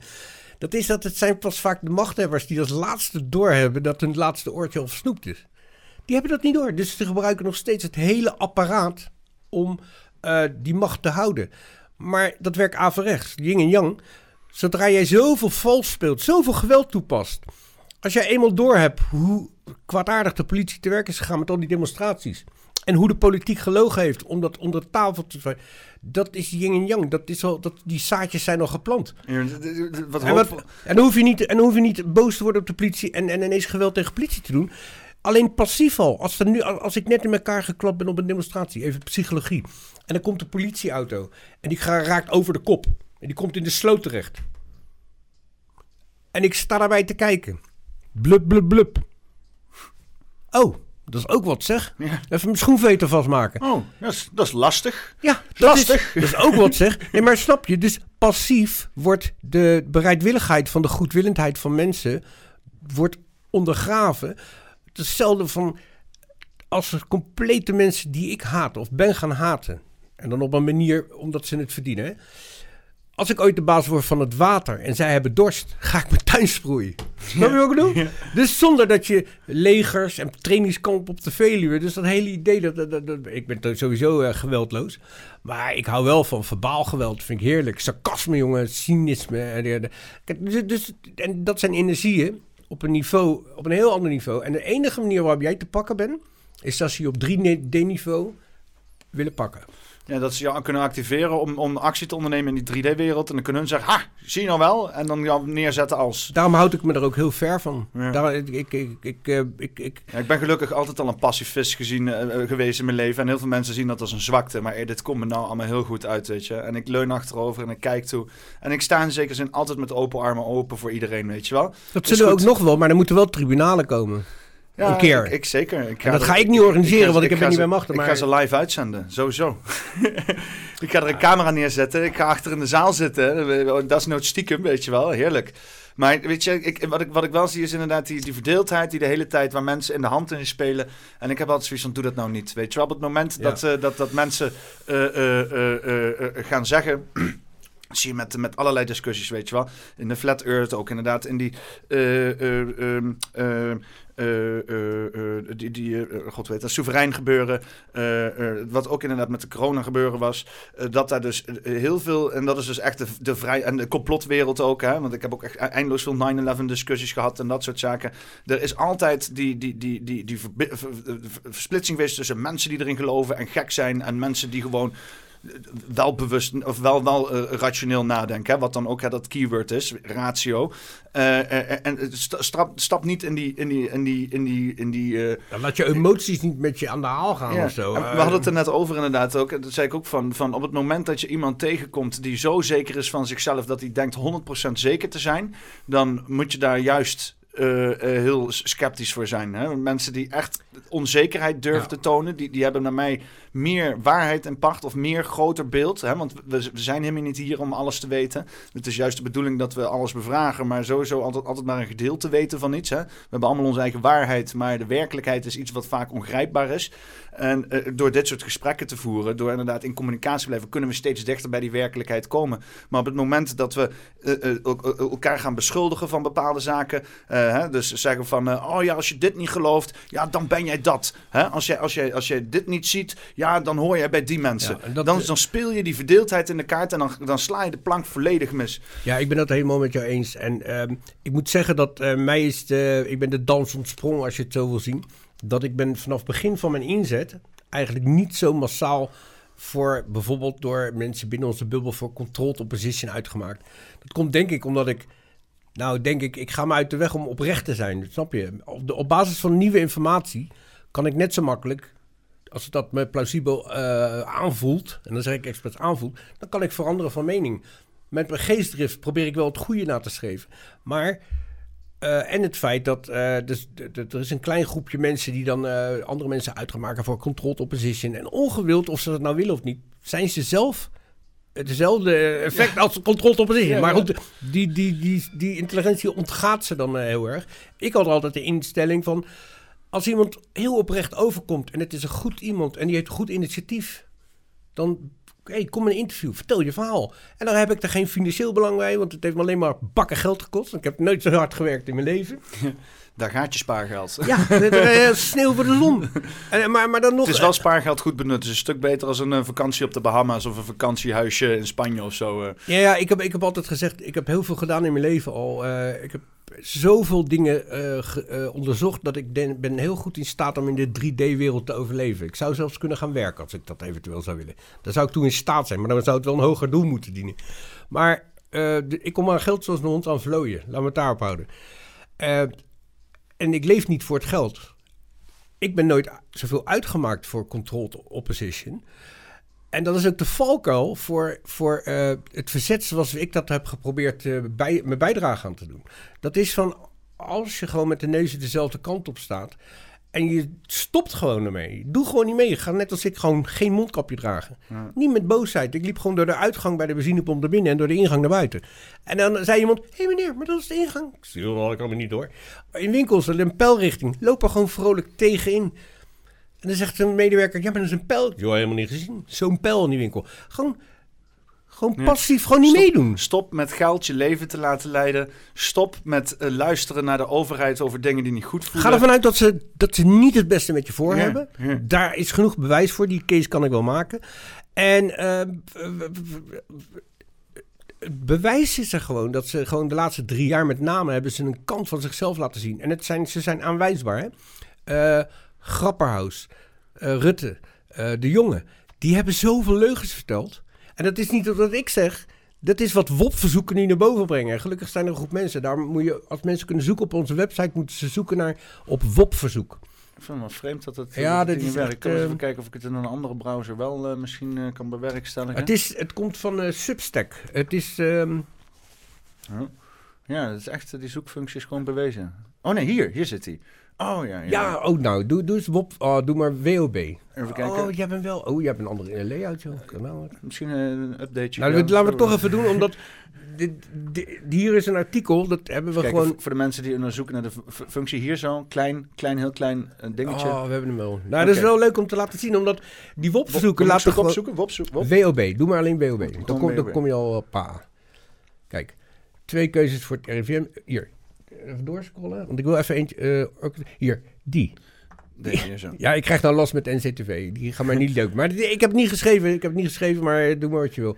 Kijk, ik heb ook een leuke podcast en dat is eh, Zeg Nee tegen de NCTV. En dan loop ik ook zeg maar al die stappen door waar die politiewetten elke keer zijn aangepast. En hoe dat elke keer gecentraliseerd is. Oh, Is, dat is moeilijk te vinden trouwens op YouTube. Eh, Kees van der Bos, dat is een pseudoniem. Dat is een groepje mensen die eh, eh, zijn heel gespecialiseerd en zijn echt bloedhonden als het gaat om onderzoek. eh, van, want het ene lokt weer een andere WOP-verzoek uit. En die maken dan de, de case. En ik zou zeggen, lees het eens. Eh, dit is niet wat ik verzin. Wij zijn gewoon maar een eh, doorgeefluik. Hè? Een van de vele trouwens. Maar dit laat helemaal onderbouwd zien hoe, hoe de mechaniek werkt. En hoe, hoe, hoe ja, hoe, hoe, wat is het woord? Dubieus het eigenlijk is, hoe, hoe we bestuurd worden en zo, snap je? Ja. En dat doen ze op basis van zogenaamde staatsveiligheid en zo. We- De, de- ik ben onder andere wel eens in discussies uitgemaakt. Dan zeiden ze, ja, je bent tegen de rechtsstaat. Nee, helemaal niet. Ik ben alleen tegen die, die, die leugenaars, die corruptelingen, die criminelen die aan de, die, die aan de touwtjes trekken, die het hele systeem misbruiken. ben, en, ben tegen een stelletje dictators die het, het rechtsstaat misbruiken en het alsnog een rechtsstaat durven te noemen, zeg maar. ja, en dan tegen mij zeggen dat ik tegen... Ik ben helemaal niet tegen de rechtsstaat. Die koning interesseert me ook helemaal geen ruk dat hij er Tom, zit. Tom die noemt het het democratuur waar we in zitten. Oh, ja, leuk. Democratuur. Ja, ook er ook in. eh, ik vind dat een mooie. Want het, het is een schijndemocratie met een democratische achterkant die volledig verborgen houdt. eh, of met een, een dictatoriale achterkant die volledig verborgen wordt. Waardoor inderdaad mensen die niet ver genoeg kijken denken van nee, maar we leven toch in een democratie. We kunnen toch lekker kiezen. Ja. Is- Maar ik denk dat de komende generaties eh, psychologen, sociologen en weet ik wat voor logen allemaal zich zullen gaan buigen over het feit hoe deze waanzin zo heeft plaats kunnen vinden. En eigenlijk al, en dat komt Karen Hamakers komt er weer uit voort, dat is dat alle mechanieken om een bevolking te knechten. eh, Dat is gewoon geperf- geperfectioneerd Ja. met de techniek van nu. En ze willen nu een stap verder gaan. En we zitten nu in de periode dat iedereen weer in slaap aan het k- kakken is, eh, om het even plat te zeggen. En er lijkt niet een directe noodzaak, omdat in de coronatijd zagen we echt het lelijke gezicht van de dictatuur. De, van de demo, voor- dem- van een democratuur. democratuur, ja. Eh, maar er, er is nog aardig wat varkens te wassen. Want in die metafoor die ik gebruikte, dat we met z'n allen eigenlijk die daar aanstoot aan namen, aan die eh, oprichting van die democratuur. Eh, dan zit je in die boxring te knokken en ineens is je tegenstander weg. Ja, maar Dus- ik, ik vond het een mooi metafoor, want die heb je ook in die livestream gedaan. eh, eh, dat je zei van, we, we hebben met z'n allen in een boksring gestaan en de, de vijand die is verdwenen. En nu staan we met z'n allen een beetje in die boksring elkaar te, te bevechten. En terwijl dus al die mensen die zitten nu in het publiek, hè, al de, de mensen waar we tegen gevochten hebben, die zitten in het publiek. Wij moeten dus, en ik denk dat dat ook mooi in dat straatje valt van in actie, ook in het publiek gaan zitten. Ernaast. Ja. Net zoals jij bij de democratie naast die mensen gaat lopen en schouders gaat wrijven. En daar gewoon tegen ze zegt van, hé, hey, hey maat, weet je wel, gaan we ze naast, naast hen zitten. Uit een bak popcorn vreten. Hè? en die gewoon eh, op onze schoot neerzetten. En zeg, geen popcorn meer voor jou, vriend. Ja, nou ja, dat is. eh, dan, de- maar kijk, op het moment dat je dit soort uitspraken doet, en dat is ook nog zoiets als een dunne lijn, hè? We hebben echt rare dingen meegemaakt hè, met onze verslaggeving. Gewoon eh, in een afgesloten auto onder het Malieveld tijdens een demonstratie. De auto stond op mijn naam. De auto was blijkbaar opengemaakt. Er was een tas met een laptop uit de passagiersstoel weggehaald. De laptop harddisk was eruit gehaald. En het schroefje was verdwenen. En wij komen na de demonstratie bij me thuis in een afgesloten auto. Die moesten we dus openmaken. We komen bij me thuis, we halen die laptop, is gewoon de harddisk weg. En dan hadden we net aangekondigd dat we een serie verhalen zouden opnemen van slachtoffers van satanisch kindermisbruik. En de eerste was Robert van der Luitgaarde. Die heeft een boek geschreven, dat heet Weggejorist. Die moet je eens een keer in je podcast halen. Wegge. Weggejorist. Oké. Dat is een term geworden in, in de media. Wie is dat? Wie is dat? Robert van der Luitgaarde. Robert van der Luitgaarde. Ja, ik eh, leg je Herinner me hier aan, kijkers. Ja, maar, maar, maar luister. Hij, hij is in zijn jeugd misbruikt. Vi- Via zijn vader is hij, bij een... eh, het was notabene directeur van een christelijke jeugdvereniging. Een jeugdorganisatie voor het opvangen van kinderen. Eh, hij was de eerste. En we zouden die serie gaan doen onder het verhaal van. Maar ik heb ook een interview gedaan met Gideon van Meijeren in de Tweede Kamer. Toen die net, nadat er een jaar daarvoor was er een eh, motie aangenomen door 100% van de Kamer. 150 Kamerleden. Dat er een werkelijk on- nee, er moest een onafhankelijk onderzoek komen naar satanisch kindermisbruik. Maar toen hadden ze iemand aangesteld, een meneer Hendricks. En die meneer Hendricks is directeur geweest van De Waag. De Waag is een instelling die houdt zich bezig met zware criminelen, met eh, de zeden en zware zedendelinquenten. Maar die man heeft publicaties gedaan waarin die vaker de kant van de daders kiest en de verhalen van de slachtoffers bagatelliseert. Dus de alle belangenvereniging van al die slachtoffers van kindermisbruik, die schreeuwde moord en brand. Die zeggen, ja, van iedereen moet je niet die man nemen. Maar dat is hetzelfde dat je in Be- België, eh, had je een minister van eh, Volksgezondheid, die vrouw was dodelijk obese gewoon. Ik heb toevallig heb ik hier eh, Steven de Onjata Arazola over gesproken. Eh, dat is een Belgisch politicus. Die heeft eh, onder haar gediend. En wat sowieso raar is in België is dat je daar vijf ministers van volksgezondheid hebt. Hè, Nee, voor, nog veel meer, veel meer. ja, 17. zeven, oh, ja, nou ja, Nou ja, in alle lagen, dat is bizar, inderdaad. Maar die zei dus van, want ik zei dus ook tegen hem van, oh, die, die, dikker die volksgezond. Maar hij zei van, nou, maar dat is eigenlijk een hele lieve vrouw, weet Ja, wel. Dus- ongetwijfeld. ja. Maar, Maar- het is wel een rare verschijning dat je een, minister van Volksgezondheid. Maar ja, datzelfde met hier Ernst Kuipers toch ook. Dat is ook Ja, een maar lopend lijk. Ja, maar zet ze op een rijtje. Als je, als je, eh, als je, als je, het lijkt net alsof de macht, en dan, dan ga ik even naar de humorkant toe. Het lijkt net of ze zo spotten met jouw intelligentie. Het is net 1984 met Newspeak. Ja. Wit is zwart. De, de, iets wat grappig is, is eigenlijk We ernstig. leven in een mirror world. Precies omgedraaid alles. Mirrors, mirrors. Ja, maar hoe, daarom, je kan met nieuwe mensen waar ik met mee in gesprek kom, is de, omdat je zoveel onderzoek hebt gedaan naar dingen en de, eigenlijk tot in de diepte. Je weet niks zeker, maar je hebt toch wel aardige inschatting van hoe dingen zitten. Dat, je weet nooit hoe je, wat je als instappunt moet. eh, wij geven gewoon ons een bekken gooien, zoals ik vroeger in Den Haag wel eens zei. En we, we beginnen gewoon te praten en dan komt wel een gesprek uit. Gewoon lekker intuïtief. Niet Ja. te veel voor nadenken, mensen. Ja, nee, precies. Maar als je met nieuwe mensen komt, je moet inschatten waar gaan we over praten. Gaan we over de 13 bloedlijnen praten? Gaan we over de Club van 300 praten? Club van Rome? Kan. Trilateral Commission? Eh, gaan we over de Club of? Rome. eh, Het de geldsysteem. Bi- Bilderberger groep. eh, Ja, we- we- en nu Kluis Swaap of zo, want die Ja. hebben we eigenlijk helemaal nog niet genoemd. Maar we hebben in Nederland gewoon een groep mensen die zijn gewoon lakeien van die agenda. Ja. En, en eh, ik ben dankbaar voor de, de switch die eh, Thierry Baudet heeft gemaakt. Die eigenlijk eh, in het begin van de coronatijd nog niet helemaal snapte. Maar die, riep pas eerst lockdown en zo, hè? nou, hij, hij, hij, had, hij, hij had de stelling in het begin dat hij zei... beter een snelle, korte, eh, heftige dan eh, de- dat gedraal. En waar hij op zich een punt had. Hè? We hadden beter gewoon die eerste maand gewoon even hard erin kunnen gaan... en dan nog gewoon meteen eruit. Dan, dat had integer geweest voor het eindresultaat. Ja. Maar er werd gekozen omdat het zijn voorstel was. Ehm, en Wieber van Haga was zeker in 2020 de man die het echt gewoon eh, bij het juiste eind had. Hij heeft zich ook heel erg opengesteld voor contact, ook met ons. Maar ook met mensen van onze redactie en andere groepen die hem gevoed hebben met informatie. Want wij waren met eh, zoveel initiatieven bezig om wereldwijd mensen die uitspraken deden. Dus niet zomaar eh, de, de, de, de melkboer die toevallig die in de kroeg tegenkomt, die een mening heeft. Want we hadden op een gegeven moment eh, 17 miljoen virologen. Net als we met KNVB, met, of met voetbal, WK hebben we altijd 17 miljoen eh bondscoaches. Ja, ja, ja.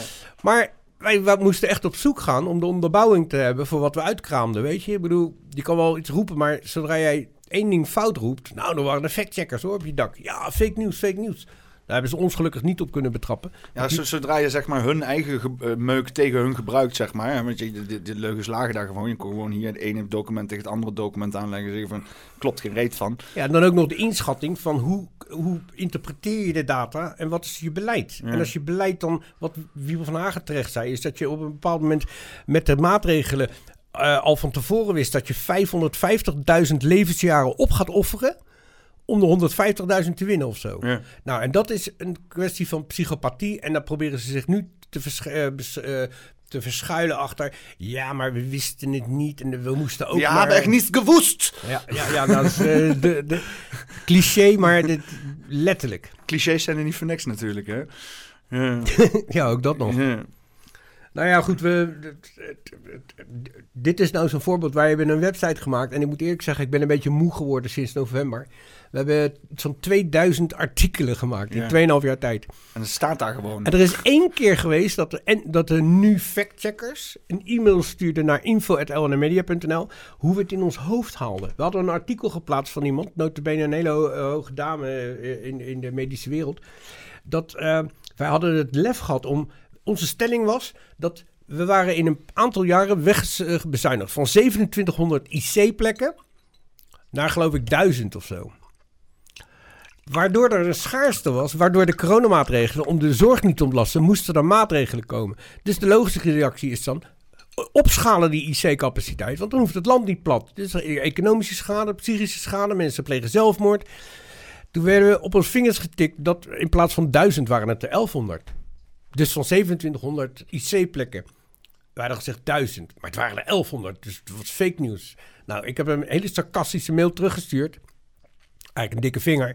Van wat de fuck. De, het punt is toch duidelijk. Als je wegsaneert eh, eh, eh, 1600 of 1500 IC-plekken, ja, dan heb je schaarste. En dan heb je het excuus om maatregelen doen. Waarschijnlijk is het gewoon bewust gedaan. Snap je? Dus ja, ik kan daar nog steeds pist om worden. Ja. Maar dat doen we niet, want we zijn zen. eh, Hoesa. Hoesa. Oh nee, hoe, hoe doet hij ook weer? Die, die, die, die, die, Die ke- kerel die in zijn auto zit altijd. Alles kan kapot. Ja, ja, ja, Alex Soze inderdaad. Alex Soze. Ik Ja. vind het... Ja, het is, het is natuurlijk ook een karikatuur ergens eh, op een of andere manier. Maar ik vind hem echt... eh, eh, ja, ik, vind, ik, ik, ik, hou daarvan. Ik wil hem ook in de podcast hebben. Alex Soze. Oké, als Alex er zit, hij kan mij benaderen en dan wil ik graag een keer met hem gewoon een Rick uit in gesprek. Ik wil weten wie die is, wat hij doet. Ja, gewoon leuk. Het is gewoon een beer van de figuur. Dat soort strijders hebben we ook echt nodig, weet je wel. Die gewoon echt lak hebben aan de fucking zooi. En gewoon hun eigen ding doen en zo. Ja, nou goed, je, je ziet het aan, aan mensen. eh, Zodra de mensen zich op dat niveau op 3D uitspreken. eh, en ze, ze, eh, ze geven zich ook maar even de kans. Dan worden ze besprongen. Dat zie je aan eh, Johan eh, R. Want even, ik zal zijn naam niet noemen, want misschien is dat helemaal niet handig. Maar die werd gewoon eh, na de demonstratie op 11 maart gewoon eh, door zes eh, Romeo's gepakt. En die is gewoon zo te pakken genomen. Het is ook een poging tot intimidatie die van tevoren al kansloos is. Want die man heeft al lang bepaald hoe die erin staat. Die man is niet gewelddadig, maar die gaat ook geen stapje terug doen. En hij is 2 meter 10 of zo. Ja. En, en een meter breed. Dus, maar goed, eh, dat is het niveau waar ik een beetje vandaan eh, wil blijven. Omdat eh, de oprichting van In het Gelid... Ik, ik, heb het net beschreven, even kort doorheen jassen. Be- 2021 op 3 januari was een demonstratie van Vrouwen voor Vrijheid in Haarlem. Toen waren heel veel mensen die initiatieven organiseerden, waren daar. En in de weken daarna gonsde het, het in ons netwerk dat er vanuit de politie mensen die eh de, de, de spilled the beans, die zeiden jongens, alle demonstraties gaan getraineerd worden. Eh, en er gaat politiegeweld eh, gaat opgeruimd, hoe noem je dat nou? Opgerekt worden. En ehm, wat zou ik nou zeggen? dus ik een heel geestdriftig een punt te maken. Iets over boos over maken. Eh, Nou ja, het gonsde dus dat... eh, dat demonstraties. zo. ja, demonstratie. Zie je, dan ben ik zo geestdriftig en dan ben ik in één keer het spoor bij zijn. Dat, eh nou ja, de punt wat ik wil maken, het is niet het exacte punt, maar het punt wat ik, wil- wat ik wil maken is dat ik probeer ver vandaan te blijven van, oh ja, in het gelid. Ja. Dus er was een geweldspiraal en dat kwam voornamelijk van de politie. Daar hebben we bewijs van. En op, en vanuit het niets was er in één keer een groep in het gelid.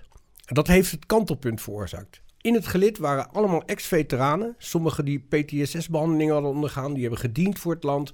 Die hebben heel de bullshit meegemaakt van de overheid. Dat ze uitgezonden werden met hele propagandapverhaaltjes. En dan bleken ze daar later bloed aan de handen te krijgen vanwege wanbeleid met Srebrenica. Dus die mensen worden in hun actieve dienstperiode eigenlijk voor het karretje gespannen van een stel boeven eh, aan de overheid. Die op wereldniveau, op globalistisch niveau en NATO en het westerse eh, dingen. Om die, die taak uit te voeren. Waar ze later in hun leven en ook na eh, hun uitzending gewoon mentale problemen mee kregen. En die eh, nestelden ze zich bij de demonstraties vanaf half 2021 tussen de demonstranten om ze te beschermen. En die gingen ook het gesprek aan met de ME'ers. Die zeiden ook van eh, in vriendelijke gesprekken, terwijl ze er stonden. Ze zeggen, als jou gevraagd wordt om geweld toe te passen, doe het niet. Want nu denk je dat het, dat het het beste is om te doen, maar je krijgt er last van. Wij staan hier niet voor niks. Wij staan hier omdat er iets fout is. Dus die gingen op rationeel nive- niveau met die ME'ers eh, in gesprek. En dat heeft echt een kant op, want ze hebben, ze hebben ook de klappen opgevangen. Ja, maar die, die werden ook weggezet op, eh, op het nieuws en zo. Als eh, mensen die zomaar een legerjackie aantrokken en, en dat soort, weet ja, je wel. maar dat, is, dat was een, maar dat moet je je voorstellen. Zo vals is de media en dat is dan de tactiek. Want de zogenaamde de zorg. Ik was betrokken bij de oprichting eh, bijeenkomst van eh Police for Freedom. Dat we, daar zat bij eh, de zorgmensen. Eh, er zaten artsen bij, er zaten in het gelid bij, er zaten wat politiemensen bij. En wij zaten erbij als media. En toen werd ook na de eerste demonstratie gezegd, eh, de mars, die werden niet aangekondigd. Dat was heel mooi, het was een soort speurtocht. Er werd alleen maar gezegd eh, een globaal gebied. Iedereen moest dan aan de rand staan en dan werd die cirkel steeds kleiner en er werd informatie gegeven. En dan kwamen de marsen. In Barneveld is er geweest, in Ba- Baarn. En ehm, er werd er ook in de media gezegd, ja, dat zijn geen echte artsen. Weet Ja. je? Dat Ja. soort, dat, en en, en ze, de, de, de slapende massa, die het als ketellapper. Ja, oh, dan, oh, dan hoeven we er niet verder over na te denken. Hoeven we het niet serieus te nemen. ja. Maar dit- echt zulke mooie mensen. Ik wil ze een kudo's geven. En echt eh, dank voor een eh, mooie werk. Voor die mensen die altijd zeggen, daar het op Facebook gestaan, als zeg maar een eh, meme naar je gelooft alles wat je ziet, dan wil ik een counter geven. Dat is op NOS gezegd. Ja, ja, ja. We hadden ook een grap. Nee, dat is op NOS gezegd, daarom geloof ik het. Er was ook zo, we hadden op een gegeven moment een grap tijdens de demonstraties. En dan vroeg je af met bekende mensen die je dan weer zag. Op zo'n demonstratie van bijvoorbeeld Samen voor Nederland. En dan zeiden we, "Oh, hoeveel mensen schat je dat er zijn? Zij we moeten gewoon het NOS-journaal afwachten, want dan weten we het pas. Ja. en die zeiden dan gewoon ge- gedeeld door, eh, gedeeld door tien of zo, weet je. die- Mm. Ja, het is een, eh, een, eh, een, aan de ene kant is het ook wel een hele interessante periode. Als je het een beetje meer afstand Het is, neemt, het is de endgame of zo, hè? Want, want ik bedoel, we hebben nu die hele digitale revolutie en straks die CBDC, waarbij controle nog harder wordt aangetrokken. Ja. Maar het is, het is letterlijk, dan hebben ze al hun fucking kaarten verspeeld. En dan is het alleen nog maar het uitspelen, laten spelen. Want wat, wat hoopvol is, ik weet niet of ik die nou had gezegd. ik probeerde, weet ik veel, een uur geleden ook al. is die, dat, dat, die, die, die, die, eh, de eh, eh, lentekriebels. Wat mij hoop heeft gegeven, is dat Iedereen in mijn omgeving die mij voor gek verklaart als ik praat over 9-11 eh, is een inside job. Eh, iedereen die praat over, als ik heb het over complotten of over corona was een, was een hoax. Als ik met hun praat over lentekriebels, dat gaat bij niemand door de maag. Het gaat bij fucking niemand door de maag. Ook gewoon mensen die, die van de andere kant van de seksualiteit zijn. Niemand gaat die shit door de maag. Dus ze, ze zijn hun kaarten aan het, aan het overspelen. Ja, ik vind dat heel mooi gezegd, je kaart, de kaarten overspelen inderdaad. Omdat eh, bij de bewustzijn, wat er al was bij heel veel mensen, geleidelijk aan komen die mensen toch bij mensen als mij terecht. Maar die moeten wel retroactief helemaal gaan terugwerken. Weet je wel? Dus dat duurt ook even allemaal. Joh, moeten dat- we geduldig voor zijn. Ik denk dat we het nog, ik denk sowieso dat het nog heel lang gaat duren. En dat vind ik heel jammer. Ik had in het begin van de coronatijd nog wel eens de grap. Dan zaten we zo te praten met allemaal van die onverzettelijke mensen. Allemaal van die geweldige mensen die ik heb mogen ontmoeten en me mogen bevrienden. En dan zei ik altijd voor de grap. Ja, ik heb de komende 30 jaar eh, even vrijgemaakt in mijn agenda om mee te helpen om dit varkentje te wassen. Maar dan moet het echt afgelopen zijn met de gedonderdag. Want dan gaan we wat leuks doen. Dat was alleen om aan te geven dat ik een lange adem heb. En dat ik linksom of rechtsom gewoon blijf staan. Alleen dan zijn we nu in de fase beland dat ik... Mijn broek zakte een beetje af met die podcast van, eh, van die boeren. Dat ze zeiden, ja jongens, de vlaggen kunnen terug. Dat was 16 eh, maart na de verkiezingen. En, en toen dacht ik... Oh, daar, daar gaan we weer. Oh, we. Ja, maar het is altijd drie stappen vooruit, twee stappen terug. Ja, drie stappen ik vooruit, twee ook- stappen terug. Maar dan komt toch de menselijke aard weer naar boven. De 3D-man, die een beetje ongeduldig. Ja. Een driftkikker, weet je. Ik ben ik altijd driftig wel, inderdaad. Dan denk ik, godverdomme, moet weer. Ja, sorry voor... Oh nee, ik ben scheid dan. Hm. Eh, eh, Dat ik dacht, dat me echt boos maakte. Dat ik denk, hoe dan? Hoe kan je nou logisch gewijs zo verbinden met elkaar? De boeren hebben, alsof ze hun zin, zin al hebben. Alsof ze het al voor elkaar hebben varkens gewassen. Nee, wat gaan we doen? Doordat ze die, die vlaggen weer terugdraaiden en eigenlijk de angel uit het, eh, de verontwaardiging haalden. In plaats van nou heel kritisch nou op scherp van de snede zo je gesprekspartner aan te gaan zitten kijken zo. En eh, op nauwlettend volgen. Nee, nou is de keuze die zij maken. Is, oh, we gaan achteroverleunen. We gaan op de bank zitten. We gaan NOS-journaal kijken voor twee jaar lang. Tot aan de Tweede Kamerverkiezingen. En we gaan lekker de politiek volgen. Want daar komt redding vandaan. Ga maar eerst, eerst even twee jaar wachten wat Lintje allemaal gaat doen. En dan kijk, beslis dan maar wat voor vorm je je vlag omdraait, weet je wel. Ja, nee, Ja, ja, maar daar, zie je, dan komt toch de menselijke eh, ongeduld. En eh, ik ben best wel een driftkikker. Ik kom naar boven dat ik dan denk, oh, heb ik zo hard gewerkt. Kunnen we opnieuw beginnen? Hoe lang nog? Ik wil wat leuks gaan doen met mijn leven, snap je? Ja, maar vermaak je je niet een beetje? Nou, nu, op dit moment even niet. Want ik zit in een fase dat ik eh, de, eigenlijk... eh, we draaien met de website draaien we op eh tropenrooster. En ik heb echt zoiets van... Nou, misschien moet ik het allemaal laten gebeuren, joh, weet je. Ja, maar misschien, dat, dat, moet ook. En, maar volgens mij, weet je wel, het is ook een exponentiële werking. Ja? Dus je hebt eh, nu, eh, weet ik veel, eh, duizenden mensen. Dat worden al heel snel tienduizenden mensen. Nog En- sneller du- honderdduizenden mensen. En op dat een hadden gegeven we al. moment... Dat hadden we al. Dat is dat ongeduld een beetje, waar ik dan toch van de la... Kijk, ik ben er nu wel overheen. Het is gewoon iets, een proces wat van november vorig jaar tot aan eh, vlak na de verkiezingen. Toen was voor mij, oh shit, dit, gaat hem niet worden de komende tijd. Want het gaat erom dat... ehm, eh, het gaat erom dat het is zo moeilijk gebleken om eh, dwars door de verdeel en heers heen te komen. Met de mensen dezelfde neuzen, dezelfde kant op. eh, eh, eh, alle menselijke eigenaardigheden even opzij zetten.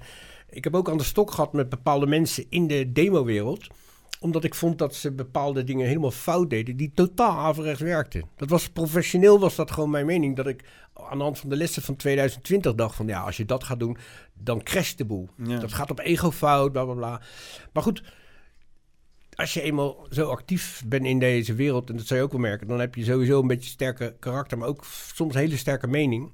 En als je dan de totale tegenovergestelde mening met iemand hebt, nou, dan kan dat wel eens vuurwerk worden, snap je? Niet op een hatelijk vlak, maar gewoon wel pittig van, jongen, eh, jongens, En dat proces, eh, ja, dat is voor iedereen ook een leerproces. Ik heb hier zo'n ding eh, aan de muur hangen eh, van Loesje. Die kreeg ik altijd van mijn moeder, van die, van die Loesje gezegdes. Hè. En eh, er staat Waar is op- Loes als je er nodig hebt? Waar is ze geweest de afgelopen drie Ja, jaar? echt hè. Maar nou, het is- subtiel is ze nog altijd geweest. Alleen eh, die, die heeft zich gewoon maar lekker afzijdig gehouden. Maar er is een goede uitspraak en die, die past hier wel mooi in. eh, als de moedje in de schoenen zakt, ga dan op de kop staan. Nou, overal is een oplossing voor. Ja. Nee, maar dat, dat, dat lijkt net vanwege de emotie dat ik het nu even zo breng. Omdat ik vind het ook helemaal niet erg omdat... eh, Moeten we dus gewoon iets geks gaan doen met z'n allen. Moeten gewoon iets geks gaan doen. ja, lekker op vakantie een jaar. En Ja. Nou, maar of ja, weet je wel hoe je het ook formuleert. Iets geks gaan doen, iets bizars, iets wat niemand verwacht. Weet je wel, ik weet ook niet wat het gaat zijn, maar ik, ik heb wel een goed gevoel erin eigenlijk. Nou, in het grote plaatje wel. In het licht van de eeuwigheid zijn we immers allemaal maar een fart in de wind. Ja, dus in het grotere plaatje is het... eh, maar ik, ik ga iets doen wat best wel buitengewoon is. Ik heb me betrapt in de afgelopen drie jaar regelmatig... dat ik uitspraken doe op spiritueel vlak. Dat, dan, dan kwam ik er ineens achter... Dat ik, als, ik, als je mij had verteld drie jaar geleden... dat ik dit uit mijn mond zou krijgen... in die samenstelling, in die volgorde, met die bedoeling... Had ik je voor gek verklaard. Ja. Echt. En dat is nu dat ik eh, het idee heb opgevat om lezingen te gaan geven. Ja. Over best wel iets spiritueels eigenlijk. Maar ook het, de hele weg van hoe dat voor mij gegaan is. Omdat ik snap heel goed hoe moeilijk het is om door dit ongelovige Thomas... eh, muur voor je, plaats voor je hoofd eh, te doordringen. Snap je? Je Maar ik ga toch een poging wagen. Weet je wat ik wil gaan doen? Ik wil een kerkgenootschap beginnen. Hé, hey, er zijn er al wat eh, nieuwe bijgekomen. Ja, en, eh, want eh, weet je wel, want je moet toch een, een, een, orgaan hebben om eh, in dit systeem te fungeren. Er zijn er al We veel hoor, hebben, we, we hebben de luxe om, eh, om, eh, om, eh, om dat te doen in dit land. En eh, ja, ik wil het dan vanuit, eh, met, we hebben het zeg maar een beetje in de Discord een beetje uitgedacht. Het is nog super pril. Ik moet nog eerst heel veel mensen hierover spreken. Ik ga binnenkort met iemand spreken die met het, eh, de kerk van het vliegende spaghetti monster voor elkaar heeft ik ben gekregen. een eh, pastafari. hè. Ja, Ik ben je pastafari? trots. Ja, echt. Oh, dat meen je. ramen, ramen. Ik, nou, nee, ik, ik vind het geweldig, hè? want ze, ze, ze banen een weg voor misschien mensen, maar ik vind dat het iets serieuzer moet zijn. Hè? En, ehm, en ik ben helemaal niet serieus en het moet ook niet te serieus zijn, maar je moet ook niet in die valkuilen vallen dat je een of andere halve sect aan het creëren bent. Eh, ehm, maar ik- om een orgaan te hebben om vanuit te kunnen fungeren.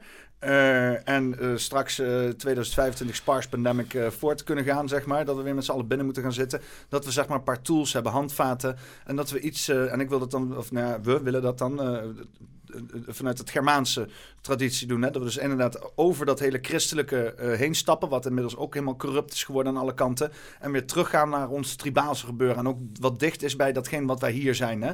Eh, het, hoort bij de grond waar we op leven. Die geest die leeft hier nog steeds. Eh, eh, daar zitten fantastische geloofsovertuigingen in. Eh, eh, wat, wat, wat gewoon heel menselijk is. En ik wil dat gaan herontdekken hè, met heel veel mensen. En, en, eh, en dat liefst ook zo decentraal mogelijk, zo, zo plat mogelijk. Niet allerlei hiërarchische dingen erin en zo. Helemaal niet vastgezet. Ehm, helemaal niet dogmatisch, zeg maar, van oh, je moet dit doen, dit doen. Want dat is het mooie aan het pastafari, weet je wel. Iedereen is gewoon welkom, hutsakee. Dat, fantastisch, Het weet is je. natuurlijk wel met een knipoog, maar, maar jij gaat merken, en dat is, eh, jij, jij, jij noemt dit, en ik proef een bepaalde geestdrift, en dat is goed. Eh, maar ik heb heel veel mensen gesproken en mee verbonden de afgelopen eh, drie jaar. En ik heb eh, wel vier van dit soort eh, kerken bezocht ook, bijeenkomsten ook. Ook in de lockdown, want dan eh, wa- waren de regels. er is een heel, nogal een vrijheid voor een kerkgenootschap. om de coronamaatregelen te omzeilen. Want jij hebt gewoon recht op samen zijn als je een eh, kerkgenootschap bent. En, maar ook het eh, tribale wat je nu zegt. Eh, er zijn heel veel initiatieven en ik moet altijd denken aan hives. Ik heb projectmanagement gedaan en het, je kan het mooiste project maken wat jij maar wil. Maar de belangrijkste factor is de gebruikersacceptatie. Ja. En als dat niet massaal wordt aangehaakt door die mensen, dus je spreekt niet aan, dan kan je het ogenschijnlijk het beste maken wat er is. En dat kan je met een groep doen, eh, maar de, de, het wiel is al uitgevonden. Nee, dus ik- het is beter dat iedereen samen gaat Ja, ja, dat is het. Dan, dan in een Discord-groep met 250 man. Nee, nee, nee. Weet je wel, want dat is ook hoe ik de hele boel, zeg maar, eh, hoe ik nou creëer, manifesteer, hoe ik het wil noemen, is dat mijn ideeën zijn niks. Hè? Ik doe alleen maar een, een, een, een initiële eh, spark geven en ondertussen laat ik het zichzelf uitrollen, zodat iedereen zijn input kan geven en dat het ook inderdaad iets wordt van, van eh, eh, wat, wat breed gedragen kan worden. Mag ik je, eh, ik wil je niet, sorry, ik kom reden van, maar ik wil Nee, even ja. inhaken op iets wat we net zeiden. Kan je nog herinneren dat ik net even mijn eh, ongeduld en mijn drift even, dat ik zei eh, dit en dat. Precies wat jij zegt, heb ik drie jaar gedaan. Ik heb me met iedereen verbonden. Ik heb mijn ego achtergelaten. Ik ben met iedereen in gesprek gegaan. En dan kom je ineens tot de vaststelling dat al die energie die ik heb gestoken van nou dan gaan mensen er wel mee aan de haal, dan pakken ze wel het goede.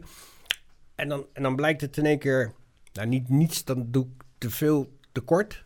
Maar dan blijkt gewoon dat het lijkt wel één grote Babylonische spraakvorm Ja. om een Bijbelse spreuk te Dat is- gebruiken. dat is, misschien moeten we ook... ook Dat spirituele, dat, dat, dat is er wel. En ik ga serieus een poging wagen vanuit een puur centraal punt. Ik ga mijn ervaringen delen met lezingen. En daar ga ik ook gasten uitnodigen. En velen zijn geroepen, weinig uitverkoren. En ik had nooit gedacht dat ik zo dicht bij het, eh, de oorsprong van het joods-christelijke eh, traditie zou komen met mijn principes. Ehm, maar dan niet op kerkniveau, maar meer eh, inderdaad in het spirituele. Van, van wat je voelt. Er is iets goddelijks. Alleen net als in de gnostiek. En de gnostiek is door het christendom verlaten. Maar de gnostiek die zegt dat het goddelijke in jezelf zit. Dat is natuurlijk hartstikke positief. Ja. Nou, als je daar de mensen weer terug naar kan krijgen. Want dat is wat de laatste 2000 jaar. En dat is begonnen bij eh, de, de- het concilie van Nicea door keizer Constantijn. Die heeft eh, eh, alle toen de tijd. Het christendom, er was niks meer tegen te doen. Hè? Het was niet uit te roeien. Die hebben ze, heeft hij alle hoogwaardigheidsbekleders bij elkaar gezet. En toen hebben ze eh, de, de, de Bijbel gemaakt. En toen hebben ze eigenlijk het christenverhaal gemaakt. Toen hebben ze de heilige drie-eenheid verzonnen. Toen hebben ze van de oorsprong van de gnostiek... hebben ze dus de eerste, het Oude en het Nieuwe Testament gemaakt. Ja. Nou, en dat, wat ik wil zeggen is dat daar zijn de machthebbers ook mee aan de haal gegaan. Ja. Die hebben ervan gemaakt dat ze wat het geworden is. En weet je dat, dat, eh, dat, dat, dat, dat je op een punt bent gekomen. Weet je, ik denk dat we met z'n allen een nieuwe fase ingaan. Eh ik denk dat jij ook wel een nieuwe fase gaat ook met LN Media. Maar je moet niet vergeten dat je met jullie shit eh, zoveel mensen hebt geïnspireerd, weet je. Dus dat, dat is ook op de achtergrond gaande. Misschien zie je dat nu nog niet. Maar ik denk wel dat dat eh, ook samenkomt. Want hoe ik het ook zie is... Want ik spreek ook altijd... Ik ben niet de grote podcast. Ik ga niet de, de grootste worden van Nederland. En dat is ook niet mijn ambitie. Wat die ik wil... die siert je, jongen. Want Wat- dat is wat er vaak fout is bij veel anderen. Dat Ja. voel ik ook, jongen. Dat ego, jongen. Waarvan, kijk mij nou eens. Kijk mij nou eens. En, eh, je Ja, moet... maar ik zeg, gebruik mijn dingen, gebruik me, maak het niet uit. Weet je wel, ik vind dat iedereen een fucking podcast moet beginnen. En ik wil dat ook zo met die kerkgenootschap doen. Iedereen moet een kerkgenootschap hebben. Iedereen een fucking kerkgenootschap. weet je wel, iedereen zijn eigen shit. Doe het, vul het op Ja, je eigen of- manier of- in. Of gooi die zaadjes in de, in de wind en, en, en, en kijk hoe alles samenkomt gewoon. Het moet gewoon zo decentraal zijn dat die machtshebbers die, die, die gewoon het overzicht verliezen. Dus wat de fuck is hier allemaal gaande, weet je wel? En dan, hier, is- dat is het mol, whack-a-mole wordt, weet je wel. Dat hier, en dan popt er daar weer eentje op. En dat moet het worden uiteindelijk. Ja. Ja. Dat voelt heel goed wat je nu zegt. Ik moet denken aan een boek van eh, Rick Falkfinch. Dat is eh, een van de oprichters van de Piratenpartij. Hm. Die heeft een boek geschreven dat heet Swarmwise. En dat is een eh, blauwdruk. Ik zou trouwens iedereen aanraden, moet je even in de, in de dingetjes zetten. Ik zal, eh, je moet heel wat linkjes gaan sturen. Ja, straks. nee, maar ik nog huiswerk straks. Nee, maar die, dat, dat boek dat legt uit hoe ze met 50.000 euro, geloof ik, met een miniem aantal mensen, met, met eigenlijk bijna geen middelen, met ook geen mensen, hebben ze twee zetels in het parlement voor, voor elkaar gekregen. ja. Maar in dat boek is een blauwdruk, dat heet Swarmwise. Hoe je dat bewerkstelligt. Hoe je met kleine decentrale groepen. Dus de blauwdruk daarvan wat jij zegt, daar, die, die kunnen mensen gewoon gaan lezen al. Ja. Dus ja. hoe je dus een groot mogelijke maatschappelijke politieke impact he- eh, hebt. Kijk naar een partij als Maar nu, nu, nu zijn ze dus ook weer in Nederland samengegaan hè, met de, de groene basispiraten en zo. En als ik daar naar te kijken denk, ja, dan is ook weer de hele krachten vanaf. eh, Het blijft een beetje cringe, eh, maar dat komt omdat eh, de andere kant heeft de media in handen. Ja. En dat is de kern van, daarom zijn wij ook een mediakanaal begonnen. Omdat bij mijn inschatting, toen ik actief begon te worden, omdat ik eh, een eh, heilige knop omgedraaid kreeg van ik moest actief worden begin 2020. Toen dacht ik, word ik activist? Toen dacht ik, nee, want ik werk helemaal niet zo dol op mensen. in het algemeen niet, hè. In het bijzonder eh, zijn er echt geweldige ik, ik, exemplaren. ik ken het inderdaad. Ja. Lage tolerantie voor shit. eh. Ja, allergisch voor bullshit. ja, ja, ja. Maar ehm, dus eh, toen dacht ik, media, de, de- ik volg al dingen heel lang. Er zijn heel veel mensen die, eh, net als ik, al heel lang onderzoeken deden. Gewoon uit interesse, zonder emotie. Tot ik op eh André Negroon struikelde. Ja. Oh, ook een interessant onderwerp. Nou, da- toen vielen de schellen van mijn ogen. Het blijkt dat er 3000 jaar geleden in China al eh, een volksfeest was... waarbij ze honden levend kookten in olie met water. Is nog steeds gaande. Hè? Ja, nog steeds. En dat adrenaliseert eh, het vlees en het bloed. En dat wordt gegeten en dat heeft een opkikkende werking. Maar er is een hele cult gaande wereldwijd. Waarvan heel veel mensen nu besef krijgen. Die al vanaf Baal, en ik noem zijn naam hardop een keer. Dat dat vanuit de oude culturen, vanuit. Het staat zelfs in de Bijbel. Mensenoffers. Spartanen, die flikkerden de kinderen die, die, die een afwijking hadden van de, be- de beestachtigheid van mensen. Ik hoop dat we als mensheid in een soort volwassenwordingstraject traject zitten. En dat we in de fase belang zijn dat we mensen lievende gaan omarmen, massaal. En als je dat ziet als het licht, dan verdwijnt het donker vanzelf. En dat is een beetje op de achtergrond, de spirituele achtergrond die ik hoop. Omdat eh, in naam van God en het vaderland worden de ergste misdaden gepleegd. Er werden de, de, de, de religie. Dat een katholieke eh, kerk nog kan bestaan, terwijl ze god van de jaren mensen verbranden. En dat ze eh, met dat misbruik in die Ja. broeierige sfeertje van de autoriteit van de eh, kerk. Bisschoppen lopen te sjoemelen en te verplaatsen van links en rechts om te verdoezelen wie er eh, nou aan de kinderen Ja, loopt te friemelen en zo. Dus eh. dan is het zo slecht. Dus ik hoop dat er iets nieuws komt van eh, bewustzijn bij mensen. En dat bedoel ik niet zoetsappig met geitenwolle sokken van eh, je moet je elkaar allemaal mogen. Maar dat je de pure kwaadaardigheid uit gaat bannen. En dat doe je door te, als eh, slechte mannen samen aan het werken zijn. Dan moeten de mensen ook, goede mensen ook samen gaan werken om daar tegenwicht aan te bieden. En dat is het licht. En als je het licht eenmaal kan laten schijnen, en dat is de kracht die iedereen in zich heeft. Kijk, dit is dan weer zo'n ding. Als je mij had gezegd dat ik drie jaar geleden ooit zo'n uitspraak heb gedaan, dan had ik je echt van geen ja, of wat met stenen zeker, of wat? ja. Nee, maar, dus, dus, dus de, maar daar, geloof ik, daar geloof ik wel eh, zeg maar heilig in. Dat dat een proces is. Alleen soms word ik moedeloos omdat mensen... En eh, soms, ik heb ook in een van mijn bio's van social media staan dat ik part human ben. En dan zeggen, hebben wel eens mensen gevraagd... hoe kan je nou denken dat je deels mens bent? Ik zeg, nou, het kan niet bestaan dat ik net zo ben als hun. Hm. Dat kan niet. Nee. Dat- dat- dit is zo wereldvreemd voor mij. Die, die wreedheid, die dit... de- dat, dat, ja, dat is, zijn wel, is wel een interessante ontwikkeling... eh. Ja. Zo zie je maar als mens hoe je, hoe je naar een bepaalde kant eh, gedreven kan worden. Als je je open opstelt voor eh, het goede, zeg maar. Ja, ik ben nooit te oud om te veranderen nog. Nee joh, je wordt er steeds beter in, toch? Zullen we rustig eh, richting een einde gaan? ik vind het helemaal goed. Ik moet een stukje rijden. En, eh, maar ik vond het wel heel leuk, man. Ik, eh, dit... Ja, we hebben de spits in ieder geval over, over getroffen. Dus dan, Oké, nou. Eh, ik heb een, leuke traditie gaande en eh doen we even samen een titel verzinnen. Zijn er, zijn er bepaalde woorden, dingetjes die er binnenkomen schieten?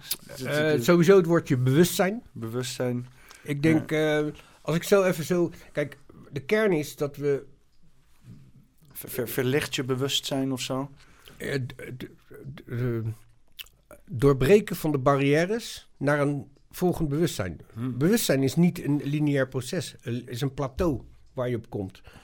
Dus eh, je komt op een bepaald bewustzijn. En dan zijn er nieuwe ervaringen nodig. En dan jump je naar de volgende. Maar er zitten altijd barrières in. Omdat je je veilig wil voelen in dat bewustzijn. En dan moet je eerst weer die, al die aannames. Dan moet je ook weer open voorstellen. Dus, maar het is jouw podcast. Dus, maar Nee, je ik, wil het zijn. Het is onze podcast deze. Hè? Ah, Dus, eh, Oké, leuk. Nou, ja. ik voel me toch een keer... deel- ja, Ja. leuk. ja, dus je bewustzijn, iets van, eh, van next level bewustzijn of eh, open je bewustzijn. Het doorbreken van de barrières van bewustzijn. Dat is te lang. Oh, oh ja, oh ja, YouTube, hè? Ja, ja, ja, ja. ja. Maar iets gewoon doorbreek je bewustzijn. Ik vind hem perfect. Ja? Ik zeg doen. Nou, dan is dit podcast, eh podcast nummer 115. Doorbreek je bewustzijn met... ik ben alweer je achternaam vergeten. Kuitens. Sorry hoor. Rick Kuitens. ja, Met- dan. Ja, nee, ja, ik ben gewoon heel slecht in namen. Het, is, het inmiddels ook een traditie in namen vergeten. Dus ik hou me gewoon in. Het doorbreken van de ego. Hè. Het Doe je gewoon Rick en, eh, doe je Rick en eh, Peter. Het doorbreken van je bewustzijn door Rick en Peter. Doorbreken van je bewustzijn door Rick en Peter. Dankjewel. Jij ook bedankt. Toppie. Voorzitter, ik werd getriggerd. Triggerd. Triggerd. Triggerd. Triggerd. Voorzitter, ik werd getriggerd. Triggerd. Triggerd. Triggerd. Triggerd. Voorzitter, ik werd getriggerd. Triggerd. Triggerd. Triggerd. Triggerd. Voorzitter, ik werd getriggerd. Triggerd. Triggerd. Triggerd. Triggerd. Voorzitter, ik werd getriggerd. Triggerd. Triggerd. Voorzitter, ik werd getriggerd. Triggerd. Triggerd. Triggerd. Triggerd. Voorzitter, ik werd getriggerd. Triggerd. Triggerd. Triggerd. Triggerd. Voorzitter, ik werd getriggerd. Triggerd. Voorzitter, ik werd getriggerd. Triggerd. Voorzitter, ik werd getriggerd. Triggerd. Triggerd. Triggerd. Triggerd. Voorzitter, ik werd getriggerd. Triggerd. Triggerd. Triggerd. Triggerd. Voorzitter, ik werd getriggerd. Triggerd. Triggerd. Triggerd. Triggerd. Voorzitter, ik werd getriggerd. Triggerd. Voorzitter, ik werd getriggerd. Triggerd.